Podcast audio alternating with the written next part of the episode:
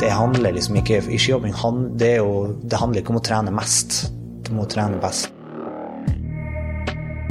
Og det handler ikke om å bare tikke timer. Nei, Selvfølgelig skal jeg ha de der 10 000 repetisjonene og timene, som det, man sier, Ja. men det er ikke nødvendigvis det som avgjør om jeg blir best eller ikke. Og med tanke på løping og sånt som du driver på med, så er jo Jeg skal jo ikke løpe så langt i skihopping. Det er veldig dumt. Hvorfor det, egentlig? Fordi at der er det jo noe som er veldig likt med ultraløping, eller det å løpe langt. Det er jo det at det er ikke noe tvil om at eh, vekt er en, eh, en faktor Ja. i, i, å, i utholdenhet. Utholdenhet sitter rett idrett generelt, sykling og ultraløping og, og løping. Eh, Men i skihopping så er det enda mer sånn her eh, et regnestykke. Ja, optimalisere Ja. det til, til det ytterste. Ja, men hvor mye på landslaget og liksom på høyt nivå snakker dere om det? Er det en tabuting?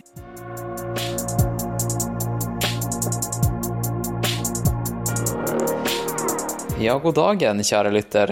Det der det var en liten smakebit av det du kan vente deg i, i dagens episode av Nå er det alvor. Den her sjuke, sjuke podkasten. Den her sjuke, sjuke podkasten. Du, lytter. Um, nå, jeg føler jeg har så sykt mye på hjertet akkurat nå. Jeg vet ikke helt hvor jeg skal starte. For det første, um, jeg kan jo si, hvis du er ny, ny til podkasten, så, så bruker jeg, jeg bruker å ta meg et par minutter før selve, selve offisielle recordinga, eller altså selve podkasten, til å bare til å bare lufte litt på Lette litt på trykket. Um, så det er ikke før om et par minutter at du får høre meg og han Jonas Sandell gå i dybden på skihopping og sammenligning av eh, skihopping og ultraløping og løping og MMA og andre kampsporter og uh, skøyter og Vi snakker om toppidrett generelt og ernæring og litt sånne tabu, tabuting og Ja, her er det mye bra, folkens. Det her, det her er en solid episode. Og hvis du er en løper eh, og, og ser tittelen og tenker sånn her Faen, Hans Christian, kan du ikke bare ha en episode som Kan du ikke bare snakke om løping hele tida? Men vet du hva? Ta deg en bolle hvis du, eh, hvis du tenker sånn. Eh, Den episoden her, den vil jeg, jeg vil tro at den gir deg enda mer verdi enn hvis jeg ville satt- satt meg ned og bare snakka med en som eh, hadde sprunget et maraton, og snakka om hvor mange gels han dytta i seg i halvtimen. Ok, eh, da har jeg introdusert dagens episode, og eh, jeg kan jo si det at jeg, Ok, jeg har veldig mye på hjertet nå, så jeg tror at egentlig bare at jeg, jeg tar alt det jeg har på hjertet, i utroen. Ok? Sånn som jeg gjorde sist. Husker du sist?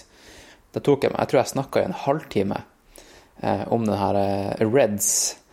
Eh, og, og var litt åpen om eh, saker og ting der. Så hvis ikke du hørte det, så anbefaler jeg at du går tilbake og, og hører det.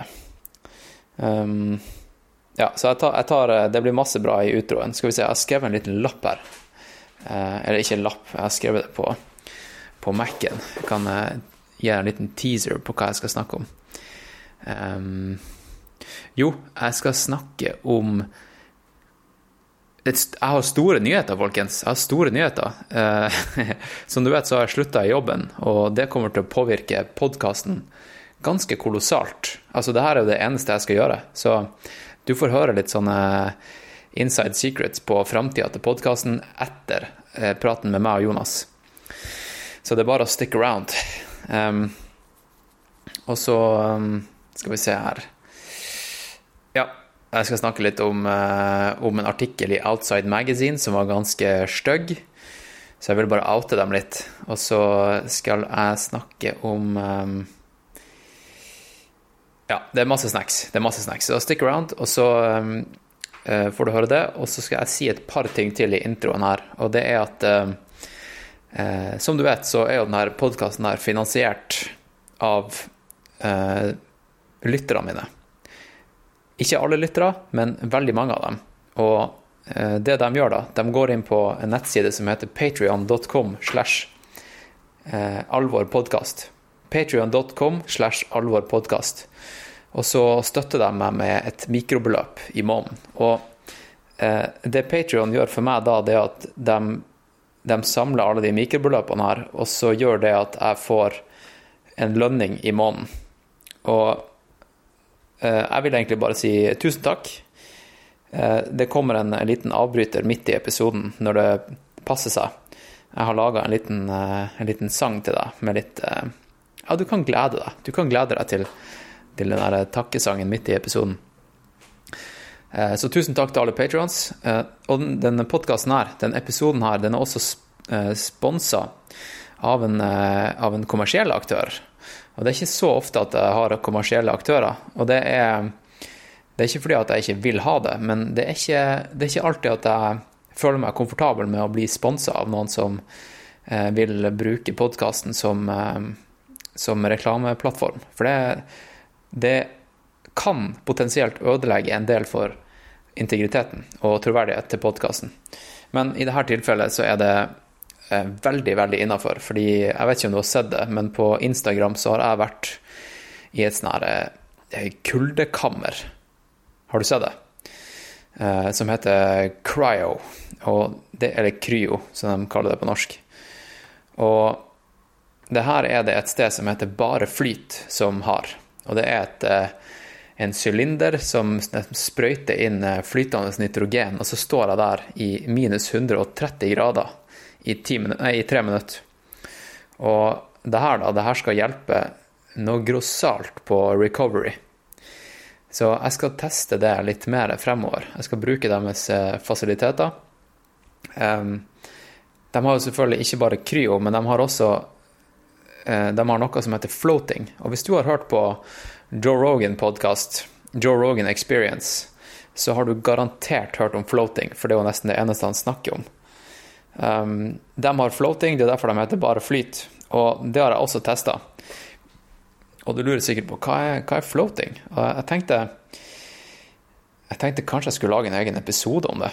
Men ikke for å liksom reklamere for bare flyt, men fordi at det er et veldig interessant tema.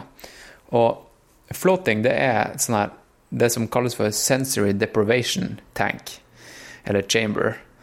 Og det fungerer sånn at det er et, et badekar som er 37,5 grad varmt. Altså kroppstemperatur. Og så er Altså hele rommet, hele rommet er kroppstemperatur. Du tar i deg ørepropper, og det her vannet her, da, det er fylt med Epsom-salt. Epsom-salt, som er magnesium. Ekstreme mengder med magnesium. Jeg har snakka mye om magnesium i podkasten her, og alle benefits det har med recovery. Eh, Så ikke bare er det bra for recovery med tanke på, på magnesium, men du ligger her da, i det her ekstremt salte vannet, og ikke føler en dritt. Du føler ikke en dritt. Altså, det er derfor det heter sensory deprivation. Og det gjør at du er alene med deg sjøl og tankene dine i én time. Du ligger der i en time, eller du kan sikkert ligge lenger også. Du, du ligger der, og så kjenner du ikke noe. Det eneste du kan gjøre, er å tenke. Og hvis du da f.eks. har, eh, har et race, noe, eller et eller annet event, eh, et eh, foredrag eller en stor en, en Jeg vet ikke hva det måtte være, noe på jobb eller noe i ja, La oss sammenligne det med Kanskje du har et skihopp du skal gjøre. Bruk denne timen da på å visualisere det du skal gjøre på denne dagen. Og det gjør jeg. Går i denne sensory deprivation tank, tanken, skur av lyset, tar på meg øreproppene, legger meg nedpå og flyter i en time og visualiserer. Og mediterer. det er dritfett. Så um, de, de har også infrarød eh, sauna. Og jeg har skrevet mye om saunabruk og, og, og um, ja, bruken av, eh, av badstue i i forbindelse med verktøy for å tilpasse seg varmen i forkant av et race. Hvis du da bor i Norge, sånn som jeg, sånn som jeg gjør, eh, og, og hvis racet er varmt. Så jeg har skrevet en artikkel, du kan gå inn og så kan du lese den. Den skrev jeg før eh, jeg snakka med Bare Flyt, så den er helt upartisk. Eh, Hvordan jeg brukte badstuen før Transvulkania, og hvordan jeg brukte f.eks. Eh, varme klær og sprang rundt i Lillomarka med bare fem lag med ull og, og regntøy. Eh, jeg skal legge en link i eh, shownotes, så kan du lese den artikkelen der. Um, ja, så det kan du dra. Så kan du gjøre det på, på, på kontorene, eller på Hva det heter Klinikk. Klinikken deres på Majorstua i Oslo. Og så har de Skal vi se De har en på Sagene. Og så har de en i Trondheim, faktisk. Og det du gjør da, det du gjør da, det er at eh, eh, vi, jeg, avtalte med dem at det her skal ikke være en sånn her typisk influencer-ting der liksom du kan bruke kodeord HK 100 000, og så får du eh, så og så mye rabatt. Eh, nei, det her er rett og slett bare et samarbeid, sånn at eh, du kan gå dit, og så hvis du bare name-dropper meg eller podkasten, nå er det alvor, så får du 25% rabatt. Og det vet alle i, i skranken. De er alle informert om det, og de har hørt på podkasten, og de er veldig klar over at du, du kommer. Så du får 25% rabatt på bare flyt. Eh, Så jeg vil anbefale at du tester floating. Det er kanskje det sjukeste. Test det, og så eh, tester du cryo hvis du er gira på, på det også. Og badstue, det har du gjort før, så det er ikke noe hokus pokus, men eh, jeg tror floating er, det, er det sjukeste. Eh, det minner meg litt om Jeg vet ikke om dere har sett Seinfeld, men han, eh, jeg tror det er han Kramer som kjenner en kis i, eh, i en brillebutikk. Og så sier han til, han til han George at hvis han George drar til den brillebutikken og bare sier navnet til han Kramer, så skal han få en dritbra deal. Excuse me. What, what do you think of these? Oh, we just got those in. It's a very exciting new frame. Yeah, see, this is exciting. All right, this is going to be my new face. All right, do you have a prescription? Yeah.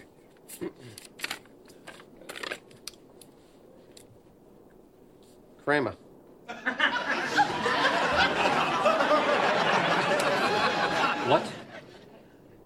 Kramer. What about him? You do know Kramer. Yes. Well, I'm mentioning his name. Why? Because, you know, No, I don't know. Look, I'm going to need a deposit on these.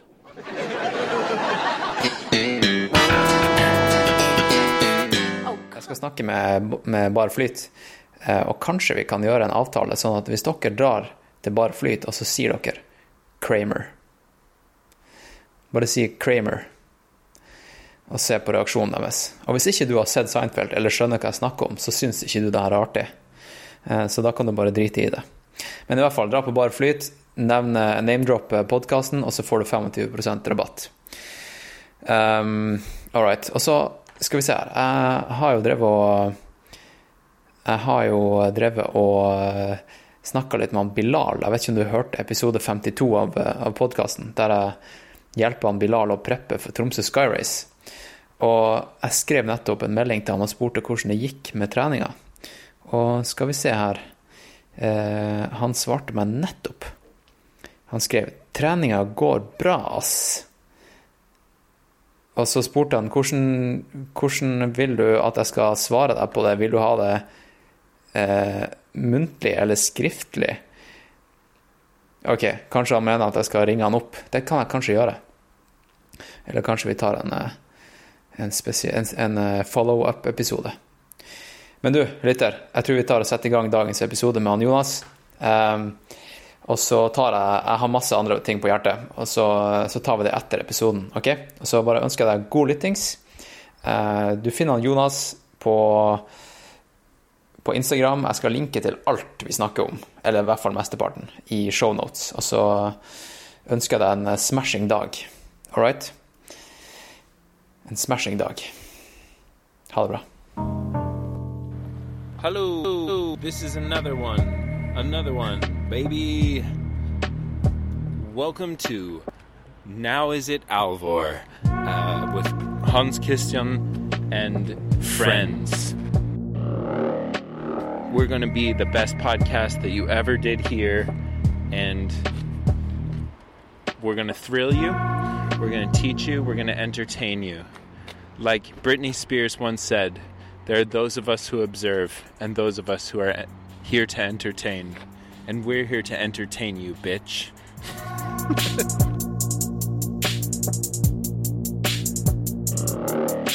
Plass til skia. Eller jeg har plass til eh, eh, toppturski, og så har jeg plass til hoppskiene på sida. Ja, og telt. Ja, teltet ligger i takboksen nå.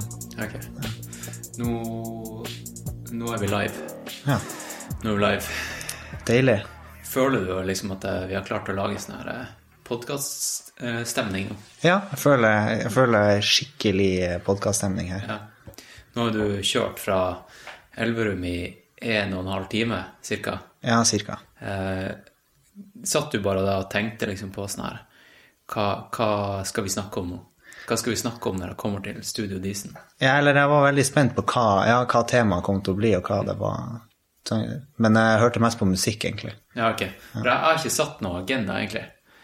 Eh, jeg tenker eh, Først kan vi begynne å snakke litt eh, om hvordan vi kjenner hverandre, hvem du er, og så tror jeg egentlig bare vi, eh, vi tar det over til treningssnakk. Det At det er høres liksom Ja. Vi skal gå litt dypt i, i fellesnevnere med ultraløping og skihopping. Du Mm. er skihopper, det skal vi komme inn på eh, komme tilbake til. Men eh, jeg tror vi har mye å lære av hverandre. At, vi har, at det er veldig mye likheter. Jeg tror det er mer enn vi tror. Ja, Ja. jeg tror det. Så la oss bare ha det som en type rough, Mm. rough agenda, og så starter vi med deg. Hvem, er, hvem er du? Nei, jeg heter jo Jonas Sandell. Ja. Jeg er jo opprinnelig fra Tromsø. Jo der jeg har eh, min, mitt kjennskap til deg, da. ja, ikke sant? For du er jo òg derfra. Det er lenge siden, egentlig. Vi Fryktelig lenge siden. Ja. Det var egentlig etter at du starta podkast jeg liksom huska deg igjen. Ja, ok. Ja. Eller jeg har jo hatt deg i minne, men eh, det var liksom da jeg så at eh, Faen, han har jeg jo hatt før. ja. Men eh, det var jo da jobb, du jobba på Eplehuset. ja. Så Stemmer det. I Strandgata Strand- i Tromsø. Ja. Og da kan jeg bare si eh, liksom sånn som jeg husker det. Du var hva du var, sånn 14 år gammel, kanskje? ja. Du var, du var litt, eh, litt yngre enn det som er lov til å, til å få betalt jobb. Ja. Ikke sant? Så du, og du var Apple-fanboy. Jeg var en skikkelig fanboy. En da. skikkelig fanboy. Så du ville egentlig bare Egentlig ville du ha jobb på, på Eplehuset. Ja. Eh, Men det fikk du ikke lov til. Nei. Men du fikk lov til å være der. Jeg fikk komme Eh, inn for døra, det var ja. det som var hele poenget. fikk, fikk lov til å være der mer enn liksom, mer enn en vanlig kunde. ja. Og henge der så mye du ville. Komme litt bak, eh, bak disken iblant, kanskje. Ja, husker- Spise litt epler, for vi hadde mye epler der. Mye epler, for da var Eplehuset det var skikkelig eplebutikk. Ja. Det er derfor, hvis folk lurer hvorfor jeg heter Hvorfor e-posten min er Eplehans, Ja. så er det fordi at jeg fikk eh, Jeg fikk eh, den e-posten eh, liksom av, av min sjef, som også het Hans. Og så sa han Hva, eh, Hans Christian, du spiser så mye epler at eh, du, eh, når du får e-posten her nå, så blir det eplehans at me.com, Ja. som var min gamle e-post. Ja, det, det jeg, det husker jeg var noe jeg la merke til, og det husker jeg jo. Jeg tror På Spotify tror jeg heter Eple-Jonas. Ja, ok. så det var vel For Spotify fantes jo ikke Eller det begynte jo å bli da. Så da Ja, det, kom akkurat da. Ja, det kom akkurat, så da husker jeg sikkert Det er sikkert derfor jeg heter Eple-Jonas der, da. Ja. Fordi det var du het Eplehans på mailen din. Og Ikke det var sikkert noe du sa da, til meg. Garantert. Garantert. Og så og så husker jeg Fordi noe av det verste med den jobben der, det var jo papppakking. Ja, det var det beste med min jobb. Ja, okay, ja. jobb i gåstegn. Ja, for men det, det var liksom det der eh, gamle eplehuset i Tromsø. For nå er det jo ikke der lenger. Nei. Nå er det en kafé som heter Risør. Risør. Risør, ja. Ja. Og eh, det bygget der, det er jo en av de her gode, gamle Tromsø-trebyggene mm. nedi, nedi sentrum. Og som også har en sånn her eh, råtekjeller. Ja, den, er, den er mørk, eller den er kald og langt nede, kjennes det ut som. Ja, og det var der vi hadde vårt papplager Mm. i gamle dager.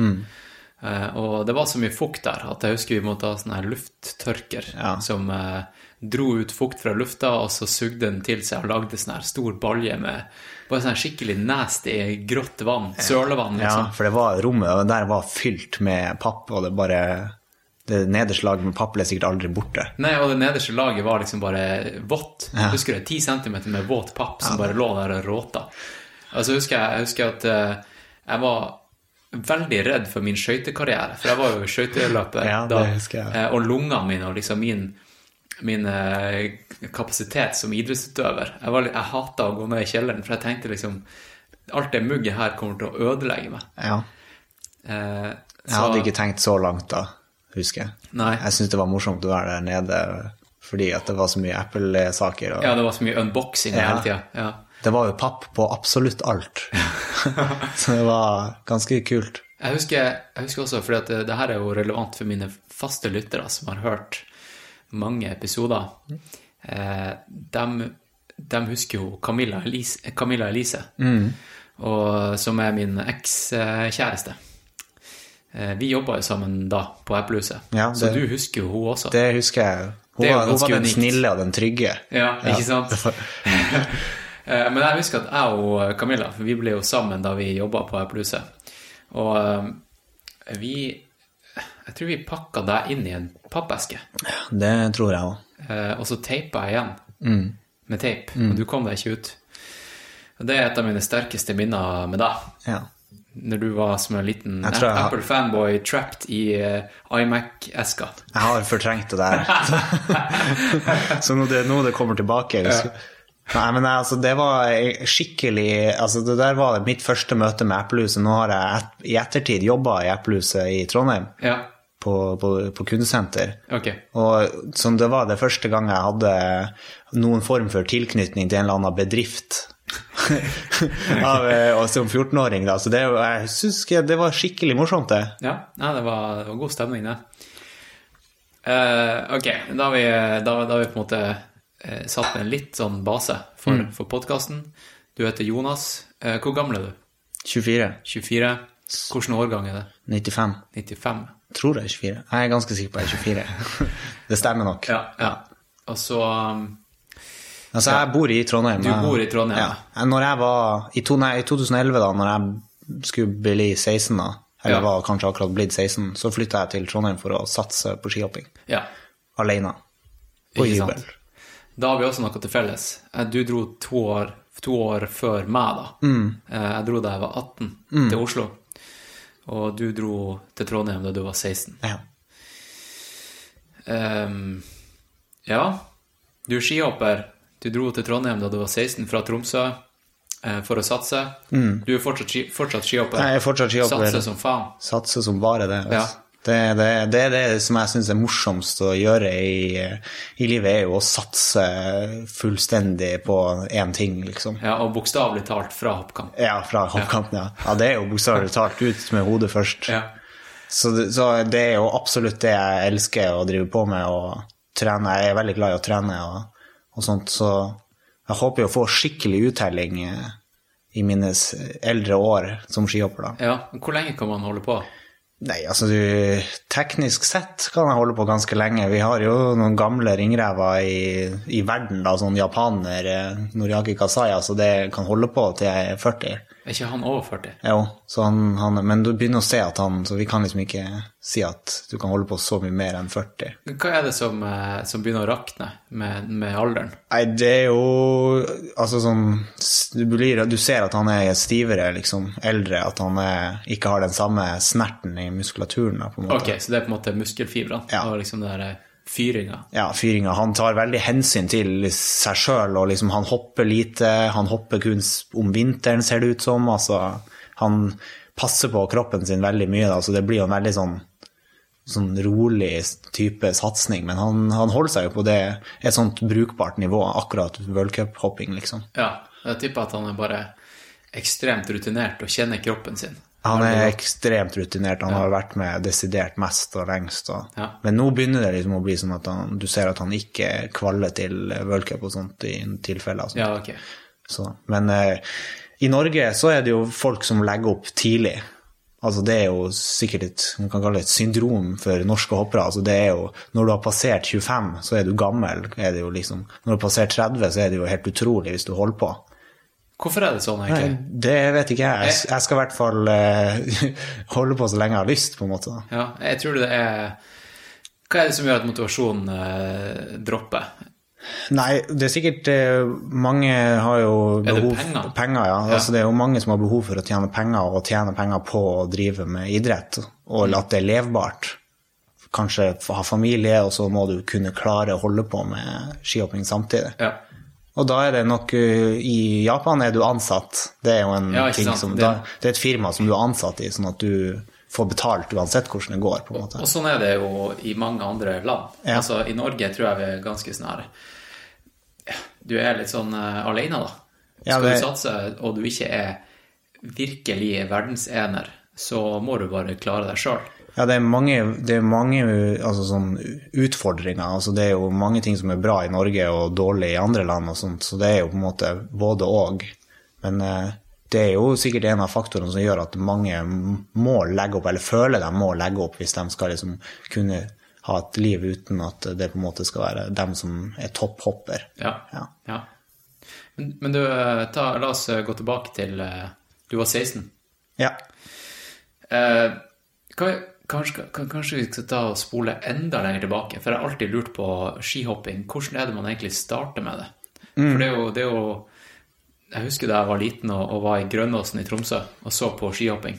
Og da tenkte jeg sånn her Shit, hvordan er det man starter med skihopping? Fordi det er liksom så det er så stort sprang da, fra å tenke tanken å hoppe, hoppe på ski til å hoppe liksom i en uh, skiflygningsbakke, eller å ta de her Ja, er monsterhoppene. ja. Hvordan starter man? Nei, altså sånn for min del så, det, så var det rett og slett sånn Jeg drev på med, ski, nei, med svømming.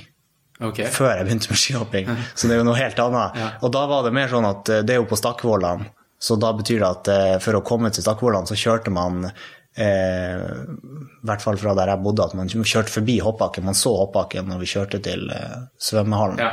Og da ble det liksom etter hvert så ble svømming kjedelig for min del. Eh, og da gikk jeg over da til å se på hoppbakken og si at det der kunne jeg godt tenkt meg å teste ut hvordan og finne ut hvordan vi kan få prøve det. Ja, ok, For det var ikke noe i, i, i familien? Nei, ingen i familien min som har hoppa, og det er jo unormalt. Ok, Men det er interessant, da. For hvordan, da, hvordan starta du, da? Nei, da husker jeg at mamma bare tok og sjekka opp litt, fant ut at her er det trening på tirsdager og torsdager, Ja. og så ble det å stikke i hoppbakken. Da var jeg 14 år. Å ja, du starta da du var 14? Da startet jeg da jeg var 14 år. Så det er jo Det er jo kjempesent, Ja, det er veldig sent. Det er ikke, ikke normalt, det heller. så, og da var jo jeg en, over, en altfor stor unge i en liten sånn K12-meter, da. Ja. Eh, og husker jeg ble plassert, jeg bare fikk noen ski og noen sko, og de var jo altfor lange. Altså sånn, vi skal ha lange ski, men du skal ikke ha så lange ski. Nei. Og det er jo litt vanskelig å håndtere lange ski også når du kommer og aldri har gjort det før. Men eh, da husker jeg at jeg prøvde skihopping liksom i liten bakke, og det Altså sånn Jeg husker ikke om jeg syntes det var morsomt, eller, liksom, men det var jo spennende. ja, noe nytt. Noe nytt, Ja. ja. Og så er jeg jo, jeg er jo en, jeg er glad i snø, liksom, og det har jeg alltid vært. Så det var liksom Jeg syns at eh, det å kjøre på snø og få hoppe og liksom se alle de andre, for det var mye aktivitet i hoppbakken da også. Og da ble det sakte, men sikkert liksom skihopping det gikk i. Men hva, da, da starta du på Hvor mange, hvor mange meter var den bakken? Den, Den, første bakken? den heter jo Ja, det var jo sikkert sånn K12 heter jo Altså blir jo på en måte K-punktet er 12 meter. Du kan hoppe litt over 12 meter, liksom. Okay. Kanskje 17, altså sånn. Men jeg hoppa jo ikke 17, jeg kjørte jo over hoppet, liksom. det er jo du Altså, det er jo en bakke som er laga for små unger. Ja. Sånn at jeg var jo automatisk eh, den eldste karen i den bakken. og så, så det var jo liksom Det gikk jo ganske fort fra den 12-meteren til den der 30-meteren. ja, for det er neste. Det er neste, på en Ja. måte. Og, da, da, og hva, er, hva er neste etter det igjen? Det blir K50, Ja. og, det jo, og så har du K70 i Tromsø, da, som Ja. er den største bakken vi har der. ja. Hvor, hvor, lang, hvor, hvor mange år tok det før du tok eh, spranget til eh, Nei, det er jo, K70? her er jo litt sånn spesielt. Altså, fra jeg starta til jeg hoppa i K70 der, da, så Ja. gikk det jo den vintersesongen, på en måte. For jeg måtte rekke å hoppe i 70-meteren før det ble sommer, fordi i Troms, i Bardu, Bardufoss, så har de, var det en plastbakke, og den var K70. Ok, så du måtte på en måte Jeg måtte rekke på en måte å hoppe. Så du, du tok rett og slett bare hele driten på en sesong? Ja, det ble jo sånn, da. Ja. Ja. Og da var det liksom handla om å, å Altså, det er jo ikke sånn det på en måte skal gjøres for å få en bra utvikling, men det funka jo greit fordi det var Altså, bakkene var nå der, og det var nå bare å hoppe. Og i begynnelsen så handler det om å hoppe og ha det morsomt, liksom. Og det hadde jeg jo. Det var skummelt, liksom, men eh, jeg husker liksom de der første gangene jeg skulle opp i den der 70-meteren, for den er ganske høy. Og det var jo sykt skummelt. Ja, Ja. Så eh, det var liksom bare å sette, skli ut på bommen og bestemme seg for å slippe og se hvordan det gikk. Jeg tror, eh, fordi jeg har jo Jeg bruker Linderudkollen, som er rett bak her. Ja, Som, ja, ja den har jeg hoppa i. så- Du har hoppa i? Ja. Hvor, hvor stor er den? Det er jo en sånn 70-meter. Det er 70, ja. Fordi jeg, jeg, jeg bruker å springe opp trappen til toppen av eh, overenden der. Ja. Og det er jo, jeg tenker alltid sånn Faen, det der er, det der er så drøyt. ja, det er jo Jeg kunne alltid, altså jeg bare, På vinteren når jeg springer der, så det er liksom sånn her eh, skrekk jeg har, er å liksom tryne sånn at jeg sklir og, og ender opp i liksom skisporet og Ja. ikke kan bremse. Ja. Nei, det er jo Jeg skjønner at det ser sånn ut, fordi det er jo hvis jeg ikke hopper på en stund og sånn, så, og, eller står på sida og sånt og ser på skihopping, så syns jeg jo det ser helt dumt ut. Eller Ja. sånn Det er jo galskap, på en er måte. det samme som ultraløping, ikke sant? Ja, det er jo det første galskap. folk sier er liksom eh, Hvordan klarer du å springe så langt? Ja.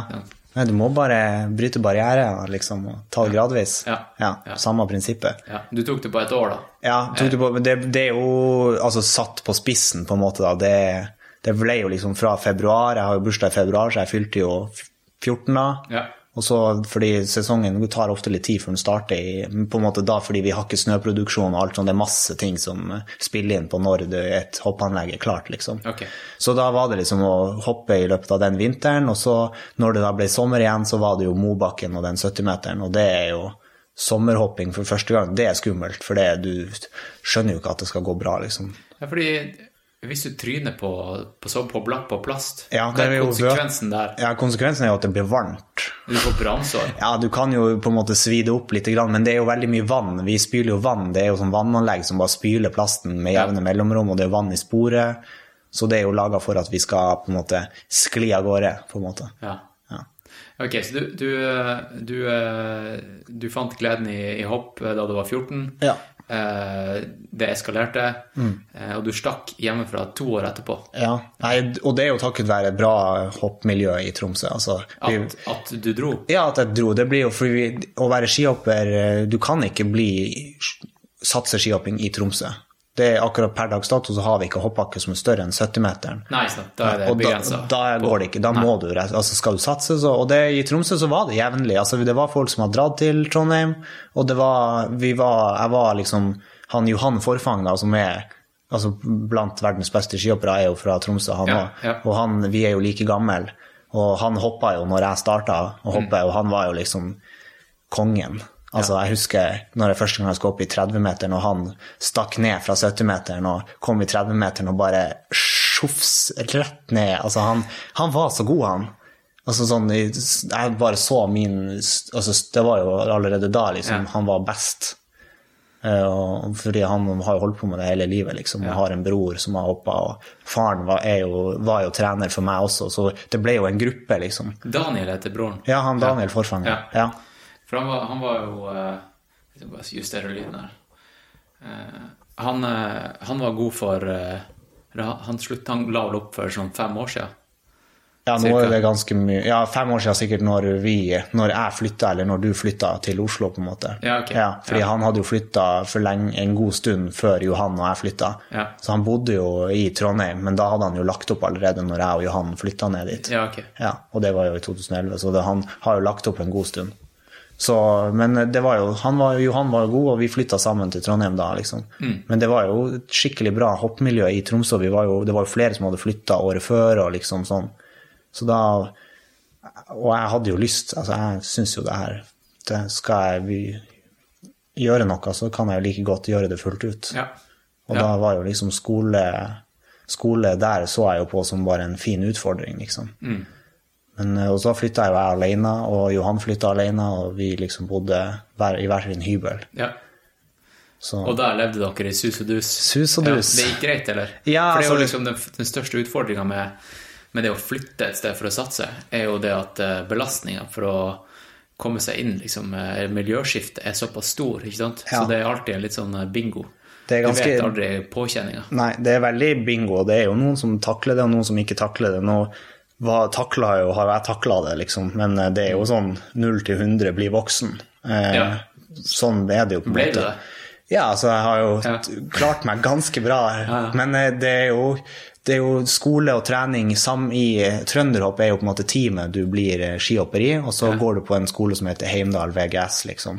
Den, der var du skøyteløper også? Ja, ja. ja, ja, ja, det var ikke skøyteløper i min klasse, men det var jo Nei, men det var på samme skole? Ja, det er samme skole. Fordi jeg hadde en, jeg hadde en, en eh, holdt på å si skøytekollega, en, eh, en som jeg konkurrerte mot eh, i Nord-Norge, som heter Simen Høybakk. Ja. Husker du han fra skolen? Nei. Nei, ok. Men da, han var jo Han gikk jo sikkert to år før eh, Eller sånn, han var to år eldre enn det jeg var, sikkert. Ja, fordi den skolen der, den tilbød eh, på en måte toppidrettssatsing over fire år Ja. på samme, videregående. samme greia her òg. Ok, Ja, så det, hadde, han, han, hadde jeg og han vært like gammel, så hadde vi gått i samme klasse. Ah, fett. Jeg gikk i klasse med langrennsløpere, altså håndball. eh, noe var boksing. eh, også skøyteløpere, hvis det hadde vært noen det kullet. Ja. Og vi, det var et eh, tre års skolegang over fire år. Ok. Ja. Med toppidrett eh, og treningslære og alt det der. eh, Ja, inni. fett, Og det, altså, det er det er den beste tida av altså jeg har hatt, Det var så morsomt, og jeg syns det, det er så sykt bra, en sykt bra skole. og Hvis du har mulighet og har lyst til å gjøre det, Ja. Fordi jeg, jeg vurderte den skolen, Ja. men jeg endte opp med å dra til Oslo. Ja, det hadde vært rått hvis du hadde valgt den skolen. Ja, det hadde vært ganske fett. Det hadde vært helt sjukt. Men eh, da var det skole og tøft, og Trønderhopp er jo der alle hopperne på en måte blir medlemmer samtidig. Og det er jo et skreddersydd opplegg med trening i skoletida. For Ja. mandag, da var det jo eh, altså skole, og så trening, og så skole igjen. Ja. Og det, men jeg husker jo at en mandag er jo f.eks. den lengste dagen i uka. Og da var det liksom opp og være på skolen klokka åtte. Og så er du ferdig seint, og så skal du trene etter skolen og komme kanskje hjem i seks-sju-tida. Ja. Jeg husker jeg hadde sykkel da, fordi jeg hadde jo ikke, var jo ikke gammel nok til å kjøre. Og da var det liksom sånn Kom inn døra og bare falt om i senga for at du var så sliten. Og, så det var liksom Det var tøft i starten her. altså Det er jo sånn syk omveltning da. Men jeg, altså, jeg klarte å lage mat og gjøre mine ting, liksom. Så det var jo en bra, da. bra tid. Ja, og, og de fire årene her, da. Um, du ble jo god på de fire årene. Ja. Jeg har, jeg har på en måte ufrivillig eh, og indirekte fulgt deg eh, gjennom avisoppslag og sånt. ja. Så jeg har fått med meg litt at, liksom, at, at det går bra. Når man er i avisa, da, da gjør man det bra. Ikke sant? Ja, i hvert fall eh, sånn som avisa er satt opp i et lit, en liten plass, så blir det jo Når du gjør det bra, så får du på en måte litt kred for det. Ja, eh, og selv om du bodde i Trondheim, så var det jo Tromsø-Kis Ja, som ja. ble skrevet om i, i Avisa Nordlys og Tromsø. Mm. Noe av det jeg husker også, var det at, eh, som jeg leste i avisa, var at eh, du, du er litt svensk. Ja, Er det sånn? ja det stemmer. Mamma er svensk. Mor di er svensk, ja. og ja, etternavnet ditt er litt sånn svensk. Ja. Sandel. Og jeg er jo svensk og norsk statsborger. Ja, det var det jeg skulle ja. fram til. Fordi du har hoppa litt for Sverige, Ja, stemmer det? Det er, jo, det er jo kjempeartig historie, på en måte, hele greia. Fra når jeg kom til eh, Trondheim, så var det jo å bli en skihopper som på en måte kan hoppe på ski. Ja. For det kunne jeg jo på en måte egentlig ikke ordentlig. Så det gikk jo et par år der da på en måte, der det var god utvikling, og etter hvert ble jeg jo sånn habil skihopper i Norgescupen. Det var jo da jeg liksom fikk de første eh, sånne der A-klasseseiere og sånt. Eh, og var veldig flink liksom der da, og sånt. Og så etter hvert så var, ble liksom temaet at det var jo han Trond Gøran Pedersen ble jo svensk landslagstrener. Altså, han er jo fra Mo i Rana og har jo hatt okay, han? Han er jo en, eh, en legendarisk norsk hopptrener som har en sønn nå også, som jeg har gått eh, i Trønderhopp med, da. okay. Som heter Robin Pedersen. Han hopper jo World Cup i vinter. Ok. Ja, så det, så, sånn- for Hvis du kan om skihopping, så vet du hvem de to er, da. Ja. Eh, og Det, han, det er ikke sikkert at mitt publikum Nei, vet hvem det er. eh, Trond Gøran Pedersen han jo han Altså, han hadde jo eh, norske landslaget under OL i 94. Okay. Ja. Så han, han har liksom hatt en god suksess. Ja. Eh, og han ble da svensk landslagstrener, og eh, var jo, visste jo at jeg var svensk, mm. fordi jeg hoppa jo med sønnen hans. Eh, og da ble det, så fikk jeg spørsmål om eh, jeg kunne tenke meg å være med. Eh, altså, vi, har, vi skal satse til eh, Falun-VM i 2015. Mm. Er du gira? og jeg bare som, det, som en ung kar som ikke har vært på noe landslag eller noen ting sånn, bare selvfølgelig ja, selvfølgelig. jeg kjører på. Så um, da var det litt papirarbeid og sånt, så ble jeg på en måte konvertert til å bli svensk. Um, sånn ifølge FIS, da, på en måte. Og da begynte jo vi å trene med, begynte jeg å trene med dem, da, og så Det var jo et relativt lite lag, altså Sverige har ikke skihoppere på et høyt nivå. Jeg var jo nesten med en gang på en måte den beste skihopperen i Sverige, hvis man kan si det sånn. Ja. Ja. Det var jo noen som har vært, eh, vært der en god stund, da, på en måte, som var flink. Men eh, det ble jo at eh, vi satsa fram til eh, Falun-VM og hoppa litt sånn internasjonal COC. Det var første gang jeg fikk hoppe det, på en måte. og Men da, da fikk du sikkert eh, prøvd deg litt fram, ikke sant? Ja. Sett, sett eh, hva det gikk ut på, å Ja. være toppidrettsutøver. Ja. Så det Veldig greit. lærte så- sikkert veldig mye der. Jeg lærte veldig mye, men det er jo òg altså sånn, Som en så ung skihopper, og liksom jeg hadde null Jeg hadde ikke forståelse, jeg hadde ikke nok kunnskap om hva som krevdes for å hoppe langt på ski, liksom. Nei, Eh, Så det var jo mye Altså på en måte reise rundt og være listefyll fikk jeg jo skikkelig føle da. Mm, Fordi jeg var, jo ikke, jeg var jo aldri i stand til å vinne noe hopprenn på en måte i internasjonal sammenheng. Nei. Eh, og da når det handla jo om å satse til VM, det var jo det svenske skiforbundet ønska, å ha et lag i VM da. Og så, så ble jo satsa på, fikk jo masse utstyr, opplegg, og liksom det var fullt trøkk, og Trond Gjøran kjørte jo på. Så, vi, så det var veldig god erfaring. Jeg har jo, sitter jo igjen med veldig mye liksom, kunnskap fra den tida.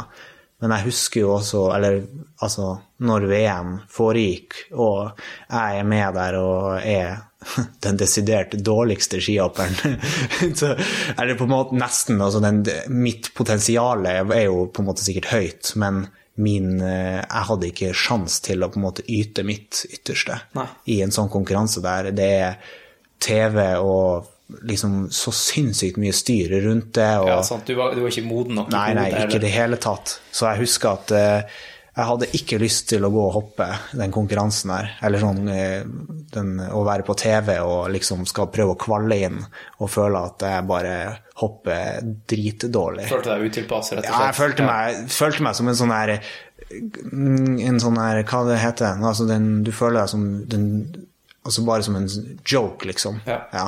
Og det sa jeg jo også, men det var Var, var du det, eller følte du deg bare som det? Nei, jeg var jo det også. Ja, ok. Jeg hadde jo Jeg kvalla jo ikke til rennet og sånt. Nei.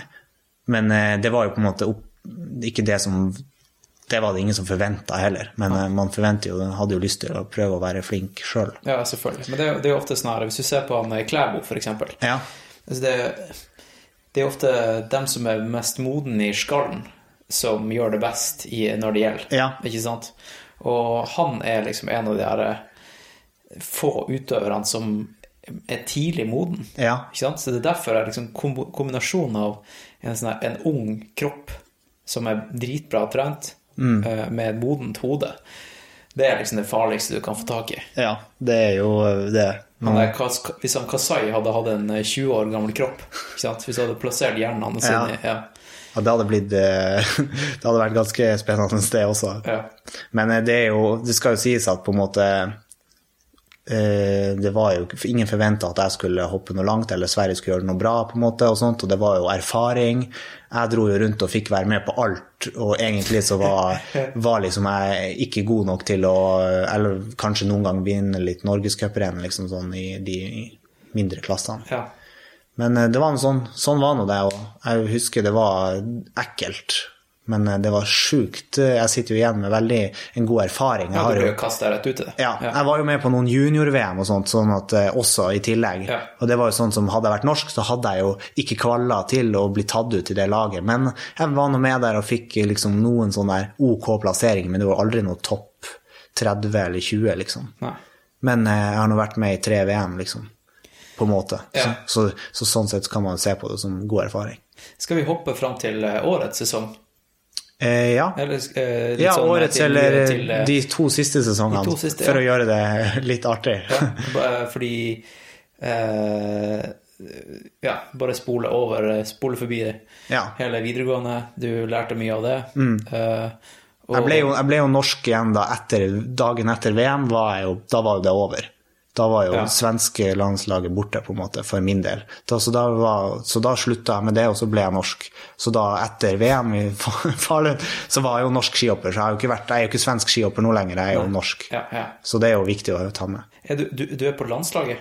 Eh, Ja, men per dags dato så er jeg jo på en måte på det lagene, for i år er ikke tatt ut. Nei, for Hvordan fungerer det i hopp? Hva, hva, er, hva er landslaget, liksom? Eh, Landslaget består av et A-landslag og et B-landslag, og B-landslaget heter da toppidrettssatsinga. Ja, okay. Og det er B-landslaget jeg er på. Ja. Eh, Og det har jeg vært i tre sesonger nå. Ja. Ja.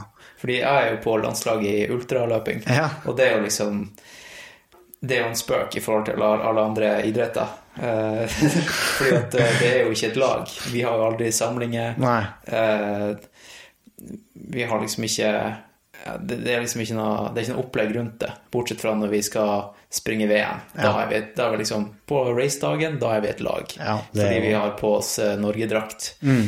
Men eh, Ja, I hopp så er det jo en Skiforbundet gjør jo en Altså, det er jo en bra jobb. De jobber jo steinhardt for at det skal være best mulig opplegg med de forutsetningene de har. Ja. Eh, og, og sånn sett så er det jo på en måte Jeg har ikke De her tre siste årene har jeg fått veldig mye utstyr og hjelp og kompetanse og sånt. Det er på en måte Et B-landslag består av da av de A-landslagløperne som bor i Trondheim, og B-landslagløperne som bor i Trondheim. Vi er én treningsgruppe i Trondheim. Okay. Og så har du samme opplegg her, da. De A-landslagsguttene og B-landslagsguttene i Oslo, de trener sammen her med en trener. ja. Uh, og min trener i, i Trondheim er på en måte med også ut på sånn COC, som er B-verdenscup. Ja. Ok. okay. Så, så um, i, hvis vi tar fjorårets sesong, da, så var jo jeg Eller forfjoret, de to siste årene, så har jeg jo vært på det laget, da, og da handler det jo om Vi har jo samlinger, og, og da er vi hele laget, på en måte, og vi er jo mm, tolv stykk på det laget totalt, fordelt på Oslo, Trondheim og Lillehammer. Uh, og da er det jo samlinger, selvfølgelig, og diverse ting og tang vi må gjøre i forbindelse med Skiforbundet. Da. Um, Hvordan er det med sponsorer og eh, private sponsorer kontra liksom å få sponsorer liksom indirekte via, via forbundet? ja. Det, må man ordne seg sjøl, eller kommer det Nei, man ordner seg sjøl. I hopp så er det jo en ordning at de som er på A-landslaget, får det gratis, på en måte. De tar, blir tatt ut og har eh, ofte mange har stipend og greier og sånt. Eh, mens vi på B-landslaget, da, vi, jeg betaler for å være på det laget. Jeg får tilbud om å være på laget, og så må jeg betale en, en sum. Ja. Og det er jo en ordning som er på grunn av at Skiforbundet ikke har penger til å betale. De ønsker å tilby en, en større gruppe utøvere eh, Ja. på en måte for at det skal bli et større opplegg. Ja, Og det er jo penger jeg må finne fram. ja ikke sant? Og da, da kommer sponsorer inn i bildet, eller, eller Ja, sponsorer er jo noe heller jeg ikke har. Eh, Jeg har bare noen sånne små samarbeidspartnere, liksom Ja. sånn. men det er jo ingen penger inn i det bildet heller. Nei, ikke sant. Det, det er vanskelig å få penger ut av, eh, ut, ut av noe. Det er, mye, Ja. det er mye produkter ute og går. Ja, veldig mye pro produkter og sånt, og så er jo skihopping i Norge er jo på en måte Jeg er jo en habil skihopper. Jeg har jo altså vunnet norgescuprenn og sånne ting, Mm. og, men det gir meg ingenting i, i norsk eh, standard. Det er ikke langrenn jeg driver på med, som er folkeidretten, og alle vet hvem alle er. Og, Nei, sant. Men, men det var sånn i gamle dager. Ja, i, før, i, på 80-tallet og sånt, og 90-tallet, var det altså, Da var jo hopp det store. Det var jo den i Hopp og skøyter, Ja. ikke sant? To idretter som har, tror jeg også har litt mye til felles, altså. Bare sånn uh... Ja, det, jeg tror også de har det. Ja. Så, eh, men og det, på den tida så var det jo litt prestisje. Eller Sånn, altså Det var store karer som holdt på med det, på en måte, med sett på at folk så opp til dem. Ja. Aksel Lund Svindal-kaliber og sånt. Ja. Altså, det var på en måte litt større, eller interessen var stor, og så har det av en eller annen, altså det har blitt mindre med årene. Hvorfor tror du det egentlig? For det skøyter også, det har jo blitt kjempelite. Men det er jo fordi at, TV, at det- det er liksom ikke så veldig TV-vennlig, sier de da. Det er jo, altså jeg vil jo si at uh, det er mange andre idretter som også ikke er TV-vennlige. ja, hopp er jo TV-vennlig, og man skulle jo tro at det er, det er jo en rå sport. Ja. Uh, Men det er jo litt sånn Hopp er veldig mentalt, altså du er nødt til å være på plass i hodet. Folk er kanskje, altså sånn utøvere er redd for å på en måte være en sånn der eh, storkar. Å være Petter Northug, Ja, liksom. være, det er dårlig business i skihopping, liksom. Må du Internasjonalt, eller, eh, ja, eller er det bare ja, sånn internasjonalt norsk også. Det er, ting, det er så mange faktorer som spiller inn for om jeg hopper langt eller ikke. Ja. Så jeg kan liksom ikke gå ut og bare i morgen knuse alle dere fordi at jeg er bare best. Og så kommer jeg dagen etterpå, og så er det bakvind når jeg hopper, og så hopper jeg 20 meter kortere enn han som vant. Ja. Og da er det liksom Ja, det var ikke min dag. Den kommer til å bli gammel da hvis jeg skal gjøre det hver gang, liksom. Ja. Så, så det å på en måte være litt sånn her høy på seg sjøl er litt både skummelt og, og litt sånn ulogisk tankegang i skihopping, da. Ja, ikke sant? Ja.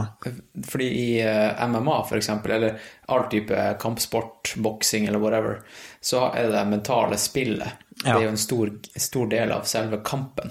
Fordi at da kan du på en måte vinne kampen psykisk. Ja, du kan eh, bryte han ned før, Bryte ned, ja. ja.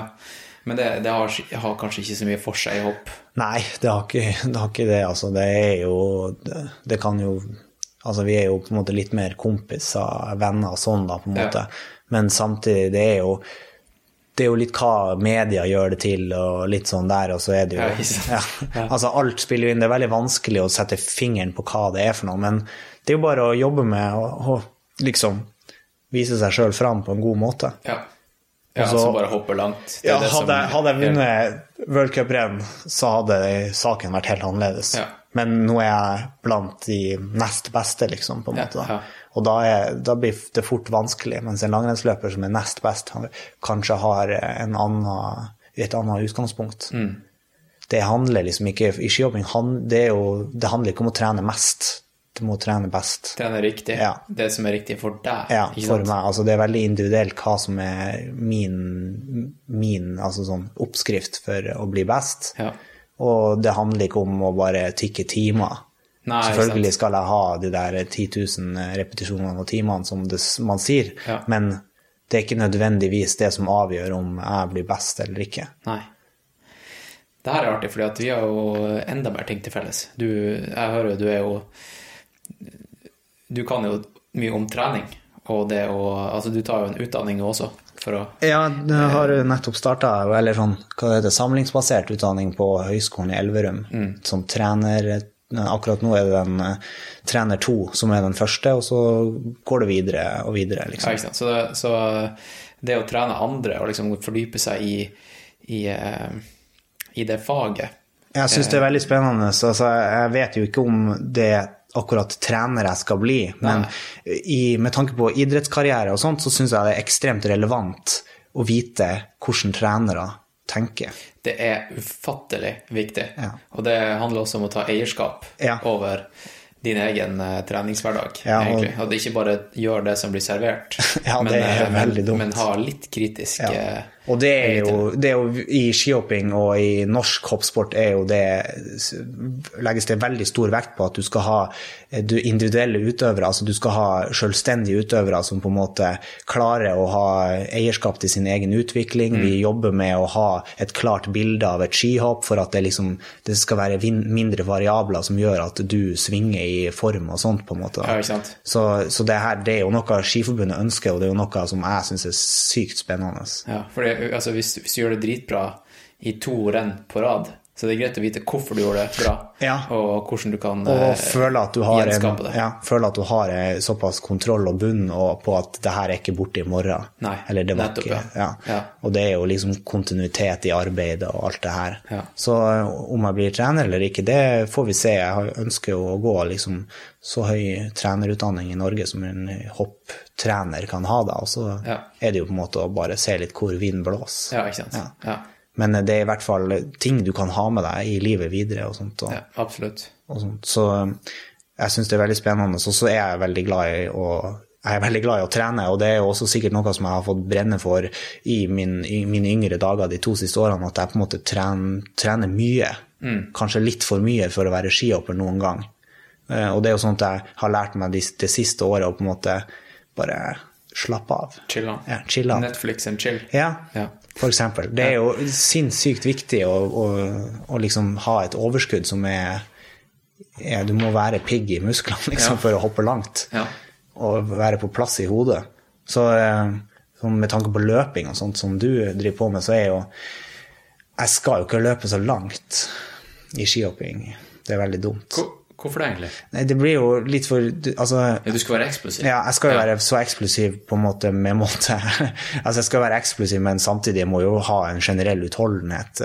Vi trener jo både turn og masse kårmuskulatur, liksom. Men da er utholdenhet viktig for å kunne tåle belastninga Ja. til treninga. Ja. Ikke, selvfølgelig, ikke, ikke til det sekundet du satser fra Nei, det er jo et oppkamp, men eh, 300-deler, eller hva det er, cirka på hoppet, ish, Ja. vi har på å gjøre bevegelsen. Det er jo autopilot. ja.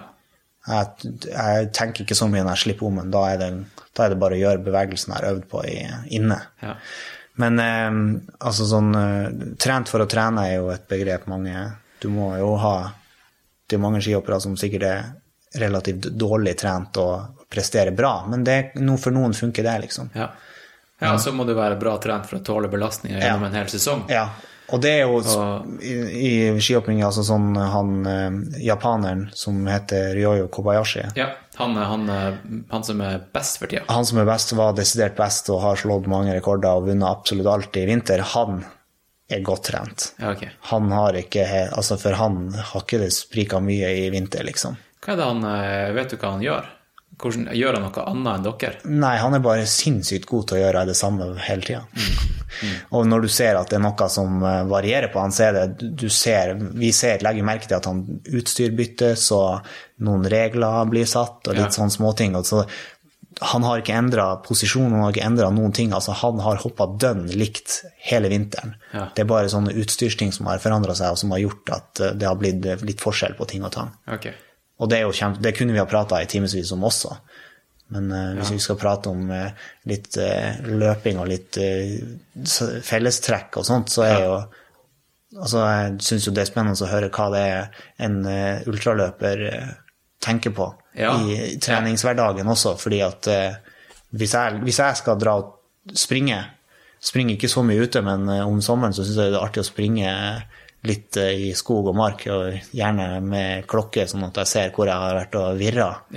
Men eh, hvis jeg skal springe inne, så springer jeg ofte fort og kort. Ok. Ja. For jeg husker, jeg husker da, da jeg trente eh, i gamle dager på toppidrettssenteret på Oly- Olympiatoppen, Ja. eh, når jeg var skøyteløper, så, så var han eh, romøren der. Mm. Da var han aktiv. Det var vel da han fortsatt hadde verdensrekorden i eh, 2.39. 2.39. Ja. Eh, så det var kult å se han og, og alle andre utøvere der også, for det er liksom det er jo ganske kult der, for du, du trener liksom med ja, jeg liker det senteret der veldig godt. Ja. Det, er sånn, det er ordentlig satt opp, og så er det alltid det nyeste av det nye på en måte som er inn å bruke, og sånt, så du får jo på en måte gjort det du trenger. Ja, ikke sant. Så ser du alltid en eller annen type eliteutøver. Ja. Eh, Men da husker jeg han eh, Jeg ble overraska over hvor sykt sterk han var. Ja. Altså i knebøy, Ja. Ja, Knebøy er jo en øvelse vi kjører mye av forskjellige varianter. Ja. Eh, altså frontknebøy, enbeinsknebøy, altså vanlig knebøy, altså 30 kilos hopp på en måte som et knebøy, på en måte statisk og elastisk hopp er jo noe vi på en måte gjør veldig ofte, og da er det jo oppreist stående og bøye ned med parallelle, altså parallelle kne over tå, Ja. eh, eh, opp og ned, Ja. til 90 grader ish. det er jo litt vanskelig å Men altså, hvis du ser for deg at noen står og gjør et knebbe, så er det på en måte sånn, bare med litt mer rette bein, ikke mye utvendt, fordi vi sitter jo på en måte Alt går ifra sittestilling. Du må tenke at vi Alt er spesifikt. Alt er spesifikt. Vi sitter i sittestilling på en måte når vi gjør alle øvelser. Og det er jo Knebøy kjører jeg mye. Ja. Og mye hopp. På, altså sånn eh, bare, hoppe bare hoppe masse opp og ned. Det er jo det vi gjør. Altså enten elastisk eller statisk. Bøye ned, sitte, og så hoppe. Eller bare fort opp og ned, liksom. Men hvor viktig er det å være sykt bra til å hoppe? Og å være veldig sterk og eksplosiv? Altså sånn um, det, Er det sånn at han Kobayashi Var det Kobayashi? Ja, Kobayashi. Er han Kobayashi også verdens sterkeste og verdens mest eksplosive? Han er ikke verdens, den verdens eh, sterkeste, men han, eh, han har nok eh, Han utnytter nok sin styrke optimalt. Nettopp, ja. Ja. Og det tror jeg Der tror jeg vi kan sammenligne med løping. Ja. Fordi vi kan ta det f.eks. VO2 Max, som du sikkert vet hva er. ja. Jeg har aldri testa det. Nei, nei. Ja. Men det er tallet, da. Det er tallet, ikke sant? Jo høyere det er på papiret, jo bedre evne har du liksom til å ja. um, Men eh, Du burde løpe veldig fort, da. ikke sant? Du er veldig utholden. Ja. Uh, men det er jo ikke sånn at dem som har høye, høy VO2max, eh, dermed springer så sjukt fort og langt. Du må jo faktisk kunne utnytte det. Mm. Og ha en teknikk som er bra nok for din kropp, ja. ikke sant? Altså, du må jo ut- Ja, det er veldig Så hoppeøkonomien, er det et uttrykk? Ikke et uttrykk, men eh, vi baker sikkert inn i noe annet. Da. Det er jo, handler jo om å ha det mest optimale kroppen for å Altså, det er jo kort sagt du skal hoppe lengst mulig med lavest mulig fart. Komme deg på mest effektiv måte ut i svevstilling og tape minst mulig fart. Ja. Og fly lengst, liksom, på, med å fly som en fugl, liksom. Er det en type kropp som er optimal? For, for I skøyter, eksempel, så husker jeg det var liksom en, en, en sprinter skal være liksom den klassiske japaneren. Ja. Sånn eh, lav og korte muskelfibre og bare eksplosiv ut fra startblokka. ikke sant? Ja. Og så kommer han eh, Jeremy Waterspoon som er liksom nesten to meter, Ja. og bare gunner på å ta verdensrekorden. ikke sant? Uh, så det, og, og han har liksom fått det til å funke for seg og for sin kropp. Ja. Nei, og sånn er det med løping også. Det er, det er så mange typer kropper som viser seg å bare funke, fordi at de har fått det til å funke for seg. Ja, For seg, ja. Det, det er nok det vi altså Jeg kan ikke si at det er noe som funker bedre enn annet, men det funker å være lett. Ja, altså, det er ikke noe spørsmål. Det er jo ikke noe spørsmål. Altså, det er, sånn er det bare. Men det handler jo om å utnytte eh, sin Altså, du må jo ha en viss muskelkraft, på en måte, og kunne påvirke underlaget til en viss liksom, Påvirke da nedover. Jeg tenker på trøkk med beina. Ja. Uh, og da er det liksom være så lett som hensiktsmessig mulig innenfor reglene. Da Ja. får du jo en gitt skilengde, du blir målt, altså vi blir målt i høyde, og det blir liksom satt. Så jeg får jo liksom beskjed på en måte hvor lange ski jeg kan ha hvis jeg veier så og så mye, på en måte. Ja, ok, Men tar de vekta di også? Eh, ja, altså Og vekta er, med på, vekta er med på å avgjøre om jeg på en måte har lov til å hoppe med det paret ski. Hvis jeg er 1,80 høy, Ja. og det er jo en gitt lengde jeg får av FIS, på en måte, som jeg blir målt til, så kanskje jeg skal ha 2,50 ski. Mm. Da kan jeg veie 60 og noe kilo, liksom. Ja. Og så hvis jeg vil veie mindre enn det, så må jeg gå ned på skilengden. Ja, ok, Så det er alltid sånn gi og ta-greier? Ja, det er gi og ta her. Og Er det, er det for, for helsa sin skyld at de har det? Ja, det er jo fordi for- folk har tynt det i tidligere tid altfor mye. Altså, før i tida så så du jo Da var det ville vill tilstander, liksom. Var det? Ja, altså, det var jo han som er Sven Hannavan, altså, han så ut som han hadde en sykdom, liksom. Ja. Eh, og, og det er jo ikke Det altså, hadde han kanskje også? det hadde han kanskje også, ja, og det, det vil man jo tro når man ser bilder og sånt, men vi er jo Altså, jeg er jo godt trent. Jeg har bare lite på overkroppen, på en måte. Ja, ja. Jeg har en veldig Altså, jeg har ikke noe underhudsfett, på en måte. Altså, jeg er effektiv. eh, Ja, jeg ser på Du er jo du er et, et, et friskt menneske. ja, jeg er jo veldig Altså sånn utnytter jo på en måte mine, mine styrker, på en måte, sånn sett. Og så er det jo noen, eh, noen som har Altså gir og tar andre plasser, på en måte sånn, da. Og noen eh, velger å ikke trene noe annet enn bein og litt kårmuskulatur og få det til å funke akkurat. Og, Ja. Men altså, jeg tror jo det absolutt det beste er å være ordentlig godt trent. Ja. altså skikkelig altså En turner er god i skihopping, men han kunne ha droppa og trent overkropp. For eksempel. Så, ja. Um, da kan vi jo ta, ta det videre til eh, Eller holde oss litt der, da. fordi der er det jo noe som er veldig likt med ultraløping, eller det å løpe langt. Det er jo det at det er ikke noe tvil om at eh, vekt er en, eh, en faktor Ja. i, å- i, i utholdenhet. Utholdenhet sitter rett idrett generelt. Sykling og ultraløping og, og løping. Eh, Men i skihopping så er det enda mer sånn her eh, et regnestykke. Ja, optimalisere Ja. det til, til det ytterste. Ja, men hvor mye på landslaget og liksom på høyt nivå snakker dere om det? Er det en tabuting? Nei, det er ikke en tabuting. Nei, det nei, men eh, Altså, det er noe vi, vi Altså, alle som driver på med skihopping på toppnivå, vet hva det vil si å, å være sunn og liksom ha en kropp som er optimalisert for å hoppe langt. har dere fokus på det? Ja, vi, ja vi, vi snakker om Vi har jo både snakk, altså vi har jo, får hjelp til hvis vi har spørsmål, og vi får jo liksom hjelp til å optimalisere treninga. All trening vi gjør, er jo retta mot de muskelgruppene vi ønsker å ha. Og så gjør vi på en måte ikke så mye av de andre tingene. Og så spiser vi jo et altså variert Vi har jo kost eh, Altså vi har ingen kosttilskudd med mindre du har et problem. Men vi har et, eh, en, en oversikt over hvor, hvordan et variert og bra og balansert kosthold skal være. For en skihopper, altså Skihopping er sikkert den idretten der det er aller viktigst å ha den største basen altså, eh, av eh, et kosthold. da. Altså spise altså alle de forskjellige eh, Hva man skal si Alle de her eh, forskjellige Alle deler av kaka? Ja, alle deler av kaka, ja. Men Ja. du må tenke at hvert stykke er mindre. Hva du mener du? Ja, altså mengden. Ja, sånn. Vi, altså, vi har jo ikke behov for å spise et feit kakestykke av hver del av kaka, på en måte. Nei. Men du spiser det som er nødvendig. Ja. Og da får du jo en, en skikkelig liksom, god bunn. Mm.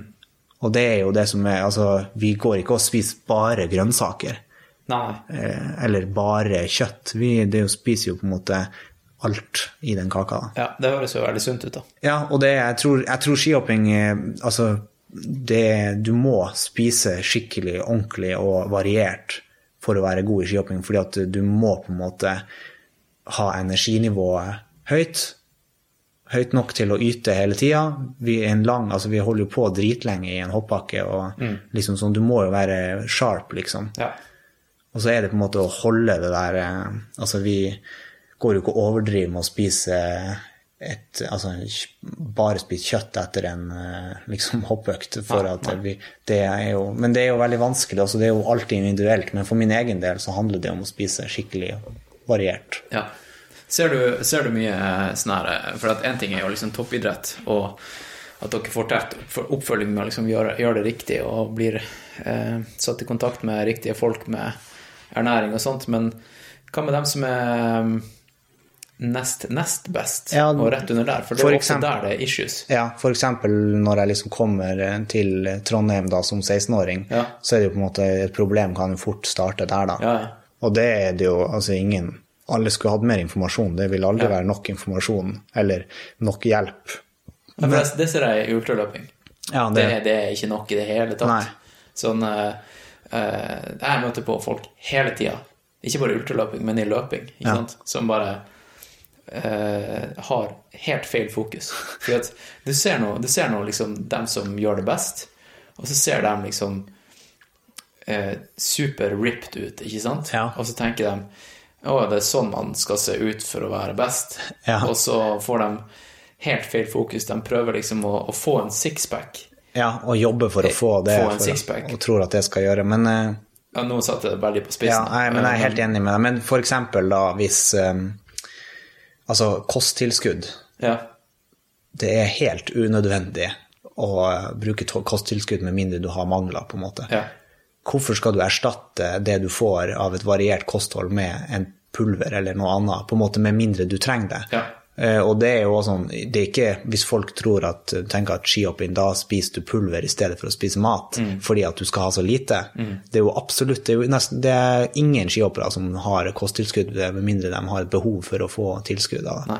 Eller bytte ut eh, måltid med en bar, eller sånne ting. Det er jo, men det er jo på en måte, veldig mange tror jo det, og det selges jo i butikkene som om at det her er den eneste, du får, du har ikke sjans til å få i deg nok. Kjøp den her yten, liksom. Ja. Men eh, altså sånn, jeg, når jeg trener sånn i hverdagen, så har jeg jo ikke behov for å kjøpe en yt, fordi at eh, hvis jeg spiser middag etterpå, så får jeg akkurat det jeg trenger. Og mer enn det. Du overstiger jo bare det der. Det er vel et gitt nummer på hvor mye proteiner du trenger i løpet av en dag. Ja, ja. Og med variert kosthold og ordentlig mat, så får du mer enn nok. Altså, Toppidrettsutøvere spiser jo ikke de her ytbarene. Det det er jo vanlige folk som står i, i kassa på, på Rema og som har lavt lav blodsukker, Ja. som er på vei hjem fra jobb, som kjøper det. Men det er jo ganske, jeg syns det er veldig fascinerende å tenke over at det på en måte er sånn det, folk tror at eh, det er det eneste muligheten for å få i seg nok av de her tingene som er viktig for å bygge eller for å ta vare på kroppen sin. Og egentlig så er det det stikk motsatte. Du får bare en overload av, av mange av de verdiene, på en måte. sikkert. Ja, og så får du ikke i deg på en måte de andre mikronutrientsene som eh, du Ja. ellers ville fått Ja. hvis du hadde spist et vanlig måltid. Nei, altså sånn, og det synes jeg, sånt er jo veldig fascinerende. Så Ja, det er jo provoserende. Ja, veldig, det er provoserende at, at de skal si at det er så viktig, og det er, du har ikke, altså det er her er den eneste muligheten for å bli godt trent. Altså. Nei. Og det er selvfølgelig hvis du er og, og løper langt og trenger påfyll Underveis, ja. underveis. Ja, ja. Det er jo en helt annen sak. Ja, ja, men, men eh, til og med da så er det jo faktisk eh, ofte best med eh, liksom eh, ordentlig, ordentlige matvarer. Ja. Men selvfølgelig i den, i den riktige formen Men- eh, men- i høy aktivitet. Men, Ja. men, eh, men grunnen til at vi velger de her gelsene og barsene i de tilfellene, er jo for det meste fordi at det er det som er mest altså sånn convenient. Ja, fordi dere har ikke tid til å stoppe, og, eller, og, eller at det tar litt for lang tid å begynne å tygge brødskive, eller på en måte en frukt på, en måte på den måten. Ja, eller at eh, altså, la, la, oss, la oss si at eh, altså det, er jo, det er jo ofte når du er i høy, høy aktivitet, når du springer, så vil du jo at kroppen skal kunne ta det opp i Ja. høy, høy, høy aktivitet også. Ja. Du kan jo lage din egen sportsdrikk og gel, ikke sant? Men det er jo mye enklere å bare kjøpe de her Mm. ferdiggreiene, og så bare ripper du det opp, og så trykker du det i kjeften, og så svelger du det. Ja. Det er jo derfor man tar det. Det er jo ikke noe, jo ikke noe hokus pokus i Nei. de drikkene her. Nei, det, nei, det er jo ikke det. Det er jo bare det er bare sukker og salt. Ja. Ja. Og det er jo det for å få boosten. Ja. Men en, en ting også som jeg husker, eller som jeg har sett før, det er jo de ultrabollene. Ja, ja, ja. Og det jeg har ikke smakt, jeg har, eller jeg har ikke verken smakt eller laga, men jeg har lagra den oppskrifta som jeg skal ha til en gang jeg vet at jeg skal ut og gjøre noe som eh, går over litt lengre tid. For det er jo sinnssykt mye artig inni den bollen. Ja, ja, og det, og det er jo på en måte For dem som ikke vet, så har jeg laga en ganske populær eh, bolleoppskrift som heter ultrabolle. Og det er bare å google den, så kommer du til, eh, til oppskrifta. Um, Ja, den ser, Den- det ser skikkelig godt ut. den er veldig god. Jeg har en, eh, et bilde på veggen, veggen der oppe på uh, Du kan bare reise deg opp. Bare ser du der jeg står med handa opp på Ja. toppen av fjelltoppen der. Så har jeg en ultrabolle i hånda, og det er på toppen av Hamperokken i Tromsø. Ja, veldig fin topp, for å si det sånn. uh, og den eh, bolla her, da, den er ikke laga for å spise mens du springer race. Den er mer bare et uh, artig påfunn. Uh, en morsom bolleoppskrift skrevet av en ultraløper. Mm. Ja. Nei, jeg syns det der er veldig artig. Eller bra. Ja. Jeg syns det er bra.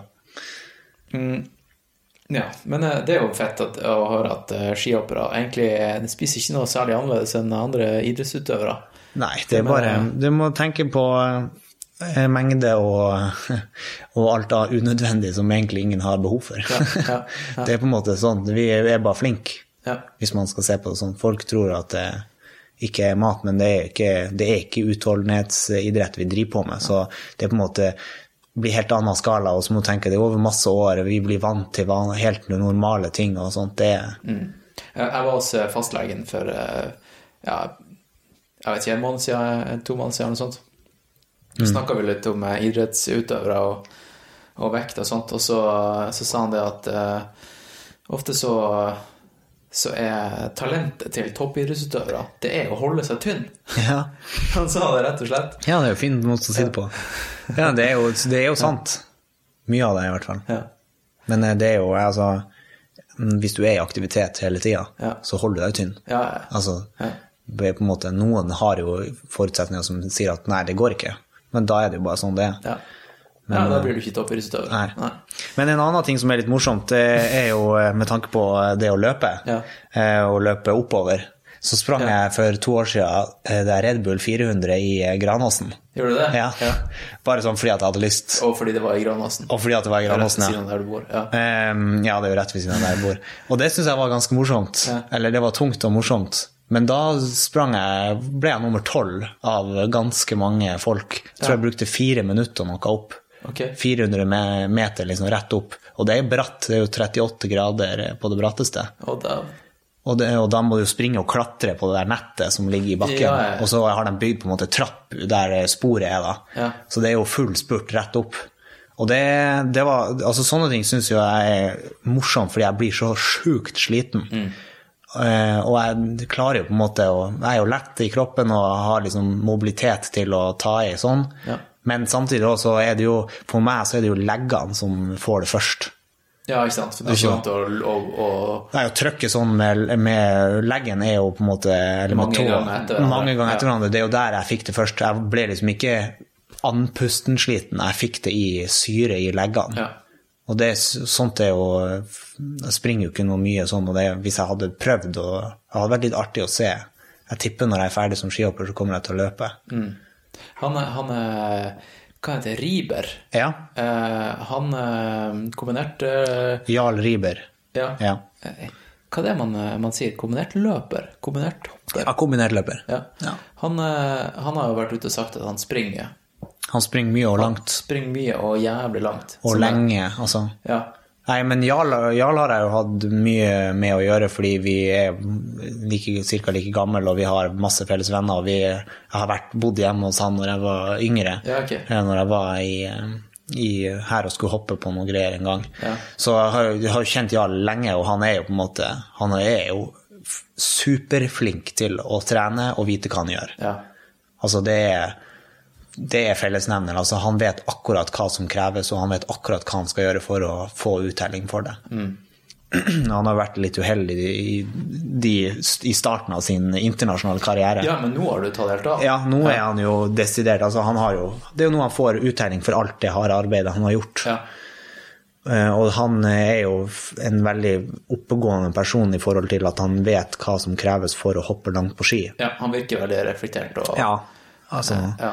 Det er ikke en tilfeldighet når han hopper langt. Han utfordrer sine egne evner og liksom er i ytterpunktene og, og tester ut og sånt. da. Og, og det er jo sinnssykt bra i forhold til at han har en sinnssykt stor base. Han er jo desidert beste skihopperen i kombinertsirkuset. da. Ja. Og han er jo da også sykt bra eh, altså utholdende. ja, ja, altså han Så eh, hans eh, på en måte ja, kapasitet er jo, er jo drøy, garantert. Han kunne sikkert gjort det bra i et ultraløp, tenker jeg. Ja, det tror jeg også. bare han gidder å stille. Ja, bare han gidder å stille. Men det, jo, det koster for mye vet du, å, å begynne å skal Ja. løpe så langt i forhold til hva det er han driver på med. liksom. Ja, i hvert fall langt og, og fort. Ja, og Jeg, fort. jeg, så, jeg leste i avisa at, eh, at uh, han var på sånn syv-åtte timers tur i marka. Ja, Og sprang. ja, ja han, Bruker Nordmarka mye. Ja, han ja. bruker jo det, og det er jo helt sjuke opplegg, liksom. Ja. det, og for at han liksom har funnet sin rytme. Han har jo veldig prøvd mye, sikkert, og sånt. Og så da, det å løpe så lenge og langt gjør at han på en måte føler at han får en respons i musklene som Det handler jo veldig mye om å finne balansen der, da, fordi du skal samtidig være eksplosiv, Ja. og så skal du være utholden. Nå ikke, går de jo ikke så langt på langrenn. Eh, Nei, men, eh, men eh, det er jo fortsatt det helt motsatte av det skihopping handler om. ja, hvor, hvor annerledes er liksom treninga til en, til en kombinertløper i forhold til skihoppere? Sånn Han har mye, mye mer. Altså, han, har, han gjør jo alt vi gjør, på en måte. Ja. Men når vi slapper av, så er han ute og springer går langrenn. på en Ok. måte. Så han han er jo en god skihopper, men han er jo fortsatt ikke så god i, på verdensbasis, på en måte. Det vil du mest sannsynlig ikke klare å bli, på en måte. Nei. Så god. Nei, nei, for, for, for hvor, Han hvor mye bedre er dere eh, Eh, Han, er- eh, han er bedre skihopper enn det jeg er nå. Ja, ja. ja. Men han vinner ikke Han hevder seg i NM, men han vinner ikke NM. Nei. Nei. Eh, Så det, han er vel topp ti i Norge, da. Ja. Det er dødskult. Ja, altså, han, han er kjempe Altså, han er dritgod. Og han vet hva han gjør. Mm. Men eh, en skihopper eh, vil fortsatt ta han, altså Johan Forfang altså vil Ja. fortsatt ta han fordi han har Johan er, er laga for å fly, liksom. Mm. Eller hvis jeg, hvis jeg blir, eller når jeg blir ordentlig god, så vil han på en måte ikke ha sjanse mot Fordi vi, det jobbes jo mye Det er det dere gjør. Ja, det er jo det vi Ja, gjør også. Men han samtidig går jeg og skal springe, så springer han fra meg før jeg har rukket å sagt hei. Men eh, hvor, hvor sterk er skihoppere? Hva, så, sånn, eh, hva, hva er det liksom, hva er det vanlig å ta i knebøy? Nei, 100 Altså sånn én RM vil jo sikkert være 150 Kødder du? Ja, altså, jeg løfter sikkert ikke Jeg løfter nok ikke mer enn Men Robin Pedersen, han løfter 150 knebøy. Ja, ok, jeg vet ikke hvem det er, men jeg tipper at han er en av dem som liksom eh, tar litt sånn stolthet i å løfte mye knebøy. Ja, altså, han syns det er morsomt. Ja, han syns det er morsomt, men han er jo en kar med mye trøkk. Men ja. altså, Robert Johansson og, og sånt er jo sterk i beina. Ja. Og så er jo, jeg er jo en litt liten type, da. Og så eksempel meg og Johan, vi løfter jo 120 kilo i knebøy, Liksom. Ja, Det er jo liksom. dritbra. Men eh, det er jo på en måte stor Altså, vi løfter tungt, men vi vil jo også løfte eh, kjapt. For det, der har vi også noe til felles. Ja. Eh, Skihoppere og ultraløpere. Vi vil, bli, vi, vi vil være sterk, men ikke stor. riktig. sant? Ja. Og hva er deres eh, Hva man skal si ja, la, oss si eh, la oss kalle det for eh, knebøyregime. ja. For hvis dere eh, går inn på gymmen og skal bli sterk, men ikke stor, Ja. hva, hva er hovedprinsippene deres? Prinsippet er jo lang økt. Okay. Pauser på i ja. hvert fall fire minutter. Okay. Kanskje fire hopp på én serie. På en måte da, fire hopp, det, Hvis jeg, vi har en økt der vi løfter knebøy, så løfter jeg kanskje 80 kilo, eh, altså fire, fire reps, og så har jeg fire minutter pause. Og så løfter jeg kanskje to runder til. Mm. Og så når jeg løfter da eksempel de tre rundene da, eller fire rundene med knebøy, så går jeg og hopper på en måte statiske hopp eller elastiske hopp. Eh, Med kroppsvekt. ja, med kroppsvekt. Ja. Fire hopp, og så fire minutter pause. Fire okay, hopp, ok. fire minutter pause. Så dere gjør unna den tunge vekten først? Ja, ofte, men det er jo veldig mange ganger så er det jo på en måte en, en vi, vi tar noen sånne der tester på en plate. Ja, dere gjør det. Ja, og så regner den ut et program som er østerriksk, liksom. Ja. Og, og så får vi et program, og så er det på en måte lagt opp serier der, da. Så det er veldig mye variering av forskjellige typer. Ofte kan det være at vi står opp på en benk, og så hopper vi bare ned i sittestilling med å holde hofte, hofta, og så er det statisk å stoppe. Så du, smeller liksom, Det er derfor det ofte smeller når vi hopper. Altså vi hopper ned fra en stor fallhopp, liksom. Ja, fallhopp, Ja. og så stopper i 90 grader, da Ja. og sitte der dønn og markere det, og så er det liksom én rep, og så går vi og tar en til. Så. så det er veldig mye sånne varieringer på bare det der å sitte ned og hoppe. Altså det er jo den der bevegelsen vi skal gjøre på hoppkanten. ja. Så det å, ja, dere trener sykt spesifikt. Ja. Altså være sterk på i hoppstillinga. Ja, i hoppstilling, og det er sjukt spesifikt, og det, det er en veldig mye av det vi gjør foregår med, liksom. Ja. Og, og, og det er jo alt mulig rart av sånne forskjellige øvelser som på en måte gjenskaper den der hoppsatsen. Trykke med låret rett opp. Eh, altså skape mest mulig eh, trøkk rett ned med beina, på en måte. Har dere andre sånne killer eh, styrkeøvelser som er Ja, vi, det er jo mye slyngetrening, og så er det veldig mye altså, trampoline og turnøkter med forskjellige Altså, vi kjører veldig Vi har fast to dager i uka der vi er og har eh, altså basis, som vi kaller det. Liksom Ja. turn, men med hopp som emnefelt. Hvor mye lek er det her? Ja, det er mye lek og moro, liksom. Ja. sånn. Det er veldig mye, altså det er jo et begrep som er, viktig å ha med, at det skal være gøy, og det skal på en måte være en sånn der kultur for å utfordre, og ikke være redd for at det skal være gå gå- feile, på en måte. da. Så det er veldig mye øvelser som vi ikke har gjort, og vi ikke klarer, på en måte, som du ofte ser i sånn friski-miljø og sånt. Okay. Ja. Så mye sånn utfordringer, slakkline og Ja. altså diverse sånne ting. Trampoliner, saltoer, altså piruett setter og alt det her. Men veldig mye styrketrening på eh, rundt mage, hofte. Du tenker vi er veldig sterke i mage og hofte i statiske øvelser. Okay. Ja. Veldig mye statisk jobbing med liksom det. Fordi fly, hvis du tenker når vi flyr 200 meter, så er det statisk. Du strammer mage, Ja. rygg, ryggen er lang, du har en, altså boksen som du kan tenke deg. Det er jo sikkert samme greie når du løper. Du må jo, kan ikke slappe av i, i mage og rygg. Nei. På samme, altså du må jo holde det. Eller Nei, men hvis du strammer konstant, så blir du Ja, utslett. etter nei, men du må jo slappe av. Vi, vi slapper jo av når De riktige musklene. Ja. ja. Men det er på en måte litt samme greia, kanskje. ja. eh, noen øvelser. Hvilke basisøvelser er det du på en måte gjør for å styrke dine plasser der du ikke ønsker å bli skada? Ja, det er jo, det er jo mye sånn her eh, rundt hofta, da. Ja. Ikke sant? Setemuskulatur. Ja. Um, alt, av sånne forebyggende for løping er jo klassiske sånne her Nå ligger jo jeg på gulvet, så jeg kan jo, jeg kunne jo Jeg kunne gjort det. det, men det er jo nå bare det å ligge på sida og så løfte, Ja, det er jo- løfte beinet sånn. Ja. Eh, bare det å aktivere musklene på riktig måte. Mm. Det handler ikke alltid om å, om å liksom kunne løfte så sykt mye. Nei, og vi, det er jo veldig mye egenvekt vi gjør vi Å kunne trigge musklene Ja. er faktisk det viktigste. Teknikk i sånne basisøvelser bruker vi mye tid på. Liksom at vi, det handler ikke om at det skal se ut som du gjør så stor øvelse. Du kan godt jobbe inn, innvendig, på en måte. Og det er jo sikkert samme greia. Og så kan jo ofte strikk, hvis du står oppreist og har et strikk festa i veggen, og så jobber med beina for å få innside og utside av lår, Ja. eh, helt opp i hoftefestet. Ja. Sånne ting er jo viktig. Ja. Eh, og så er det jo ankler statisk der også, da, for å stramme opp i luft og sånt. Ja. Og så er det jo på en måte Noen ganger ligger vi jo på en Hvis du tenker deg en sånn her eh, ja, gelender. Ligge oppå gelenderet med Altså akkurat på hoftekammen Ja. og stramme opp i flygestilling.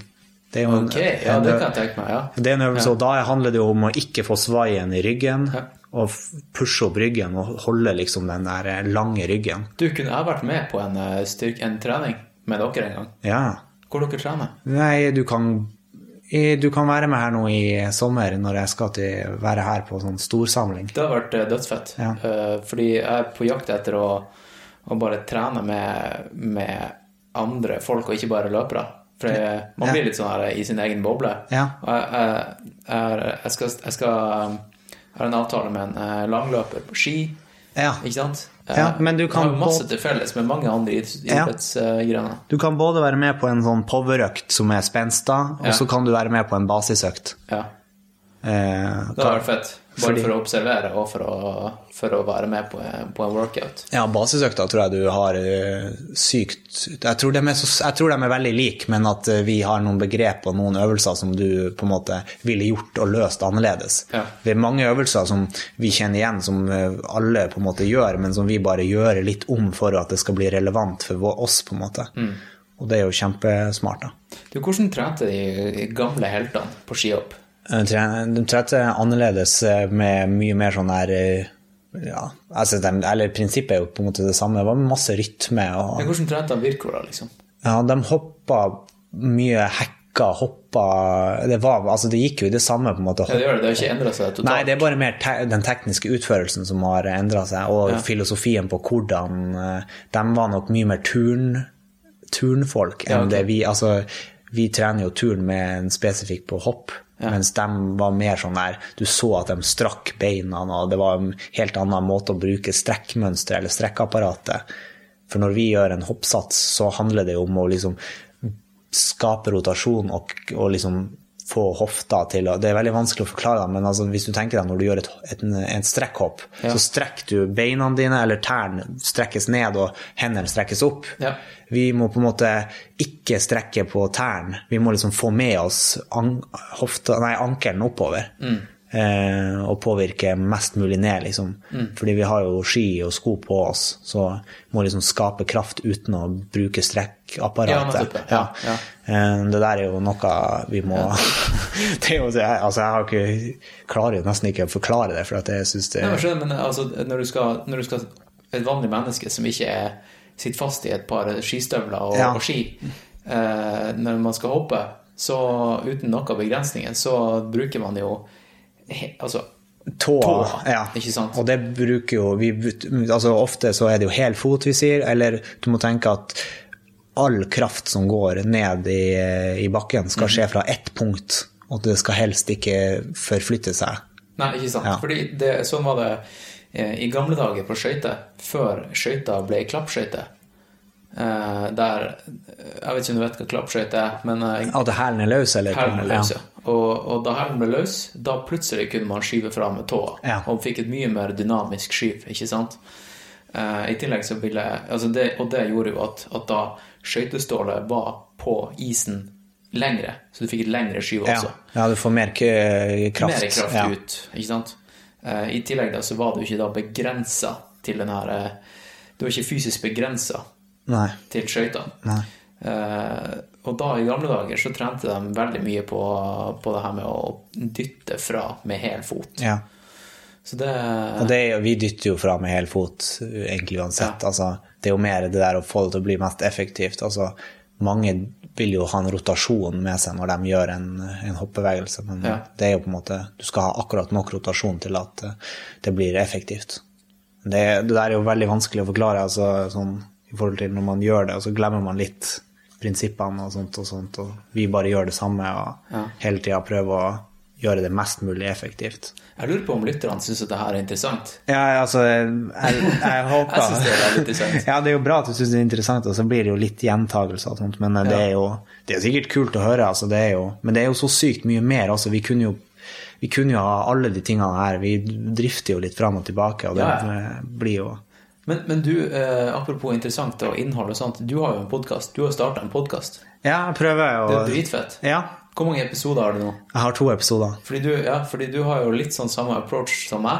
Mm. Og det er jo det at du, du skal på en måte ta lytteren med på innsida av toppidretten. Ja. Det er liksom ikke eh, den her, det, ut, det der blikket fra utsida som eh, du får fra de store mediene, Ja. som prøver liksom å Da kommer du med en reporter og stiller Ja, spørsmål til utøverne. jeg har lyst til å ta litt mer av de som ikke blir på en måte tatt opp i media hele tida, og Ja. prøve å få folk til å Det er jo litt sånn for å skape litt, eh, litt mer innsikt i skihopping, og kanskje at enkeltpersoner får litt mer oppmerksomhet og Ja. sånt.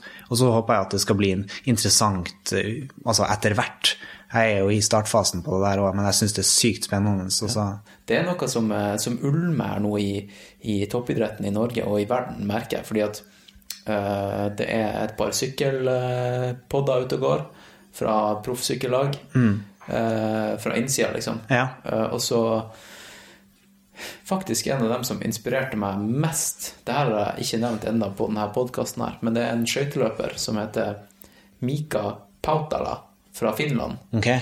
som uh, starta en podkast som het Speedskating Secrets. Rå, rått navn. og eh, ikke det at den uh, podkasten var liksom verdens feteste. Jeg tror ikke den eh, fikk så mange episoder. Jeg tror det kanskje stoppa på 20 eller noe sånt. Ja. Eh, men han inspirerte meg veldig, eh, eller i hvert fall da, til å vise at du kan faktisk prestere på toppnivå og være en som dokumenterer det. ja.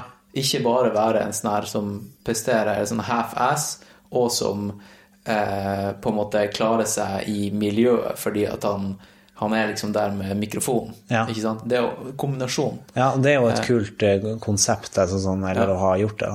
Ja, det er dritfett. Og han hadde med seg mikrofon på, på samlinger og på World Cups og snakka Ja. liksom med alle eliteutøverne.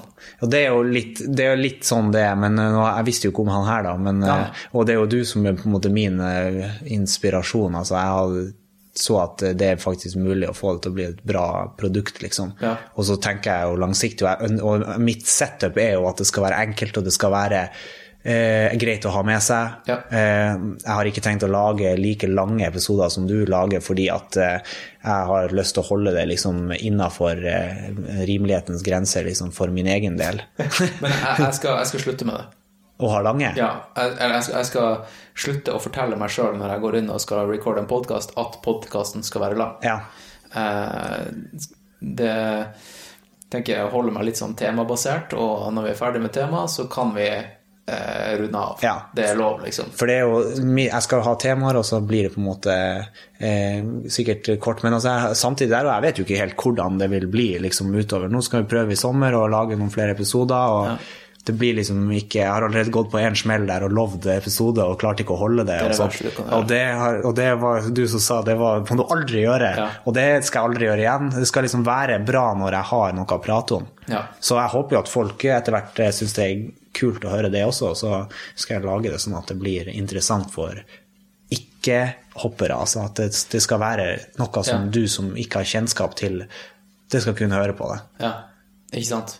Det- det, det, er en, det er en utfordring, det også. Ja, det er veldig- merket I starten av podkastinga så, så var jeg også sånn her eh, Ja, jeg skal, jeg skal bare snakke med folk som jeg vil lære noe av, og jeg syns jeg har noe interessant å, å, å ta med i en podkast. Og, og sånt. Det trenger ikke alltid handle om løping. Nei. Ikke sant? Så da kan det handle om dumpster diving og whatever. Ja, og det er jo en av de første episodene jeg hørte av det, det var jo dumpsterdivinga. Ja, Ja. Og, og, og, og da har jeg liksom fått sånn miksa tilbakemelding. Ja. Det er noen som sier sånn Nei, Ta nå slutt med det pisset der. Jeg vil høre om løping. Ja. Eh, og, og det fikk jeg nå nylig også fra den Japan-episoden. Men liksom, det er ikke så viktig med de lydene fra gata. Ta nå bare og publisere intervjuene. Det er nok, Hans Christian. ja, men det, er jo, det vil alltid være folk som vil ha forskjellige ting, og det er jo Men, men, eh, men jeg, eh, det ikke at jeg bare gjør det for min del, men, men eh, det var det som ga meg mest drive til Ja. å lage den episoden. Og så kom det jo en engelsk episode etterpå som bare hadde intervjuene. Ja. Så, så jeg tror kanskje i framtida så blir det mer sånn her Ok, der, der var det 20 minutters intervju med John Alban. Publiser. Mm. Ikke sant? Men, og det tror jeg er veldig lurt og bra. Ja. Jeg tror det også vil appellere til veldig mange. Ja. Og det er jo Jeg syns jo det er sykt spennende. Så folk må høre på det podkasten og gi meg tilbakemelding, for det, Ja, hva den heter den heter Overtenning med Jonas Sandel'. Ja, for jeg leste feil først. Jeg trodde det var overtrening. Ja, ja. Shit. Er du overtrent og har for mye tid nå til å lage podkast? Ja, men det, det er faktisk eh, Det navnet der, det er sånn Jeg kan jo Tenkte veldig mye på det, og hva skal jeg finne ut av, og det jo Men i skihopping er det jo ugunstig å få overtenning, fordi da går det jo til helvete. Ja. Men eh, Så da ble det overtenning med Jonas Andel. Og Ja, jeg syns det høres bra ut, for det kan bety veldig mye. Ja, og så er det jo at jeg har ikke på en måte, Jeg ønsker å ha det til å bli det det blir. Ja. Eh, Og det er på en måte Det kan jo bli noe sjukt bra, og det kan bli noe sjukt dårlig. Og det kan stoppe om ett år, og det kan stoppe om ti år. Ja, så det, det, det er ingen, ingen redaktør som står og kjefter på og det. det er ganske kult at det, det er så enkelt å få ut noe, få ut noe i verden. Ja. Jeg ble egentlig overraska over hvor eh, lett og at tilgjengelig det er å publisere. Det er det som er så fascinerende. Det er sånn som det var i gamle dager med blogging. Ja. Det liksom sånn her, Plutselig så har alle en avis. Ja. Og det der at jeg kan ta med meg en recorder og gå og prate med Altså, jeg har jo i mitt miljø landslagstrenere og folk som har vunnet utallige worldcuprenn Mm. og sånt, så jeg kan gå bort og bare få litt info. Ja, Og dele det med verden, på en måte. Og det, er, det tror jeg er veldig interessant for folk å høre på. ja. Og der har vi også noe til felles. Det det med at, eh, at når, når vi lærer noe, så har vi lyst til å dele det også. Mm. Og, og det er ikke alle som har den. Noen de lærer, og så lærer de. Ja. Eh, ja, da har de lært det, liksom. Men eh, Jeg syns jo det er spennende å dele, fordi det er jo mange som får en oppfatning av noe nytt og, og sånt også. Da. Jeg er jo glad i å dele ting. Ja, men jeg har også eh, funnet ut av det at jeg, også, jeg skrev en artikkel her om dagen om, om badstue som verktøy til, til å trene seg opp til et, et race i varmen. Ja. Og, eh, og da jeg var ferdig med den artikkelen, så tenkte jeg sånn her Shit, hva er det Hvorfor skriver jeg den artikkelen her, egentlig? Er det, er det for å få likes? Ja. Er det for å at jeg er veldig genuint interessert i å spre kunnskap videre? Eh, men jeg kom egentlig fram til at det var fordi at jeg lærer best med å skrive det ned og tenke eh, som en trener til andre. Ja. Altså Hvis jeg ville fått servert det her fra en trener, så ville jeg fått det på den måten. Ja, og- Eh, og, det var, og det var det jeg kom fram til. da. Og, og jeg lærte dritmye av den prosessen, bare å skrive artikkelen. Ja, det er litt, litt sånn samme tankegang jeg også har, at jeg får muligheten til å stille mine spørsmål og lære av altså det å prate med toppidrettsutøvere og trenere og, og sånt. Da syns jeg jeg lærer nok mer sjøl av det også. Ja. Eller eier, eierskap til min egen, eh, mine egne ting. Og det synes, det, det, Det er eierskapet det handler om. Det, ja, det er eierskapet, det handler om, og det er jo det som vi til syvende og sist vil gjøre deg til en bedre person, eller utvikle deg liksom, på Ja. pe- personlig nivå. Har du lest den boka Extreme Ownership? Jeg har ikke lest så mye bøker. Nei, men har du hørt om den? Jeg har hørt om det. Ja. Det var han eh, Jocko Willink, Ja. en, eh, en Navy Seal. Den uh... Men åh, ja, altså jeg skjønner Jeg, jeg vet hvilken bok du prater om. Hva var det for en, eh, Jeg har jo hørt med han der um, En podkast eller en lydbok eller et eller annet ja. som du tipsa om i en podkast. Ja. Hva var det for noe? Eh, det kan nå hus- være den, husker jeg ikke navnet. lydboka. Ja. Ja, det kan jo være den boka jeg har hørt, da. Men han var i hvert fall en sånn eh, som hadde hatt en sykt trøblete Ja, det var han David Goggins. Ja, det var han, ja. Ja. Den har jeg hørt på mye i bilen. Ja, ja. Det er jo, det er jo Der ble jeg bare sugd inn i det i starten. Ja, ikke sant? Ja. Du, du blir jo så sykt inspirert også Ja. av, av det, og, og du kan bli litt sånn manisk inspirert. Og Ja, nå skal du bare ut og conquer the world, Ja, ja, det- fordi han det- klarte det, og så skal jeg faen meg klare det her. Ja, det er utrolig. Men eh, den boka, da, altså, hva var det Extreme ownership, den handler jo Du trenger egentlig ikke å lese den. Du bare skjønner det at det handler om ekstremt eierskap. Ja. Eh, og da, da er han en eh, eks-Navy Seal, da, eh, og um, har vært i, eh, i uh, Irak og Afghanistan, og, og har vært gjennom eh, kriger, ikke sant, og, og vært eh, leder. Jeg, jeg husker ikke hva det heter. Hva er det man er leder i militæret? Her. Ja. Det, du må ikke spørre. Her. Men han har i hvert fall eh, geleida mange eh, ut i strid Ja. og mista mange folk. Og eh, har på en måte manifestert sin eh, totale lærdom da, i, i den boka her. Og til syvende og sist så, så er det jo, koker det jo ned til at det er ekstremt eierskap det, det handler om. Ja. Og det er jo det og at det, det er ingen andre sin oppgave. Du må ta eierskap. Ikke sant? Det er litt... Det, det er ingen andre sin feil. Nei, det skal være din egen. Ja. Eller Hvis, du det er kom, din hvis du kommer for sent til et møte, så er det ikke trafikken eh, sin feil. Nei. Du kunne dratt tidligere eh, hjemmefra. Det, der- er din feil. Ja. Det der syns jeg òg er sykt interessant, og noen folk skjønner jo ikke det heller. Nei, nei. Men det er jo, at boka her da legger jo vekt på at du har faktisk Det er din egen feil for alt sammen. Altså, du kan ikke stille andre til ansvar for ting som skjer som du sjøl kunne gjort noe med. nei. nei. Og det, det gjelder jo alt. Ja. Altså- Til og med ting som du egentlig ikke kunne gjort noe med, kunne du nesten gjort noe med. Ja, fordi du kunne tatt et annet valg som gjorde Ja. at du sto sjøl ansvarlig for det. Ja. Så, Ikke sant? og det her det er jo sykt spennende. Så. Ja. Men eh, det, det er jo Hadde jeg lest bøker, så hadde jeg lest den boka der. Ja, det, det er en av mange. Jeg, jeg leser mye lydbøker. Ja. Så det var faktisk sånn jeg konsumerte den boka. Jeg bare liker å høre smartere ut når jeg sier at jeg har lest den Ja, ja. boka. fordi- Men da skal jeg begynne å høre smartere ut, fordi Men jeg, folk får tro hva de vil. Eh, jeg, skal, jeg skal på toalettet og urinere. Eh, og så kommer vi tilbake, og så skal jeg be deg om å ta, ta meg gjennom det mentale fra du eh, tar heisen opp i tårnet og skal utfor hoppkanten. Ja, Uh, det gleder jeg meg til. ja det høres bra ut. Ok, BRB, BRB lytter. Denne pausen er dedisert til mine trofaste patroner. Tusen fuckings takk, dere er kule. Bakgrunnssangen er av artisten Mythic. Sangen heter Jompa Otrabot. Den er merket med Creative Commons og kan lyttes til i sin helhet på SoundCloud. Nå skal jeg lese opp navnene til patronene, og nå er det alvor med denne kule sangen i bakgrunnen. Da setter vi i gang. Én, to, tre.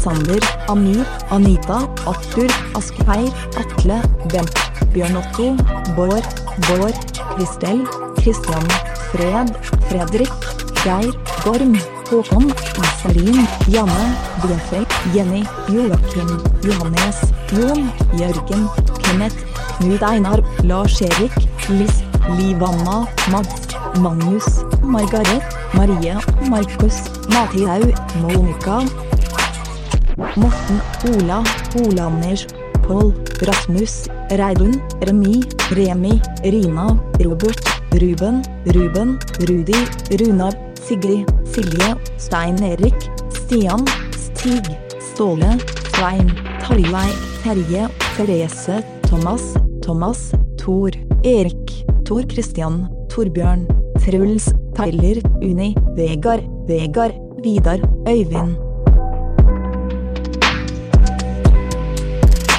Tusen takk for oppmerksomheten. Vi snakkes i neste episode av denne Kreiser-podkasten. Hilsen datamaskinen til Hans Christian.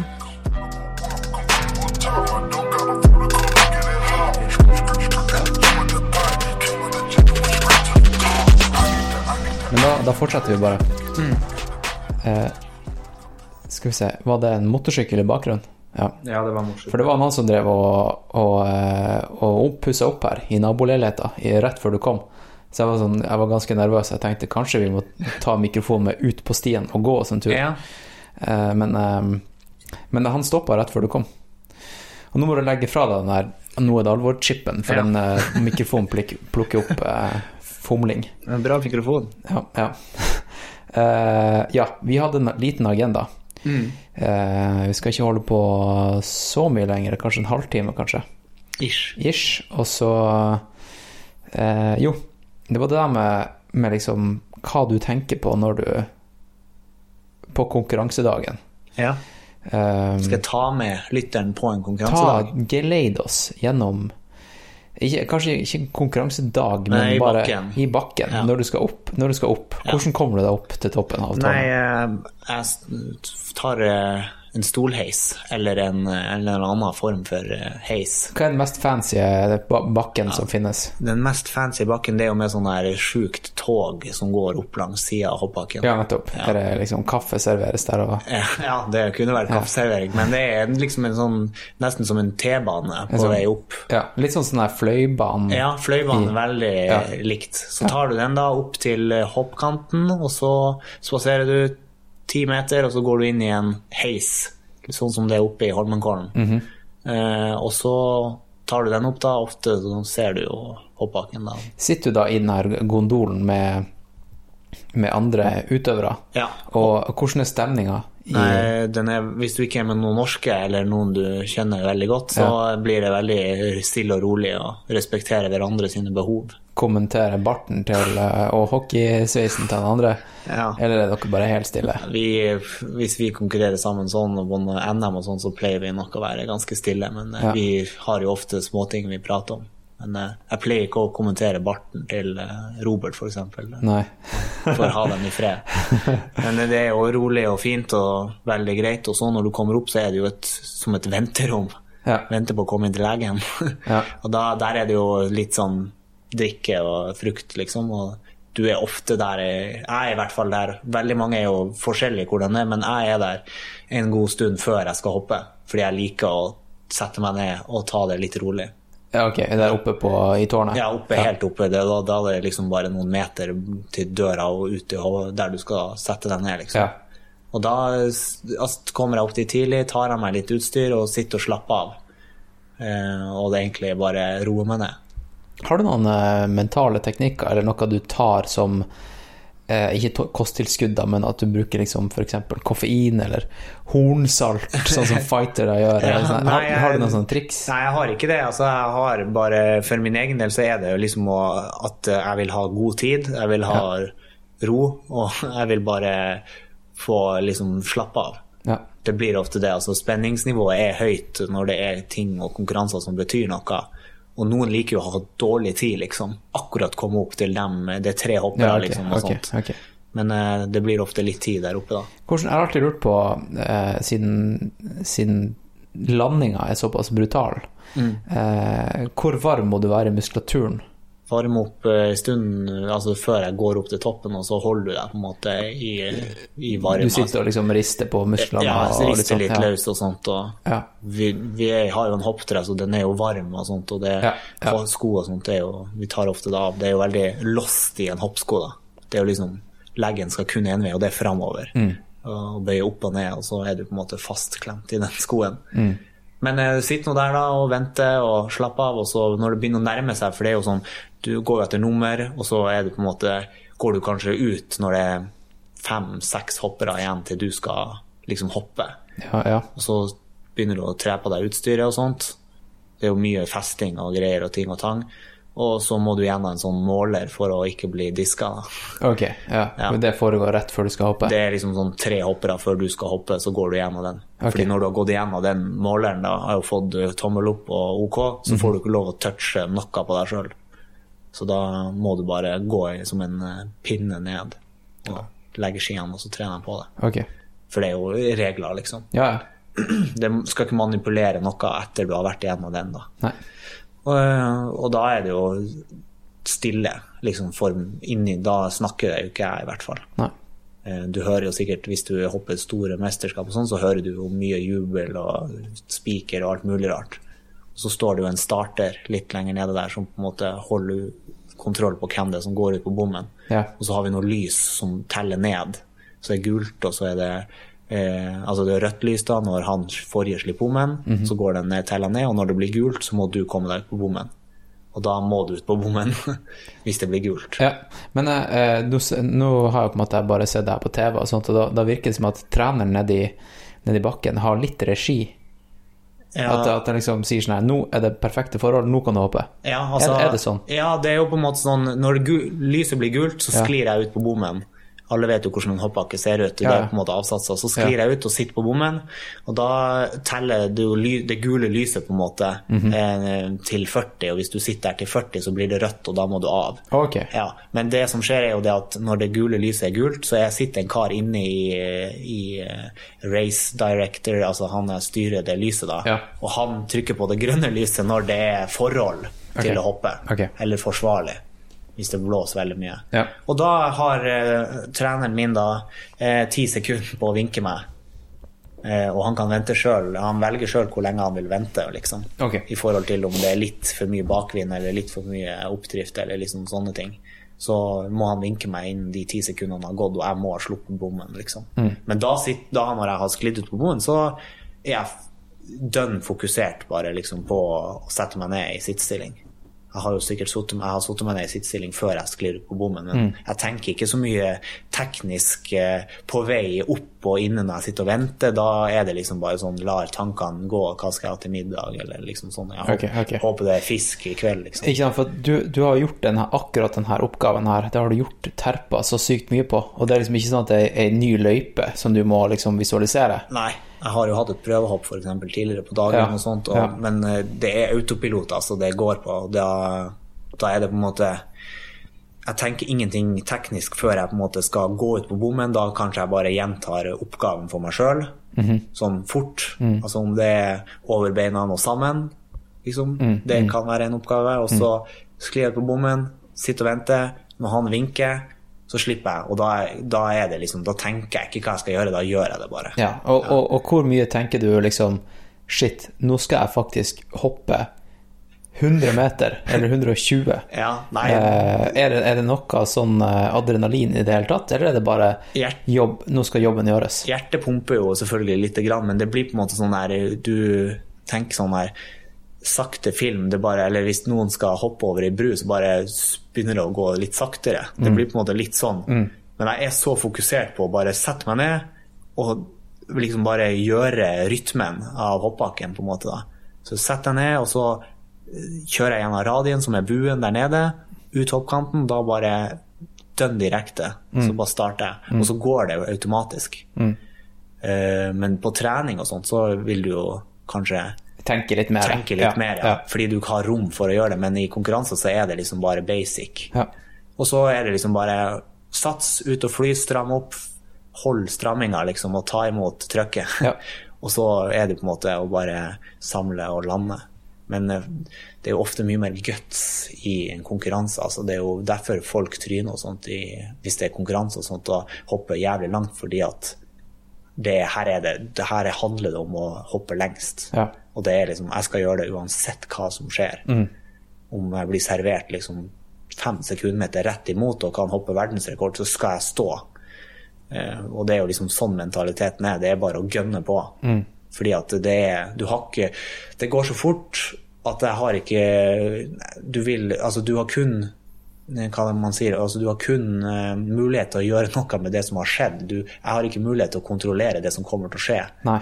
Jeg må bare være med på turen.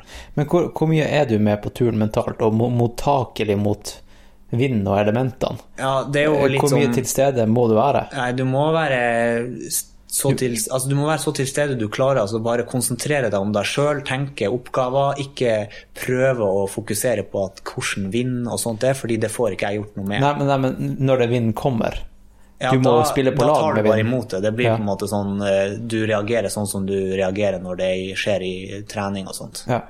Men det må tenke at det er på en måte sånn her trøkk som kommer imot deg. Du bare føler at eh, du står ut vinduet og får eh, liksom det skikkelig mot deg. Ok. Ja. ok. Det For jeg kan tenke meg at jeg ser for meg at det er litt sånn som surfing, at du liksom må være i ett med elementene. Ja, det Er, er det sånn? Ja, at du må liksom ha alle sansene virkelig på høygir for Ja. å liksom ta, ta imot og så, og så leke med vind? Leke med vind, ja. Fordi at du kan liksom ikke Hvis det kommer oppdrift og du står imot det, Mm. så blir du på en måte dreid eh, feil vei. Ja, nettopp. Ja. Du kan ikke bare kjøre på og liksom bare stramme kroppen og bare Nei. Fuck må, nå skal jeg bare ned der.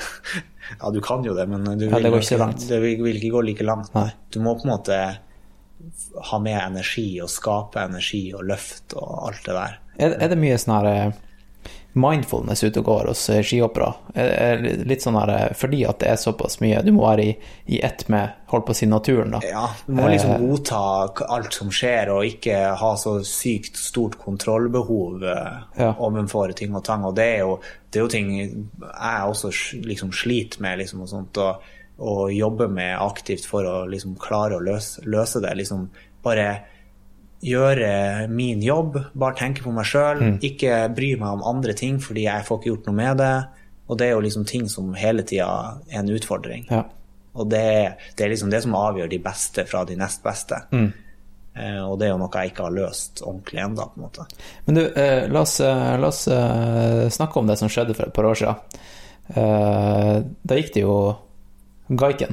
Ja, det gikk i Gaiken. Det var, eh, var litt uheldig i eh, landings, eh, landingsfasen. Det var, landingsfasen det skjedde. Ja, jeg hadde liksom landa med begge skiene, og så er det jo uoppmerksom og litt sånn slag i landinga. Ja. Eh, Og det her var på Rena i Storbakken. Ja. Så det er sånn 120 meter Holmenkoll-størrelse. Ja, jeg har en, en som jeg trener, som holder til i, i Ja. Rena. Shoutout til Kenneth. Ja. Ja, bra, Kenneth. Ja. Han bor på en bra plass, da. ja. Ja. Så det er jo, Rena er rått, og der er vi jo veldig mange renn som foregår på Rena. da, Mm. og Sykt bra arrangement. Men i hvert fall da datt jeg i landinga. Tenker det går ganske fort.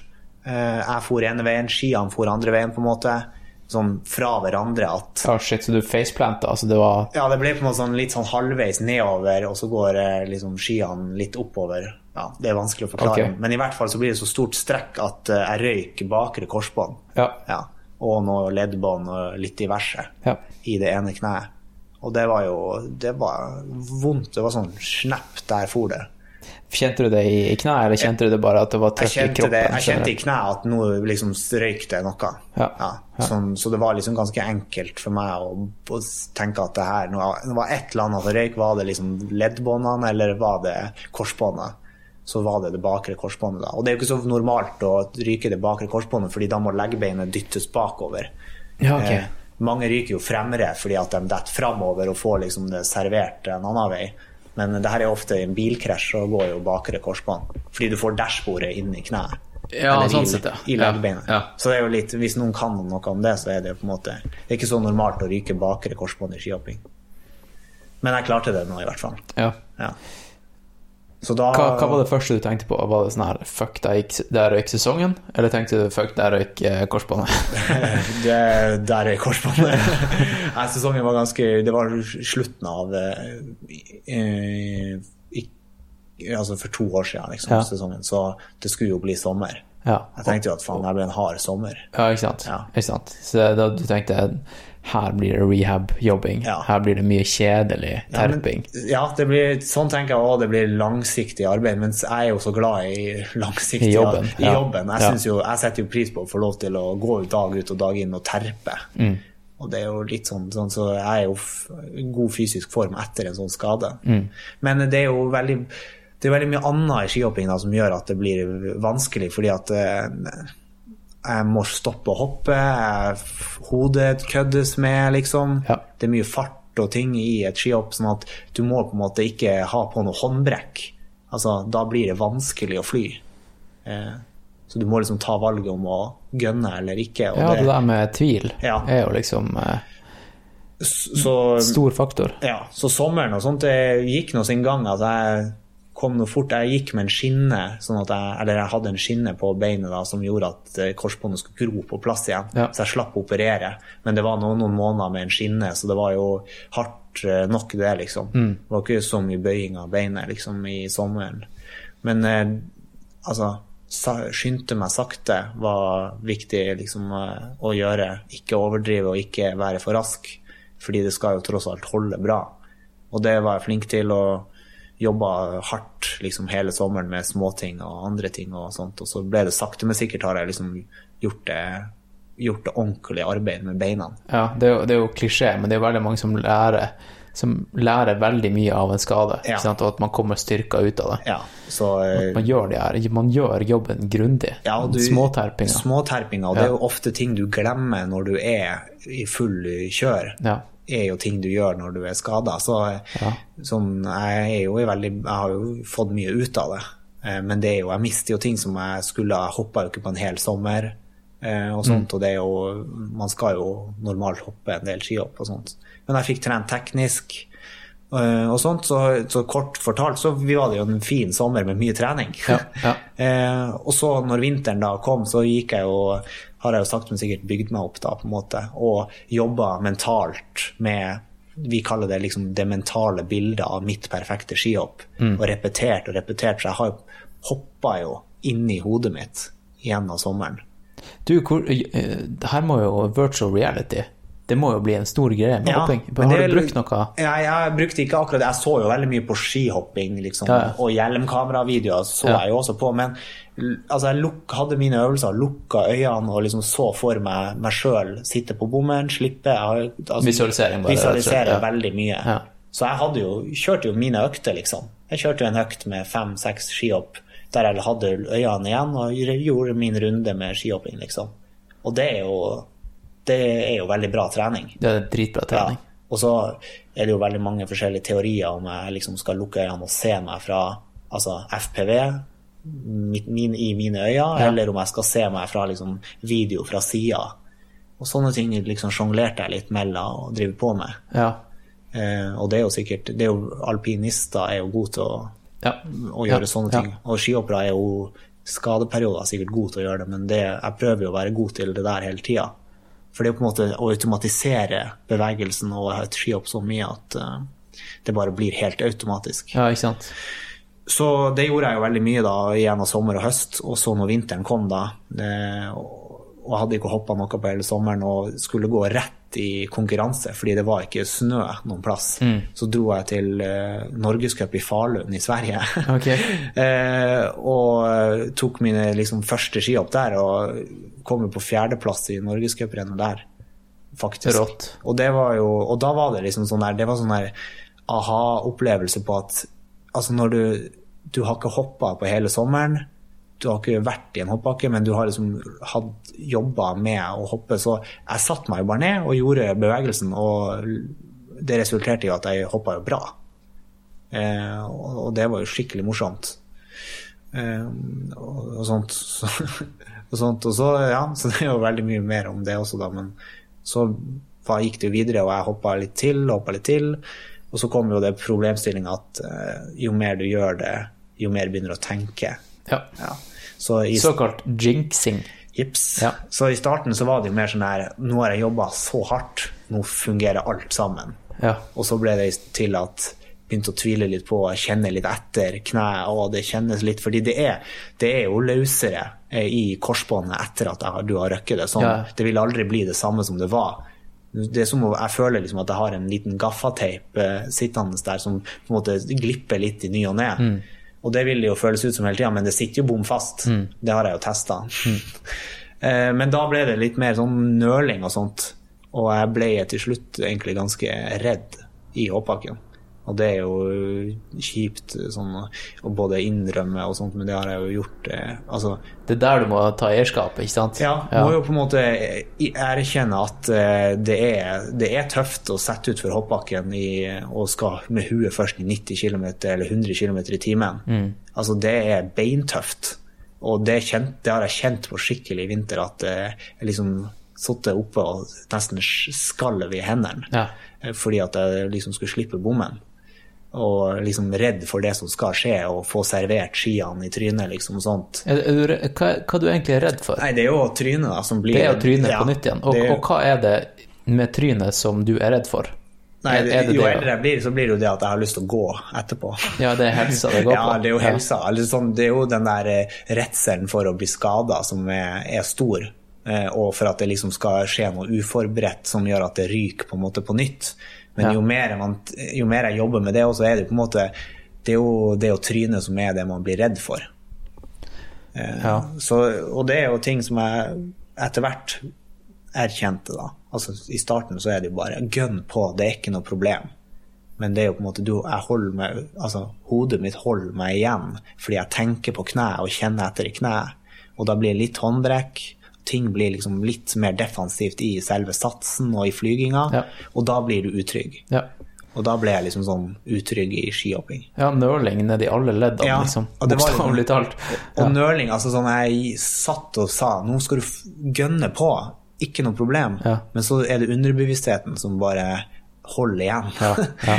og det er jo drittøft, eh, liksom sånn, altså sånn kjipt å føle det sånn, på en måte. Men eh, Ja, da, da vinner man ikke.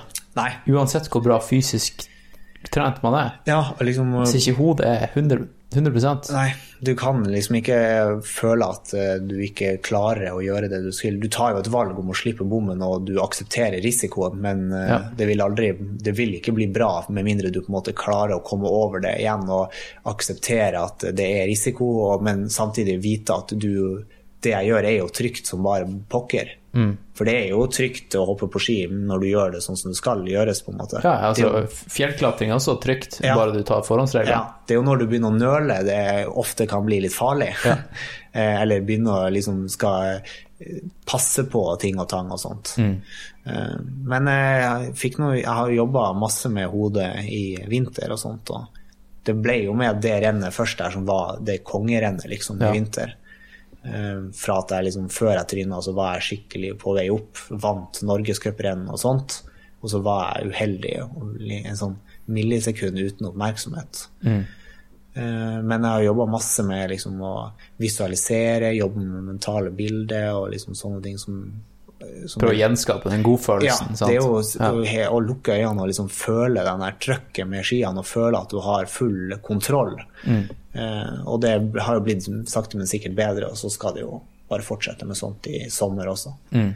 Men eh, det er jo det er jo mange, det er jo, handler jo om å tvile liksom, på egen eh, evne til å løse oppgaver og liksom sånne ting. Og det jo, kan jo gjenskapes i mange situasjoner ja. både altså, folk som eh, skal håndtere mye store avgjørelser i bedrifter og liksom ja, avgjørelser i livet og sånne ting, eller kjøre fort med bil eller fly jagerfly eller sånne ting. Det er jo på en måte Tviler du, så er du jo fucked. Ja, ja, ja du, er, du er fucked. Og jeg tror det å bli skada i toppidrett, det er, det er noe, Du er så sykt skjør da, som toppidrettsutøver. Og jeg tror veldig mange som, som har eh, Som er på høyt nivå, de har også det som mange kunstnere har.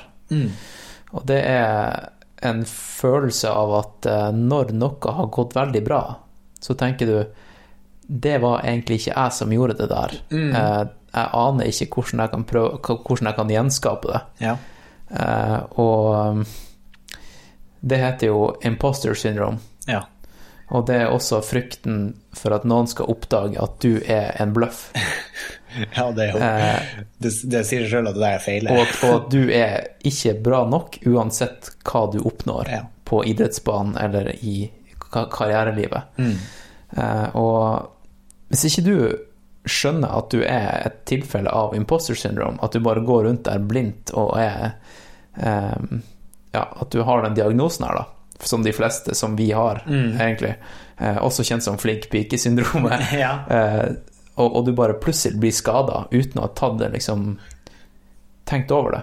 Da kan verden rakne for deg. Ja, det er bokstavelig talt. Altså, du, da, du har ingen eh, Altså, fe, du er ikke festa til eh, ditt eget eh, liksom i det hele tatt. Så Nei. da blir det, blir det krise.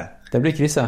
Eh, og det er jo Altså, det er jo Jeg kan jo ikke si at det akkurat det der altså blir min situasjon. Eh, for de var jo ganske raske å erkjenne feil og sånt. Ja. Eh, eller erkjenne at det her ikke helt fungerer sånn som det skal. Og prøve heller å løse det, og ikke liksom bare gønne på videre.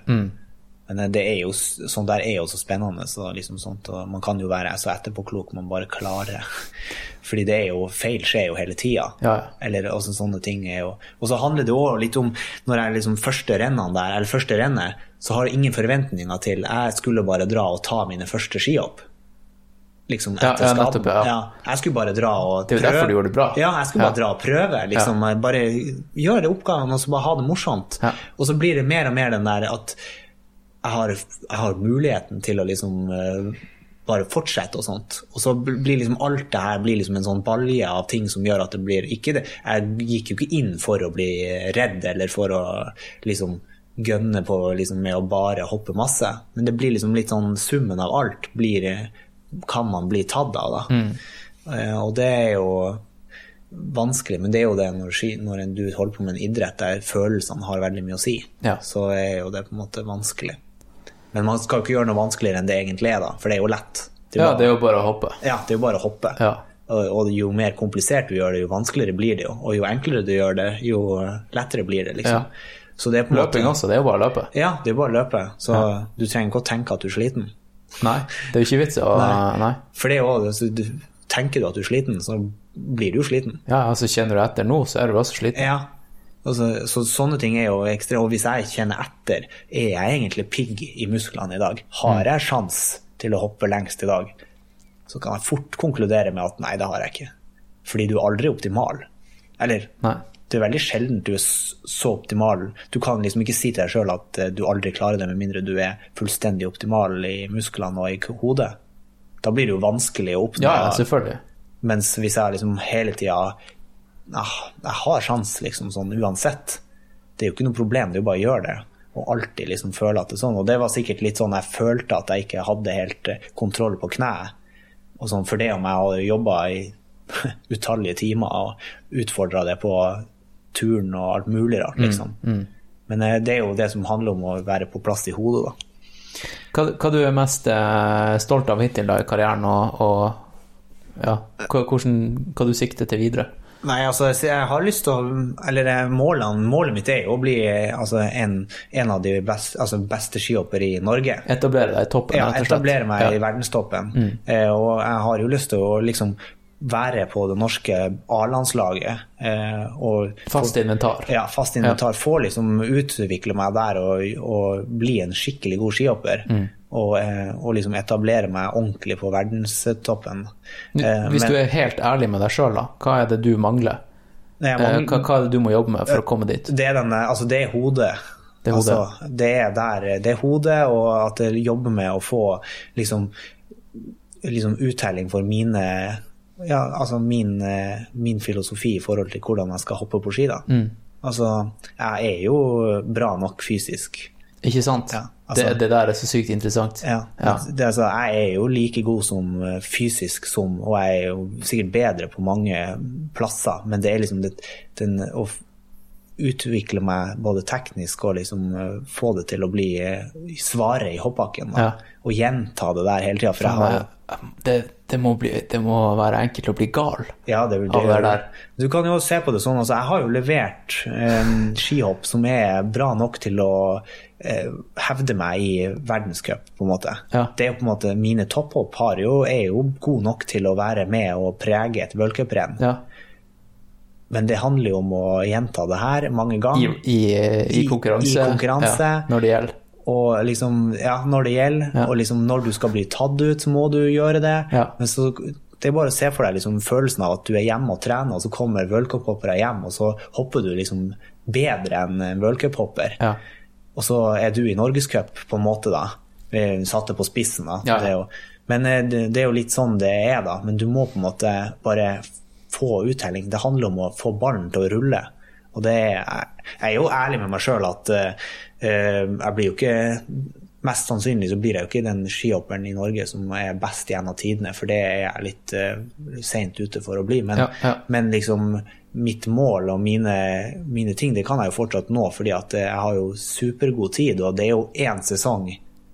Eller jeg kan jo bli norsk, den beste norske skihopperen, fordi det er jo bare elleve verdenscupseiere uh, Jøkelsøy har, da. Det er Jøkelsøy som er Ja. ja. Og i løpet av én sesong så kan du jo vinne ganske mange worldcuprenn. Ja. Eh, så, så alt er jo mulig. Ja. Det er jo liksom aldri noen begrensning for hva som er mulig. Men eh, fysisk så er det jo bare Det er jo ikke noe å gjøre med det, for det- der er man god nok. Det er Mm. å få, få det ut teknisk og gjenta og være rå i hodet. Ja. Fordi det er Skal du hoppe lengst over mange ganger og være tøff, så må du Du må jo være beinhard. Altså, jeg må Ingen nåde. Jeg må bare tenke på meg sjøl og ha mine ting. Og det er jo sykt interessant. Det er det. Og du kan jo Altså, det er jo Men jeg, det er jo også ting jeg gjør. Jeg gjør jo alt med alle mine utdanning, på en måte, i trenerutdanning, for å liksom forstå meg sjøl bedre. Og jeg liker jo å utfordre fordi at jeg ønsker å få en bredere horisont. Altså drar og gjør ting som jeg ikke liker, fordi at da Jeg må jo liksom utvide min, eh, mitt bevegelsesmønster, og hvis jeg gjør ting jeg ikke liker, så blir det enklere for meg å hoppe langt i hoppbakken hvis jeg syns det er ekkelt, på en måte. Så da kan det jo være greit, ikke det at jeg skal dra og gjøre standup, men, eh, men jeg utfordrer deg selv men utfordrer utfordre meg ja. sjøl på arenaer der jeg ikke er vant til å være. Ja, Podkasting, eksempel. Ja, og det, jo, det var det jeg nesten skulle si. Det er jo en ting som jeg egentlig ikke kunne tenkt meg, å sitte og måtte prate og på en måte si ting som er relevant. Nei. Fordi prate kan man jo, men å få det til å bli relevant og ikke tenke over at det skal, folk skal høre på og faktisk synes det er interessant. ja. Og da har jeg utfordra meg der og liksom fått det til å bli liksom litt mer normalt. ja. Og det er jo sykt spennende. Skal vi si det sånn? Jeg tror vi gjør det. Ja. Det, altså, det ble en bra podkast der. Jeg håper folk syns det var interessant, og så får jeg får, får det bare bli det det blir. Ja, du, hva du heter på, på såkalt SoMe? Sosiale medier. Ja, det heter jeg Jo Sand. Josan, jeg skal linke til alt det her i show notes. Ja. Og så må jeg jo eh, jeg takke for at jeg fikk lov til å komme og være med. Jo, jo, nei, men det er gleden er på min side. Og eh, ja, kan du si no, i dag er det lørdag. Vi sitter på gulvet i Studio Disen. Det er litt sånn kaldt. Hva er datoen i dag? Tredje? Fjerde? Mai? 4. mai, er det ikke det? Ja, ja fordi jeg var på Sats i stad, Ja. og da sa Plutselig så var det en, eh, en satsansatt som tok mikrofonen og sa eh, grattis med den internasjonale Star Wars-dagen, May the Fourth. Så Det er Ja. ganske kult. ja. Jeg visste ikke at det var det, da. Men nå, eh, nå går vi over til den her eh, smalltalk, runde Ja. Av-perioden. Og det, det, jeg syns det er så kleint å høre på podkaster der du skjønner at de liksom Ja, nå Vi har unna, nå- men vi bare må drøye den litt. Ja, og så vet du også at, at vi Vi trenger ikke si ha det nå, for du skal jo ikke ut døra når jeg trykker på Nei. slutt recording. Nei. Uh, men jeg trykker på slutt recording nå, så kan vi si ha det til lytteren. Mm. Ta, takk for at dere hørte på. Fett at dere hørte på, folkens. Uh, vi høres uh, neste gang. Du, du vet jo hva jeg bruker å si på slutten av en episode. Eh, Eh, over og ut, ja, men jeg, så jeg. Roger og Knut. Roger og Knut. Det sier bare litt om at jeg ikke har hørt alle podkastene. Du har ikke hørt slutten av podkastene? De er så lang. Ja, det er det. All right, folkens. Vi, vi snakkes.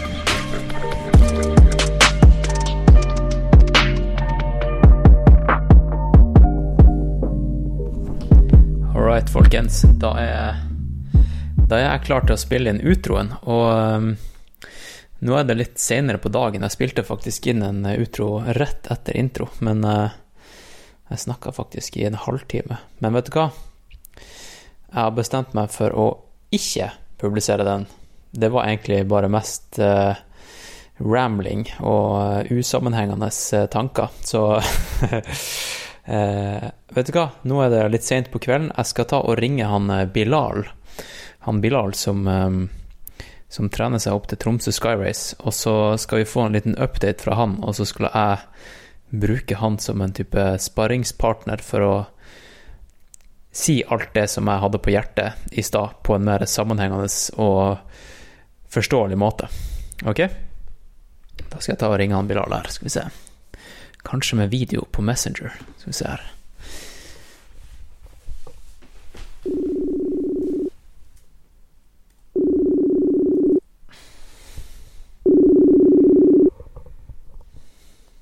Hello. Ja, du kjører video. Ja, ja. Det er jo Nice. bedre. Det er jo akkurat som om vi skulle vært i Studio Disen. Det er nesten akkurat sånn. For nå- Jeg må nesten, eneste som mangler, er at jeg setter meg på gulvet. Ja, jeg sitter jo på gulvet. Du gjør det? Ja, ja, vet du. selvfølgelig. Da, da får jeg nesten sette meg på gulvet. Ja. Ja. Ja. Og så hører du meg ok? Jeg kjører AirPods, jeg vet ikke hvordan eh, lyden er. ja, nei, eh, den er litt, eh, litt lav kanskje, men det kan jeg bare justere opp i post production. Jeg kan prøve å rette den litt Ah, mer mot eh, ansiktet mitt. Det var Ja. bedre? Ja. Og så det her er jo utroen, så hvis folk klager på lydkvalitet, så kan de ta seg en bolle. Altså, de, de må ikke høre på det her. Eh, da kan de ta seg en ultrabolle. Kan ta seg en ultrabolle, ja. du, eh, eh, for å sette litt kontekst, da, så kan jeg jo si at eh, nå har lytteren hørt gjennom eh, en prat med meg og en skihopper.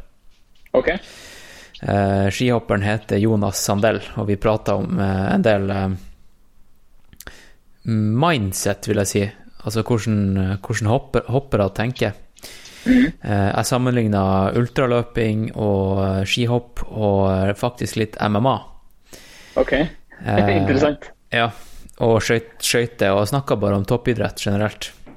Mm. Så jeg tror du kommer til å sette pris på, på den episoden. Ja, kult. Gleder meg. Ja. Eh, og så, så sa jeg i introen at jeg skulle ta opp en del ting, så jeg har en sånn liste med ting eh, som jeg vil snakke om. Men først så kan vi ta og snakke om eh, deg og din trening. Fordi nå har jo lytteren har jo hørt eh, Selvfølgelig har jo lytteren hørt eh, episoden med deg flere ganger. Opptil mange ganger. Ja, mange ganger. Ja. Eh, og nå er alle veldig spent på hvordan det går. ja det, det kan jeg tenke meg. Ja. Eh, har, du fått mye, har du fått noen kommentarer? Ja, uh, jeg har fått det, ass. Uh, fått folk som har sagt at det var veldig bra info. Ja, så bra. Ja. Mye, det er jo mye sånn basic how to, how to skyrun, ikke sant? Mm. Så det, det tror jeg folk satte pris på. Og så, så har jeg, jeg har følt Jeg har hørt på litt podkaster der man sier liksom at man skal følge, følge folk. Og eh, da er det alltid artig å høre et, liksom få et gjenhør. Ikke sant? Så nå tror jeg lytteren er spent. Ja. Det, du, treninga går eh, ganske bra. Ja. Det vil si, den går bra i form av eh, at jeg tror jeg har ganske bra liksom sånn, Eller jeg klarte å få ganske bra rutine ganske fort. Ja. Så egentlig helt, allerede på en måte før vi gjorde den første podcasten, så følte jeg at jeg var på vei inn i en rutine som jeg har klart å på en måte Som jeg bare opprettholder. Ok, så du har på Eh, en og måte det- gjort, gjort livet ditt om til at nå handler det om å trene seg opp til Tromsø Sky Race? Ja, det gjør egentlig det. Altså. Ja, og jeg, jeg følte, det, Så det jeg er fornøyd med, er at jeg kom ganske kjapt inn i det. Og Spesielt liksom med tanke på at sånn som vi snakket om, det, dette, alt dette er nytt for meg. Ja. Så det å komme inn i en på en måte Ikke bare en rutine, men en rutine som omhandler liksom ting du aldri har gjort før. Eh, ser jeg på som en sånn tidlig win, da. Det er, jo, det er jo sykt artig å være noob i noe. Mhm. Jeg var, jeg, var, jeg var noob i noe i dag, jeg. Jeg var, okay. jeg var på Jeg var og synda, faktisk. Oi. Jeg var og sprang med et annet løpecrew. Oh, du har vært utro. Jeg har vært utro. Mm. eh, og det her var en gruppe som heter OSI, som er Oslo-studentenes idrettsklubb. Ok. Eh, og de hadde noen eh, superraske to kilometer intervaller oppe på Sognsvann. Okay. Og det er jo noe som jeg aldri gjør ellers. Jeg springer jo Nei. ikke flatt og fort ellers. Eh, men eh, Og da følte jeg meg som noob. Li- Litt Ja, som fordi det, det gikk fort, eller? Ja, fordi det gikk fort, og jeg så at de tok lett på det, og jeg, jeg måtte slite med å Ikke slite, men sånn Det var anstrengende, da. Mm. Eh, og eh, litt sånn som da jeg begynte med jiu-jitsu. Du føler deg jo helt du, du aner jo ikke hva som skjer. Så det var ikke. Man helt føler Man føler seg helt lost. Ja, Ja. Men uh, jeg kan tenke meg at du føler deg litt sånn som da jeg begynte med jiu-jitsu. Ja. Ja. Litt lost. Litt lost, da. Ja, og så bare vet du at eh, ja, det er vanskelig i starten, men uh, så lenge du legger, uh, legger timene i det, så går det bra. Ikke sant? Ja, ja det er, og det er det som er tankesettet mitt, og eh, selvfølgelig. Og eh, ja, som sagt, jeg syns det går bra nettopp fordi, eh, som sagt, fordi jeg føler jeg er inne i rutine. Jeg føler jeg får, eh, har klart å prioritere inn det å legge inn tid. Ja. Og at jeg klarer å opprettholde og prøver å kjøre på så mye jeg kan. da. Mm.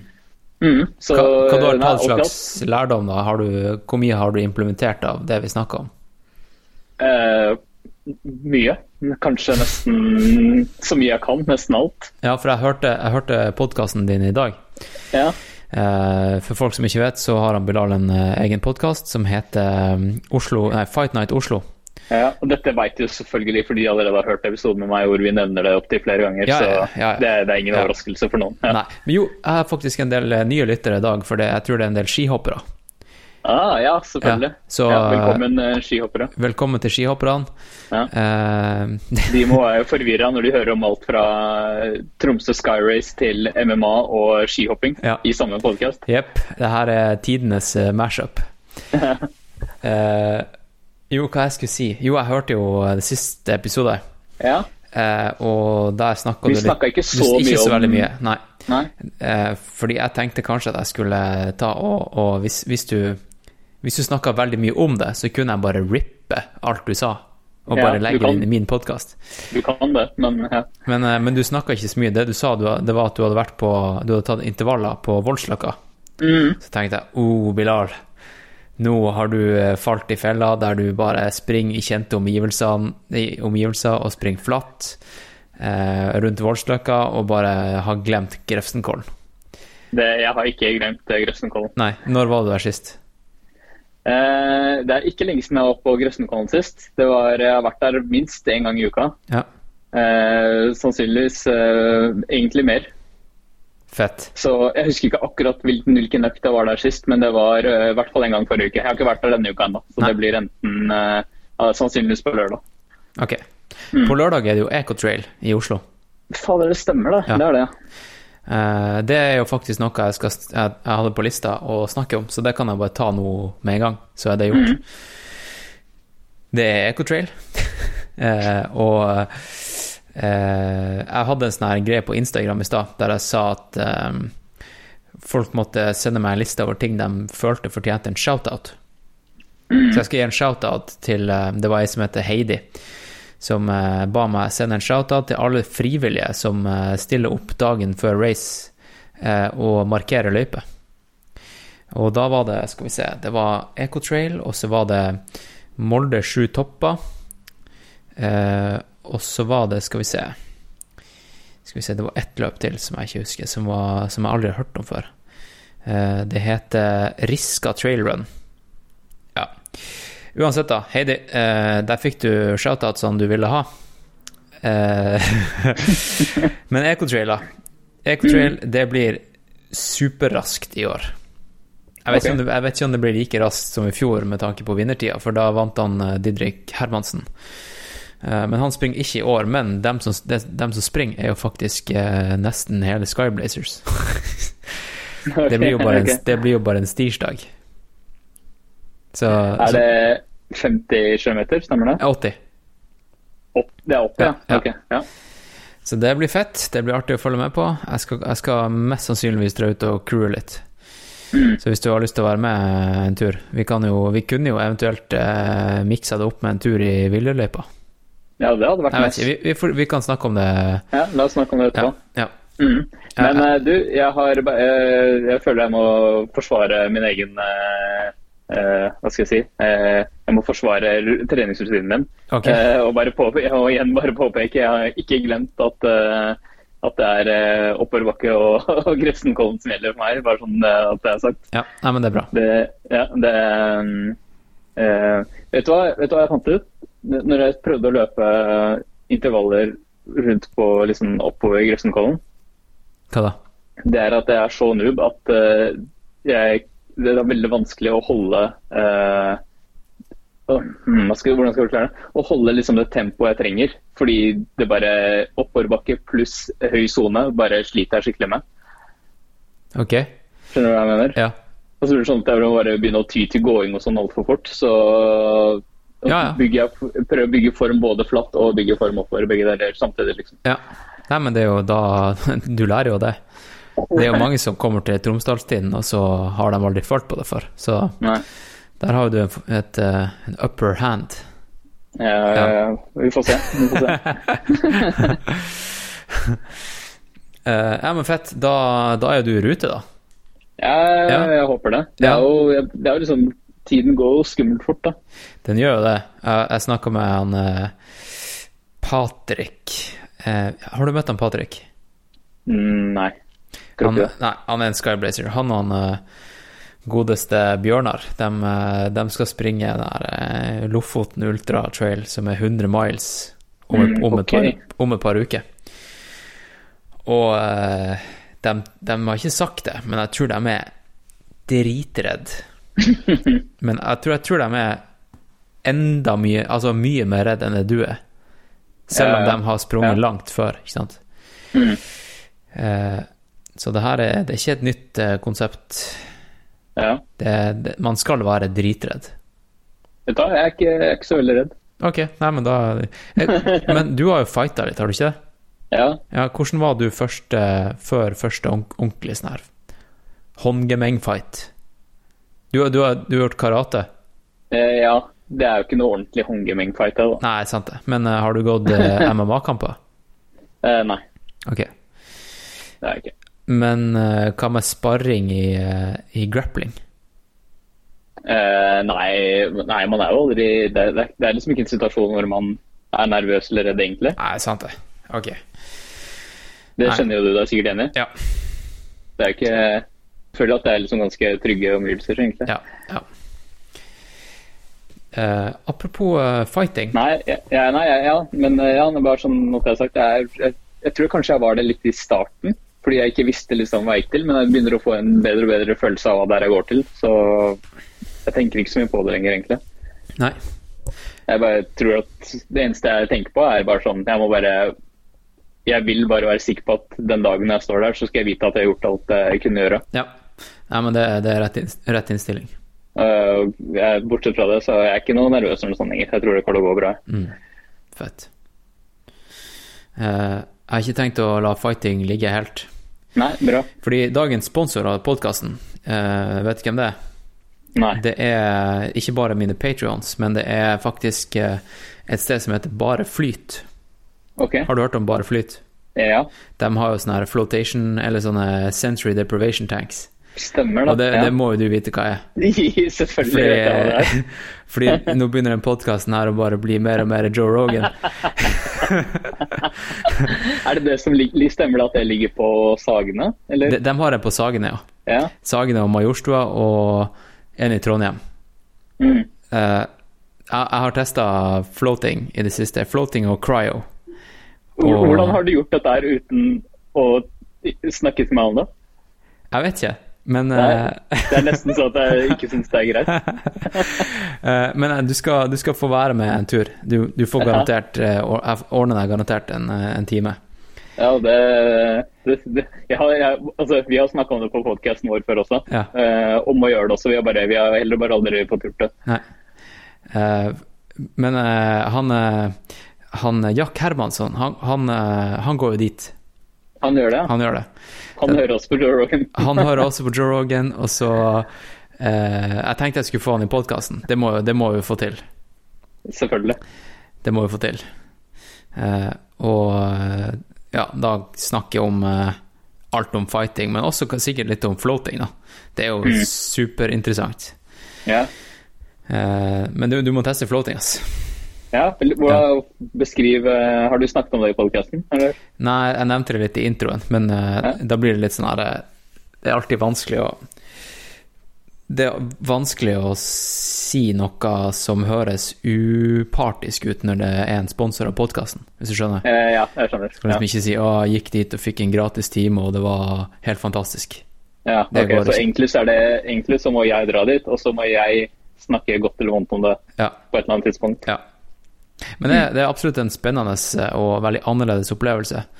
Og, og siden uh, Sats Elixia, uh, badstua der, er blitt lagt ned på Ringnes Park Nei, Jo. er det sant? den uh, tidenes Altså, det var jo den institusjonen, de vet jo ikke hva de har lagt ned. jeg må fortelle deg. Etter jeg har hørt de liksom sånn to-tre siste episodene dine, hvor, du, hvor du- liksom det har vært tema, Ja. Så har jeg liksom tenkt sånn, vet du, jeg må nesten bare joine Elixia bare Ja. bare for å dra dit, Ja. bare for å se hva som holder på å skje der. på en måte. Ja. Nei, altså, det, er, det er jo tragisk, fordi eh, Men da er det for seint. Ja, det er for seint, og jeg fikk, jeg fikk en e-post om at den skulle bli lagt ned. Og jeg tror jeg fikk den da jeg kom tilbake fra, fra La Palma. Huh. Eh, og da hadde jeg jo brukt den for det det var verdt, ikke sant? for å trene meg opp til, eh, til race til, i, i varmen. Fikk du en sånn personlig e-post? Sånn, Hans Christian, vi, bekl vi beklager å meddele at uh, liksom sånn var den personlig retta fordi du basically bodde der. Uh... Ja, sikkert. Ja. Men uh, det er i hvert fall tragisk, da, egentlig. Men eh, da, da må jeg bare begynne å bruke IR-saunaen på bare flyt. Men, Ja, de har det, ja. Ja, de har det, men det er jo ikke, Mm. Det, er jo ikke det samme. Fordi, fordi ja, ja, den er jo mye bedre badstue sånn på papiret, fordi at der kan du stille inn temperaturen. eh, Du vet akkurat hva du går til, og alt er veldig sånn rent og cleant. Mm. Eh, og, men det er plass til to, til to i, i badstua der. Ah, ja, okay. Og, og hvis du drar dit alene, så er du alene. Mm. På Fordi de satser litt på sånn spa-opplevelse, liksom, også. Ja, ja, ja. Men eh, på, på Sats Elixia, der var det jo bare dritskittent, og du visste aldri hvem, du, hvem som satt der. Selvfølgelig. Det kunne ende i en fight, eller det kunne ende opp med liksom å være i en sånn her heftig debatt om hvor mye en eller annen kommune brukte på traktorer. Det var sånn her Det var det som var hele magien med stedet. da. Ja. Så Nei, det der, Men det der eh, er tragisk. hvorfor eh, jeg bare, Det høres ut som en veldig merkelig ting å legge ned. Altså det er sånn Hvis du først tar en badstue, Jo, hvorfor fordi, eh, fordi, fordi Sats kjøpte opp Elixia. Og det ble Sats, og Sats er tydeligvis um, Jeg tipper at jeg, jeg tror Elixia satser på å være litt mer sånn her eh, luksussted med spa og alt sånt der. Hallo? Missa jeg? Må ringe tilbake. Halla? Hallo. Skjer det? Eh, nei, den eh, falt ut. Ok. Skal jeg fortelle deg hva som egentlig skjedde? Ja. Jeg har eh, På mobilen min så har jeg sånn sperre hvor mye jeg får lov til å bruke sosiale medier eh, daglig.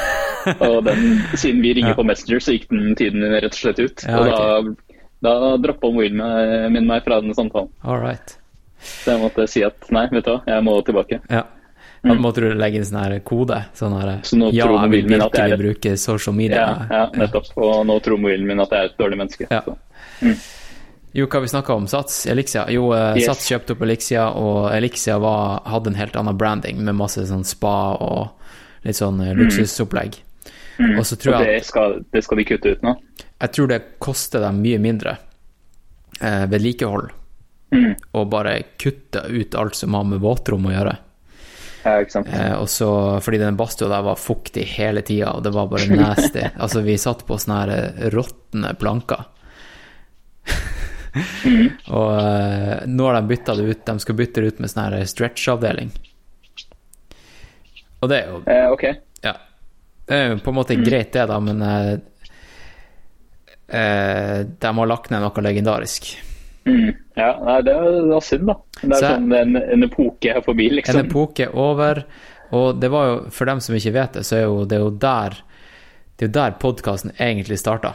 Det var jo der jeg dro uh, i en litt sånn kjipere periode i livet og oppsøkte strangers og bare prøvde å søke kontakt. Eller fights. Ja, kontakter. ja, men det var i hvert fall et sted der man kunne prate med folk. uh, hvis man ikke hadde så mange å prate med. Og jeg brukte den perioden, perioden til å øve på å ta kontakt med fremmede. For Ja. å bli bedre i samtaler.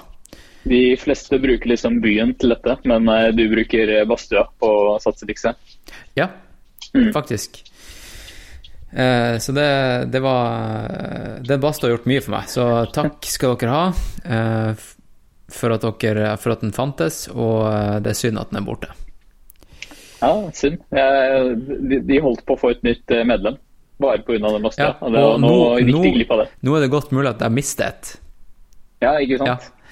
Jeg tror faktisk eh, Ja, vi får se, da. Jeg har et veldig fint abonnement, for det lønte seg å ha Jeg har vært kunde kjempelenge, så jeg har sånn ja. ridiculously bra eh, deal. Ja, som, du, som du aldri får igjen hvis du sier opp nå. Ja. Så jeg vet jo at vinteren kommer og da, da trenger man tredemølle.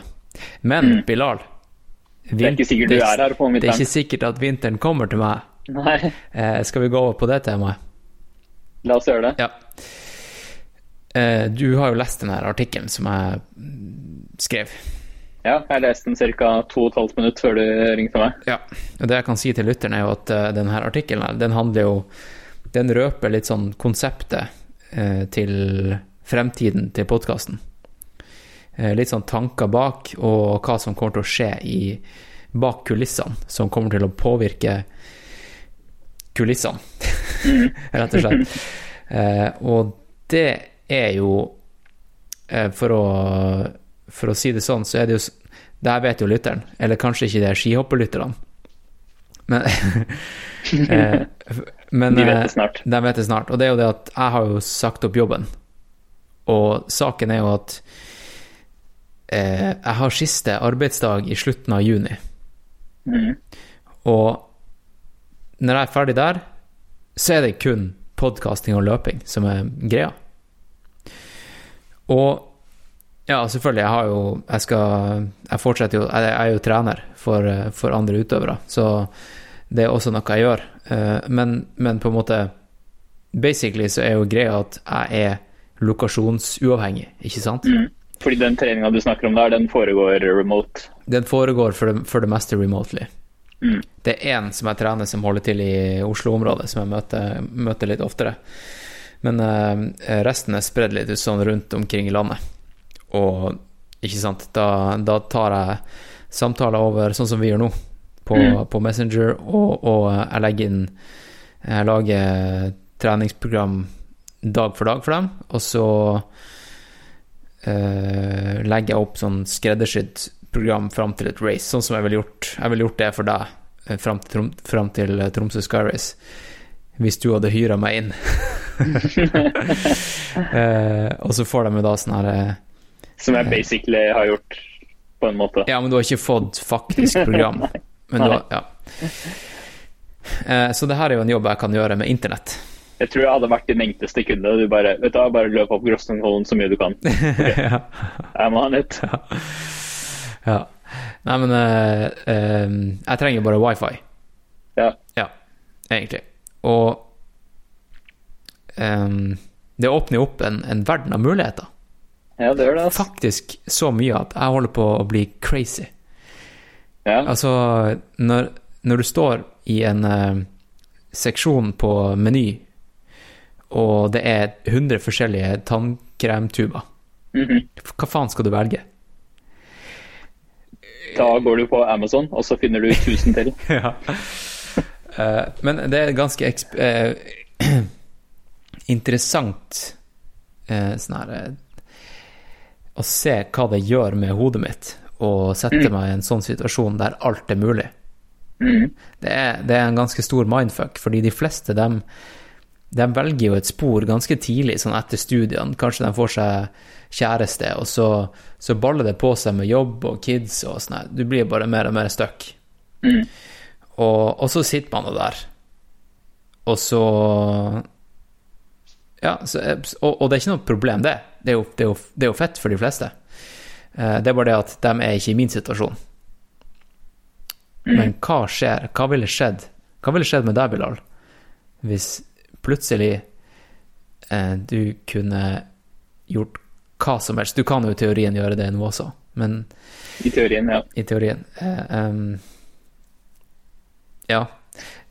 Det er interessant. Det er interessant, ja. fordi at, fordi Ja. at uh, det har fått meg til å, til å tenke sånn ekstra mye på hvorfor gjør jeg det jeg gjør. Og uh, jeg involverte jo mine patrions til å bestemme litt sånn, ikke bestemme, men eh, stemme på et par scenarioer. Ikke sant? Og jeg, jeg visste jo det at hvis de hadde stemt på noe som jeg ikke ville, så hadde jeg selvfølgelig ikke gjort det.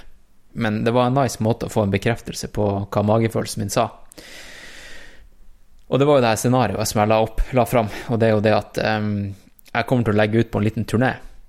Eh, en turné med der jeg skal eh, ta med meg mikrofon og løpeskoene eh, og et lite telt i sekken. og så eh, stikker jeg ut i den store verden, eller lille Norge, who knows hvor jeg drar. Eh, men altså, jeg må selvfølgelig leve veldig sparsommelig. Mm. Og det, det klarer jeg helt fint. Det gjør jeg nå også. Um, og så eh, skal jeg oppsøke noen jævla fete fjell eh, å springe i. Jeg skal eh, Altså, målet Jeg skal jo selvfølgelig bli en bedre fjelløper. Mm. Det er jo, det, det er jo en, av- en, av, en av grunnene til at jeg gjør, gjør alt det her. Hvis, hvis noe hadde kommet i veien for det, så ville det jo ikke hengt på grep. Eh, et annet mål er jo å, å møte interessante folk. Ikke bare for at jeg skal eh, Jeg vet ikke, utvide horisonten min, men bruke det til å også, også dokumentere det i podkasten og gjøre et interessant show ut av det. Så jeg tror at denne, denne lille turn- turneen, den kan åpne opp et ganske fett eh, Litt sånn her eh, Nesten litt sånn true crime, hvis du skjønner hva jeg mener. At, eh, at jeg drar med jeg drar mikken rundt, og så vet du ikke hva som skjer i neste episode. Fordi at det her er et realityshow som utarter seg live, og det er et ordentlig liv. Det er et ordentlig Det er liv det er snakk om. Det er meg, programlederen. Det er ikke, det er ikke et fake show, ikke sant? Og eh, det tror jeg er ganske unikt. Det tror jeg ikke NRK eller VG eller noen andre sånne mediehus kan gjenskape. Det går ikke.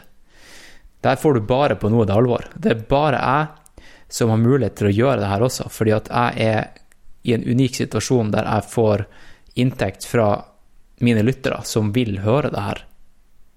Det er ganske fett og spesielt, altså. Det er real, ass. Det er real, og eh, ja, det er ganske sånn mindfuck. Eh, Føler meg både privilegert og eh, Jeg må på en måte bare gripe sjansen, da. Og noe Ja, av ok. okay. Ja. ja, Bare si hva du vil. ja, jeg skulle bare si at det, det er jo helt rått. Ja, ja. Det, det blir helt rått. ja. Og jeg tenker sånn eh, Ja, du, du har jo, som du sa, du har jo ganske Ja, du har jo frihet til å Som du sa, du kan gjøre hva, hva som helst. Så, og jeg skjønner at det er utfordringa, men i, i, de, eh, i den jobben jeg har, og basically ganske likt den jobben du har hatt tidligere også, Ja. så er vi vant til å liksom prøve å finne okay, hvor ligger begrensningene, og så finne, kreative løsninger innenfor det løsningsrommet du sitter igjen med. ja.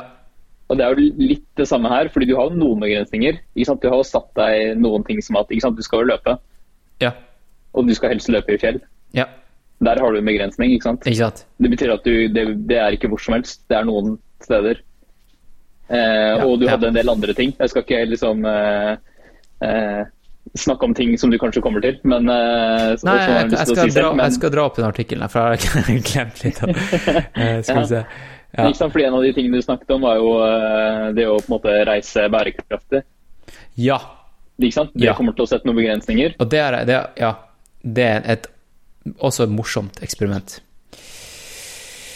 Uh, det her med flyskam eh, Det er også en interessant sak, syns jeg. Jeg syns at skam generelt som tema er interessant. Ja, ok, la, la oss bare vi kom, jeg, skal, jeg skal snakke litt om eh, det her med begrensninger med, med transport, men eh, la oss bare ta opp det her med skam og flyskam. Det er, jo, det er, jo, en- det er jo en greie i, i offentlig debatt for tida. Men det er også en, en ganske sånn stor greie i, i, i mitt miljø, føler jeg. Og, og jeg, jeg, det- som er, det som er, er at eh, skam er jo basically noe som formes av ytre omgivelser. Ikke sant? Så hvis, hvis dine peers, eller dine venner, eh, ser ned på at du eh, har en, eh, en MMA-podkast, f.eks., eller spise kjøtt, eller whatever, eh, så kommer du til å føle på skam. Ikke sant?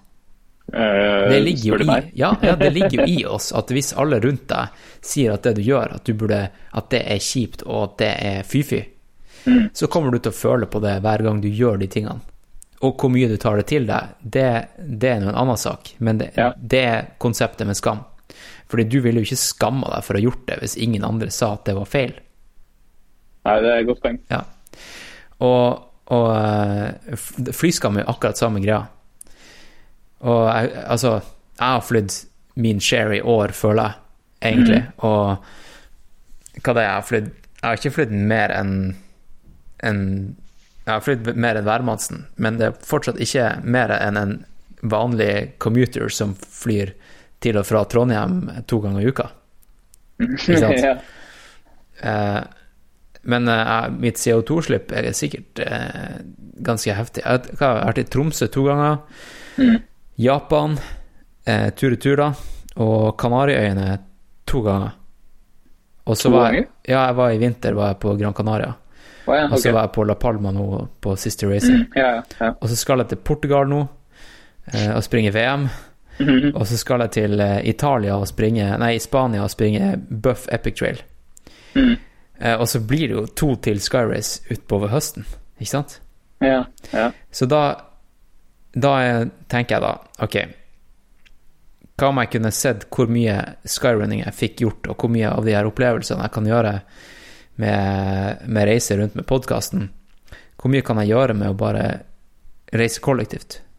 Kjøpe en interrail-billett og bare leve på den mm. rundt omkring i Alpene og Europa. Eh, og um, ja, gjøre et konsept på det og vise nordmenn hvor enkelt eller hvor vanskelig det er å, å reise rundt. Altså hva Hvis flyskam eksisterer, så må vi jo Det er jo sånn en motkultur som heter togkry, altså hashtag togkry, for å vise hvor kry man er for å reise med tog. Altså, det beste er jo bare å bli hjemme, uansett. Altså, det er jo ikke miljøvennlig å reise med, reise med tog. Det beste er jo bare å ikke gjøre en dritt. Bare bli hjemme. Det høres skitt ut. Ikke sant? Skam deg for at du tar buss til jobb, liksom. Det er jo Ja. ja. Nei, så Så jeg har tenkt litt på det, og så, og så for å bare vise deg hvor crazy jeg blir av hele prosessen her, da. Det at eh, i dag så Jeg vet ikke om du så det, men jeg posta noe greier om eh, den der flyplassen som skal bygges ganske nært Machu Picchu. Jeg så det bare veldig raskt. Jeg Ja. det veldig kjapt. Ja. Det var så, Men det er jo var sånn det er med sosiale medier. Man poster, og så men det var sånn det jeg så sånn artikkel, så tenkte jeg at det kan ikke stemme. Nei. Altså det er sånn Man aksepterer det ikke, på en måte. Nei, ikke sant. Det er bare sånn her helt crazy. Og jeg har jo jeg, jeg bodde jo, det husker du, vi jobba jo sammen da jeg bodde i Sør-Amerika. Selvfølgelig. Ja, det husker jeg. Og jeg bodde jo rett med Machu Picchu, eller et par timer unna med bil. Og den her eh, Sacred Valley, eller den her hellige dalen som, som uh, Er du borte igjen, Bilal? Nei, jeg er der. Okay. Jeg skulle bare slippe ut hunden. Hun ville ut av rommet. Ja, ok. Hun gadd ikke å høre på dette lenger. Den her flyplassen, da, den, eh, den skal jo bygges ganske nært Machu Picchu. Og det, den, det, er ikke sånn, det er ikke sånn som de framstilte det, at, den skal liksom, at de skal rive Machu Picchu og bygge flyplass. men, men eh, Sacred Valley er bygd opp av eh, Det er masse sånne små typer Machu Picchuer i sånne småbyer. Byer. Eh, og de kommer til å, å måtte rive en del gamle jævla fete eh, sånne eh, arkeologiske sites av Det stor verdi, ikke sant? Og greit nok med det, da, at, ikke sant, det, det er liksom Ok, det er, det er bare noe som noen bygde for noen hundre år siden, ikke sant? Altså Egentlig så er det ikke noe big deal. Sånn hvis Hvis noen tok bort noen eh, runer eller eh, noe sånt, altså Life goes on, ikke sant? Men det bare henger ikke på grep med 2019. Sånn, Nei, her er skal man bygge en ny flyplass som er mye større for å kunne ta imot flere turister, for å kjøre dem opp på Machu Picchu. Ja, Gud forby at de måtte ha gått et par kilometer for å komme seg dit Ja, ellers, liksom. Ikke sant? Og de sparer et par timer med buss, for det er litt Ja. nærmere. Jeg regner med at uh, Voi og Tier stiller opp med scootere, sånn at de kan uh, komme seg raskest mulig opp til uh, ruinene også. Ja, ikke sant. Ja. Og de skal utvide åpningstidene for Machu Picchu, for de har jo hatt sesongbasert, fordi at det blir jo ruinert når det er så mye folk. Så de, de satser jo bare skikkelig på turisme. Og jeg kan på en måte skjønne det, for hvis de ser på inntekter, at, eh, at Med tanke på arbeidsplasser og sånt også. 2500 arbeid, arbeidsplasser skulle det skapes. Og de er jo allerede i gang. Jeg snakka med eh, ei som jeg kjenner som bor der nå. som jeg ble kjent med der, hun, eh, hun sa sånn Ja, bulldoserne er allerede i gang. Det er crazy. Jesus Christ. Og det er ingen som liker det i det hele tatt. Og så sa hun, fordi hun driver et sånt yogastudio der, så sa hun jeg skal ha en retreat i november her. Uh, har du lyst til å komme? Mm. Jeg sa, Faen heller, nå har jeg sagt til meg sjøl jeg skal flyskam, jeg skal bevise Det her henger ikke på grep med at alle skal fly til Cusco og Machu Picchu. Eh, Du skal være på første flyet til den nye flyplassen.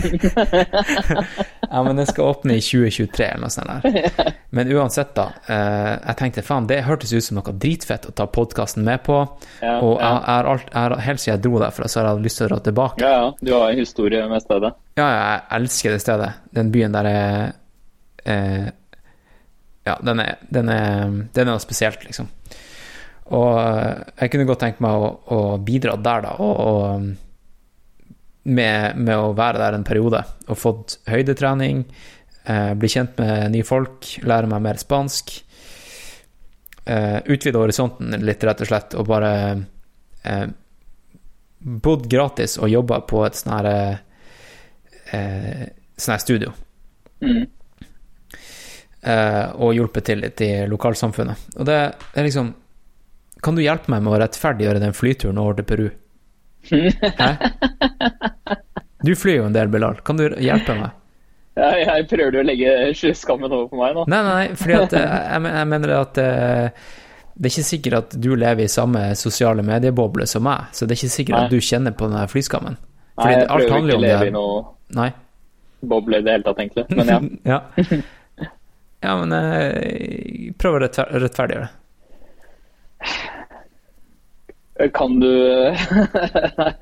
Fordi, la, la meg si en Ja. ting først. Ja. Eh, eh, flyskam kommer jo av at vi skal prøve å redusere utslippet og, og vår eh, eh, CO2-footprint på jorda, ikke sant? Mm. Og det her går utover jordkloden. Og, Mm. og da Altså, jordkloden, den driter jo i hva vi gjør. Det er jo Mm. hva det gjør med oss. Altså hvordan det påvirker mennesket og natur altså, og, og dyrene som vi bryr oss om. Det er med en gang, er med en gang eh, vi ser at det faktisk påvirker oss, at vi bryr oss. Hvis, eh, hvis eh, Antarktis eh, eller Nordpolen smelter, så driter jo vi i det, egentlig. Men med en gang vi ser at det påvirker oss, så bryr vi oss. Ja, eller eh, ja, ikke sant, som du sier da, oss eller omgivelsene våre i form av eh, andre eh, livsformer. da. Ja, ikke sant? Ja. Mm. Eh, så, så har jeg tenkt litt på det her. Hvis man drar rundt, hvis man, hvis man flyr masse rundt i verden, og man bidrar til humanity, og man gjør en del sånn human, humanitærarbeid, vil det rettferdiggjøre ditt footprint, altså din, din, dine utslipp? Hvis du er, mm. hvis du er mor Therese og, og reiser Ja. jorda rundt Eller Bono på privatflyet Ja. som uh, drar til Afrika. Ja, vil, ville det vært uh, verdt det? Er det humanity eller jorda vi, vi er her for, Bilal? Um,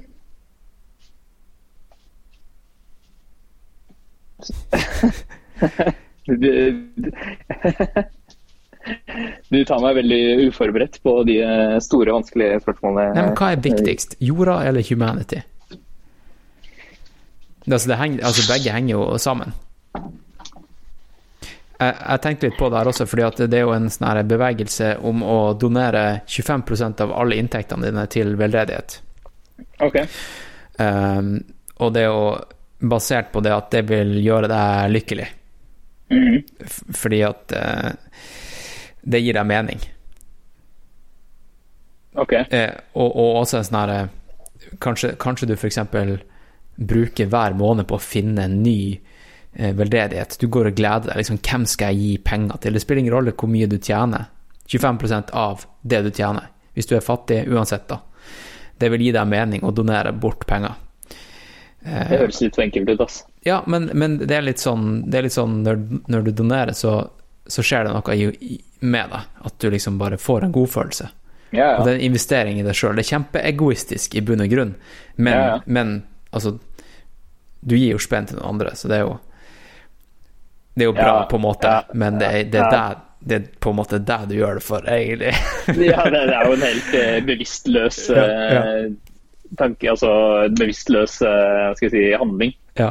Det er bare sånn, jeg bare kutt noe, ta noen penger ut av den slutten av måneden, så slipper jeg å tenke på det, liksom. ja, ikke sant, du outsourcer hele den der. Ja. Eh, men han eh, Alex Honnold, du vet han der klatreren? Han som var i Free men. Solo-dokumentaren? Ja, vet du, den har, den har jeg fått tak i, men jeg har ikke sett den ennå. Han eh, har jo en sånn eh, foundation som heter Alex Honnold Foundation. Og det den gjør, da, er å, å gi eh, Den hjelper barn med å lære seg å lese i Afrika. Og eh, det Skal vi se her Han Nei, det de gjør De eh, ordner lys til husene til en region i Afrika, sånn at de får lys lengre i døgnet. Og det gjør at flere kan lære seg å lese. Fordi at de var begrensa av, uh, av mørket som kom tidlig, tidligere. Så hvis de får to timer ekstra med lys, så har de to timer ekstra å jobbe med lekser, som dermed gjør at de rett og slett blir smartere. Og, og da er jo også konseptet det at ok, du gir penger til det, som da, da investerer du i, i mankind, som da i framtida kanskje kan løse store mysterier, sånn som for eksempel eh, Eller ikke eh, problemer, da, sånn som for eksempel kreft eller, eller, eh, eller eh, CO2-utslipp, ikke sant? Og dermed kan du rettferdiggjøre eh, all den driten du gjør på jorda, ikke sant? Mhm. Så det er bare sånn her det, det er mye å tenke på, da. Hvis du skal være, hvis du skal være en sånn her eh, perfekt menneske, hva, hva faen skal man gjøre, liksom? Eh, ok, så siden du ville ha litt sånn eh, eh, Du ville at jeg skulle rettferdiggjøre ting for deg, så Ja. la meg hjelpe deg. Eh, O, o store Bilal. Nå ser, nå ser jeg jo det her sånn stort bilde på skjermen. Nå er det liksom sånn her eh, orakel. Ja, nå er det alvor. Jeg elsker at vi løser verdensproblemer sånn eh, klokka 11 på en, Ja, eh, klokka elleve. Ja. på en tirsdag eller torsdag. eller hva det er. Ja. Eh, ok, så du starta med å si at grunnen til at du ikke gjøre de greiene her i det hele tatt, hva var det? Det var jo fordi at jeg er lokasjonsuavhengig. Fordi fordi jeg får inntekter via Patrion, og alt jeg trenger er wifi og en mikrofon og løpesko. ja, ja, ja, men du kan også gå og gjøre hva du vil, fordi du har ingen Ja, altså, jeg har, jeg har ingen kjæreste. ness. Buhu. eh, eh, og eh, Folks, nå har, nå har HK Du har drevet mest om at du ikke har det i sånn ett og et halvt år på den podcasten her. Kan en eller annen liksom steppe opp snart? Og, Ja. jeg, Jeg- jeg liksom? driver og hinter, og så bare Det er ingen som du, tar hintet. du, skal jeg si den ting jeg gjorde før vi går tilbake? Jeg må bare eh, På På eh, Det her er artig, nå kommer folk til å flire seg i hjel. Eh, jeg, var, jeg var og sprang i Wyller i- på, på Tryvann. Eh, opp og ned på søndag, var det vel. Og så hadde jeg, kjente jeg sånn her på sida uh, i løpevesten at jeg hadde en sånn her eh, Nå er det alvor-chip. Du vet de runde chipene i visittkortene? Det var laserskjært. Så tenkte jeg sånn her uh, Hvis jeg bare finner en, et menneske på stien som er alene, som, uh, som har headset i øret, eh, så er det en perfekt kandidat, kandidat til å bli lytter av podkasten. Så jeg skal ta og gi vedkommende en sånn chip, eh, og rekruttere en ny lytter. Mens Mm. Det jeg er er ute og ikke weird i det hele tatt. Det Men er ikke, men det er også litt sånn her, sånn som jeg gjør med i badstua. Det å approach strangers. Det er litt sånn her eh, Kom deg ut av komfortsonen, ikke sant? Det er litt sånn der, eh, det der eksperimentet som han, eh, Tim Ferris har snakka om. Det der med at eh, Kom deg ut av den finansielle komfortsonen med å eh, spørre om du kan få 25% rabatt når du kjøper kaffe. Bare på faen. Bare gjør det. Ikke sant? Fordi at det er veldig ukomfortabelt å spørre. Men når du har gjort det, så kommer du alltid til å ha det som en sånn knagg om at du har gjort det, det ubehagelige. Uansett, da. Eh, så, så jeg tenkte litt på det, og så, og så sa jeg sånn Ok, neste kandidat skal jeg, skal jeg approache. Og så kom det mot meg, da. Jeg sprang ned Wyller. Og det kan godt være at hun her hører på nå, så shout-out til deg som hører på, som, eh, som jeg møtte. Hun kom mot meg, og så bare sånn, jeg ser jeg hun hadde headset, og så, og så bare sier jeg sånn her Du, unnskyld! Eh, og så bare ble hun skikkelig overraska, for hun hadde caps på og, og var liksom i, sånn her, i pain cave. og så, og så eh, fikk jeg øyekontakt, og så tok hun ut headsetet, og så sa jeg sånn her Du, hva du hører på? Og hun bare sånn her «Øh, s- det, det, jeg, jeg så jo at hun tenkte 'hvorfor spør du?' Men hun svarte. Hun svarte sånn her eh, 'Rage Against the Machine' eller et eller annet sånt. Jeg vet ikke. Ja. Eh, og så Og så sa jeg sånn her Å ja, så det var ikke podkast. men, men saken var også at hun var veldig eh, Veldig um, Hun var kanskje min type, da, for å si det sånn. ja. Mm. Um, Sa du det også? men men det, sa, det sa jeg ikke til henne. Eh, Nei. fordi at jeg var, jeg var Hva er det du hører på Rage Against Machine? Nei. Jeg tror det er min type. Nei, fordi at min, eh, eh, min innstilling til å oppsøke den vedkommende var jo at jeg skulle rekruttere en ny lytter. Mm. Det var jo ikke å sjekke noen, sjekke opp noen. Så, så det var på en måte det jeg gikk inn for. Og, høres, høres riktig ut. Ja. ja, ikke sant? Så, Mm. så da var det vanskelig å omstille seg. Jeg, mener, jeg skjønte at det her kom til å virke veldig som en sjekketing. Liksom sånn her. Mm var sånn. Så sa jeg sånn her Du har akkurat lest The Game, liksom, Ja, og ja. lagt ut på løpetur. Ja, Ja. for det er jo, det er jo super creepy. Eh, Sett i retrospekt, det var jo liksom Ja, super creepy. Ja. Og, så, Men du var med chipen? og så sa jeg sånn her eh, Hører du på noen podkast, eller? Så sa jeg ja, jeg gjør jo for så vidt det. Og så, så ga hun den chipen, og så sa jeg ta nå og gi min, gi min podkast en sjanse. Og så, så sa hun hva, hva heter du? Så sa jeg Hans Christian. Vi snakkes. og så sprang jeg Så beina ned Willer, da. Og så bare. Fordi jeg fikk litt sånn kalde føtter. For jeg, eh, jeg skjønte jo at hun eh, kanskje syntes at det var kjempekleint. Eh, så jeg ville bare ikke være den her creepen som Ja.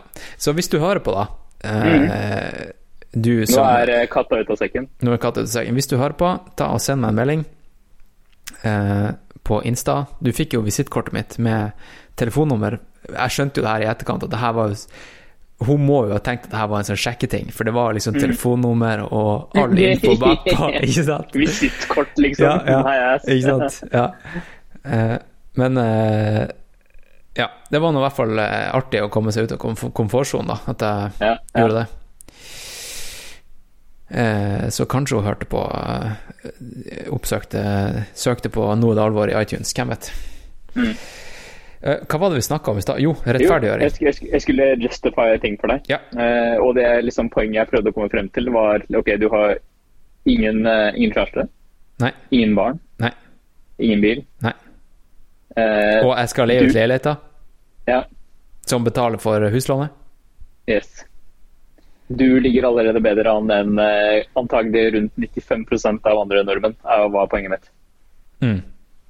Sånn CO2-messig. Så Ja, og jeg spiser ikke kjøtt. et- et- nei, ikke sant? Ja, og- Eller minimalt, i hvert fall. Og jeg føler at jeg kanskje via podkasten har preacha eh, nok om det til at veldig mange også har valgt å spise mindre kjøtt.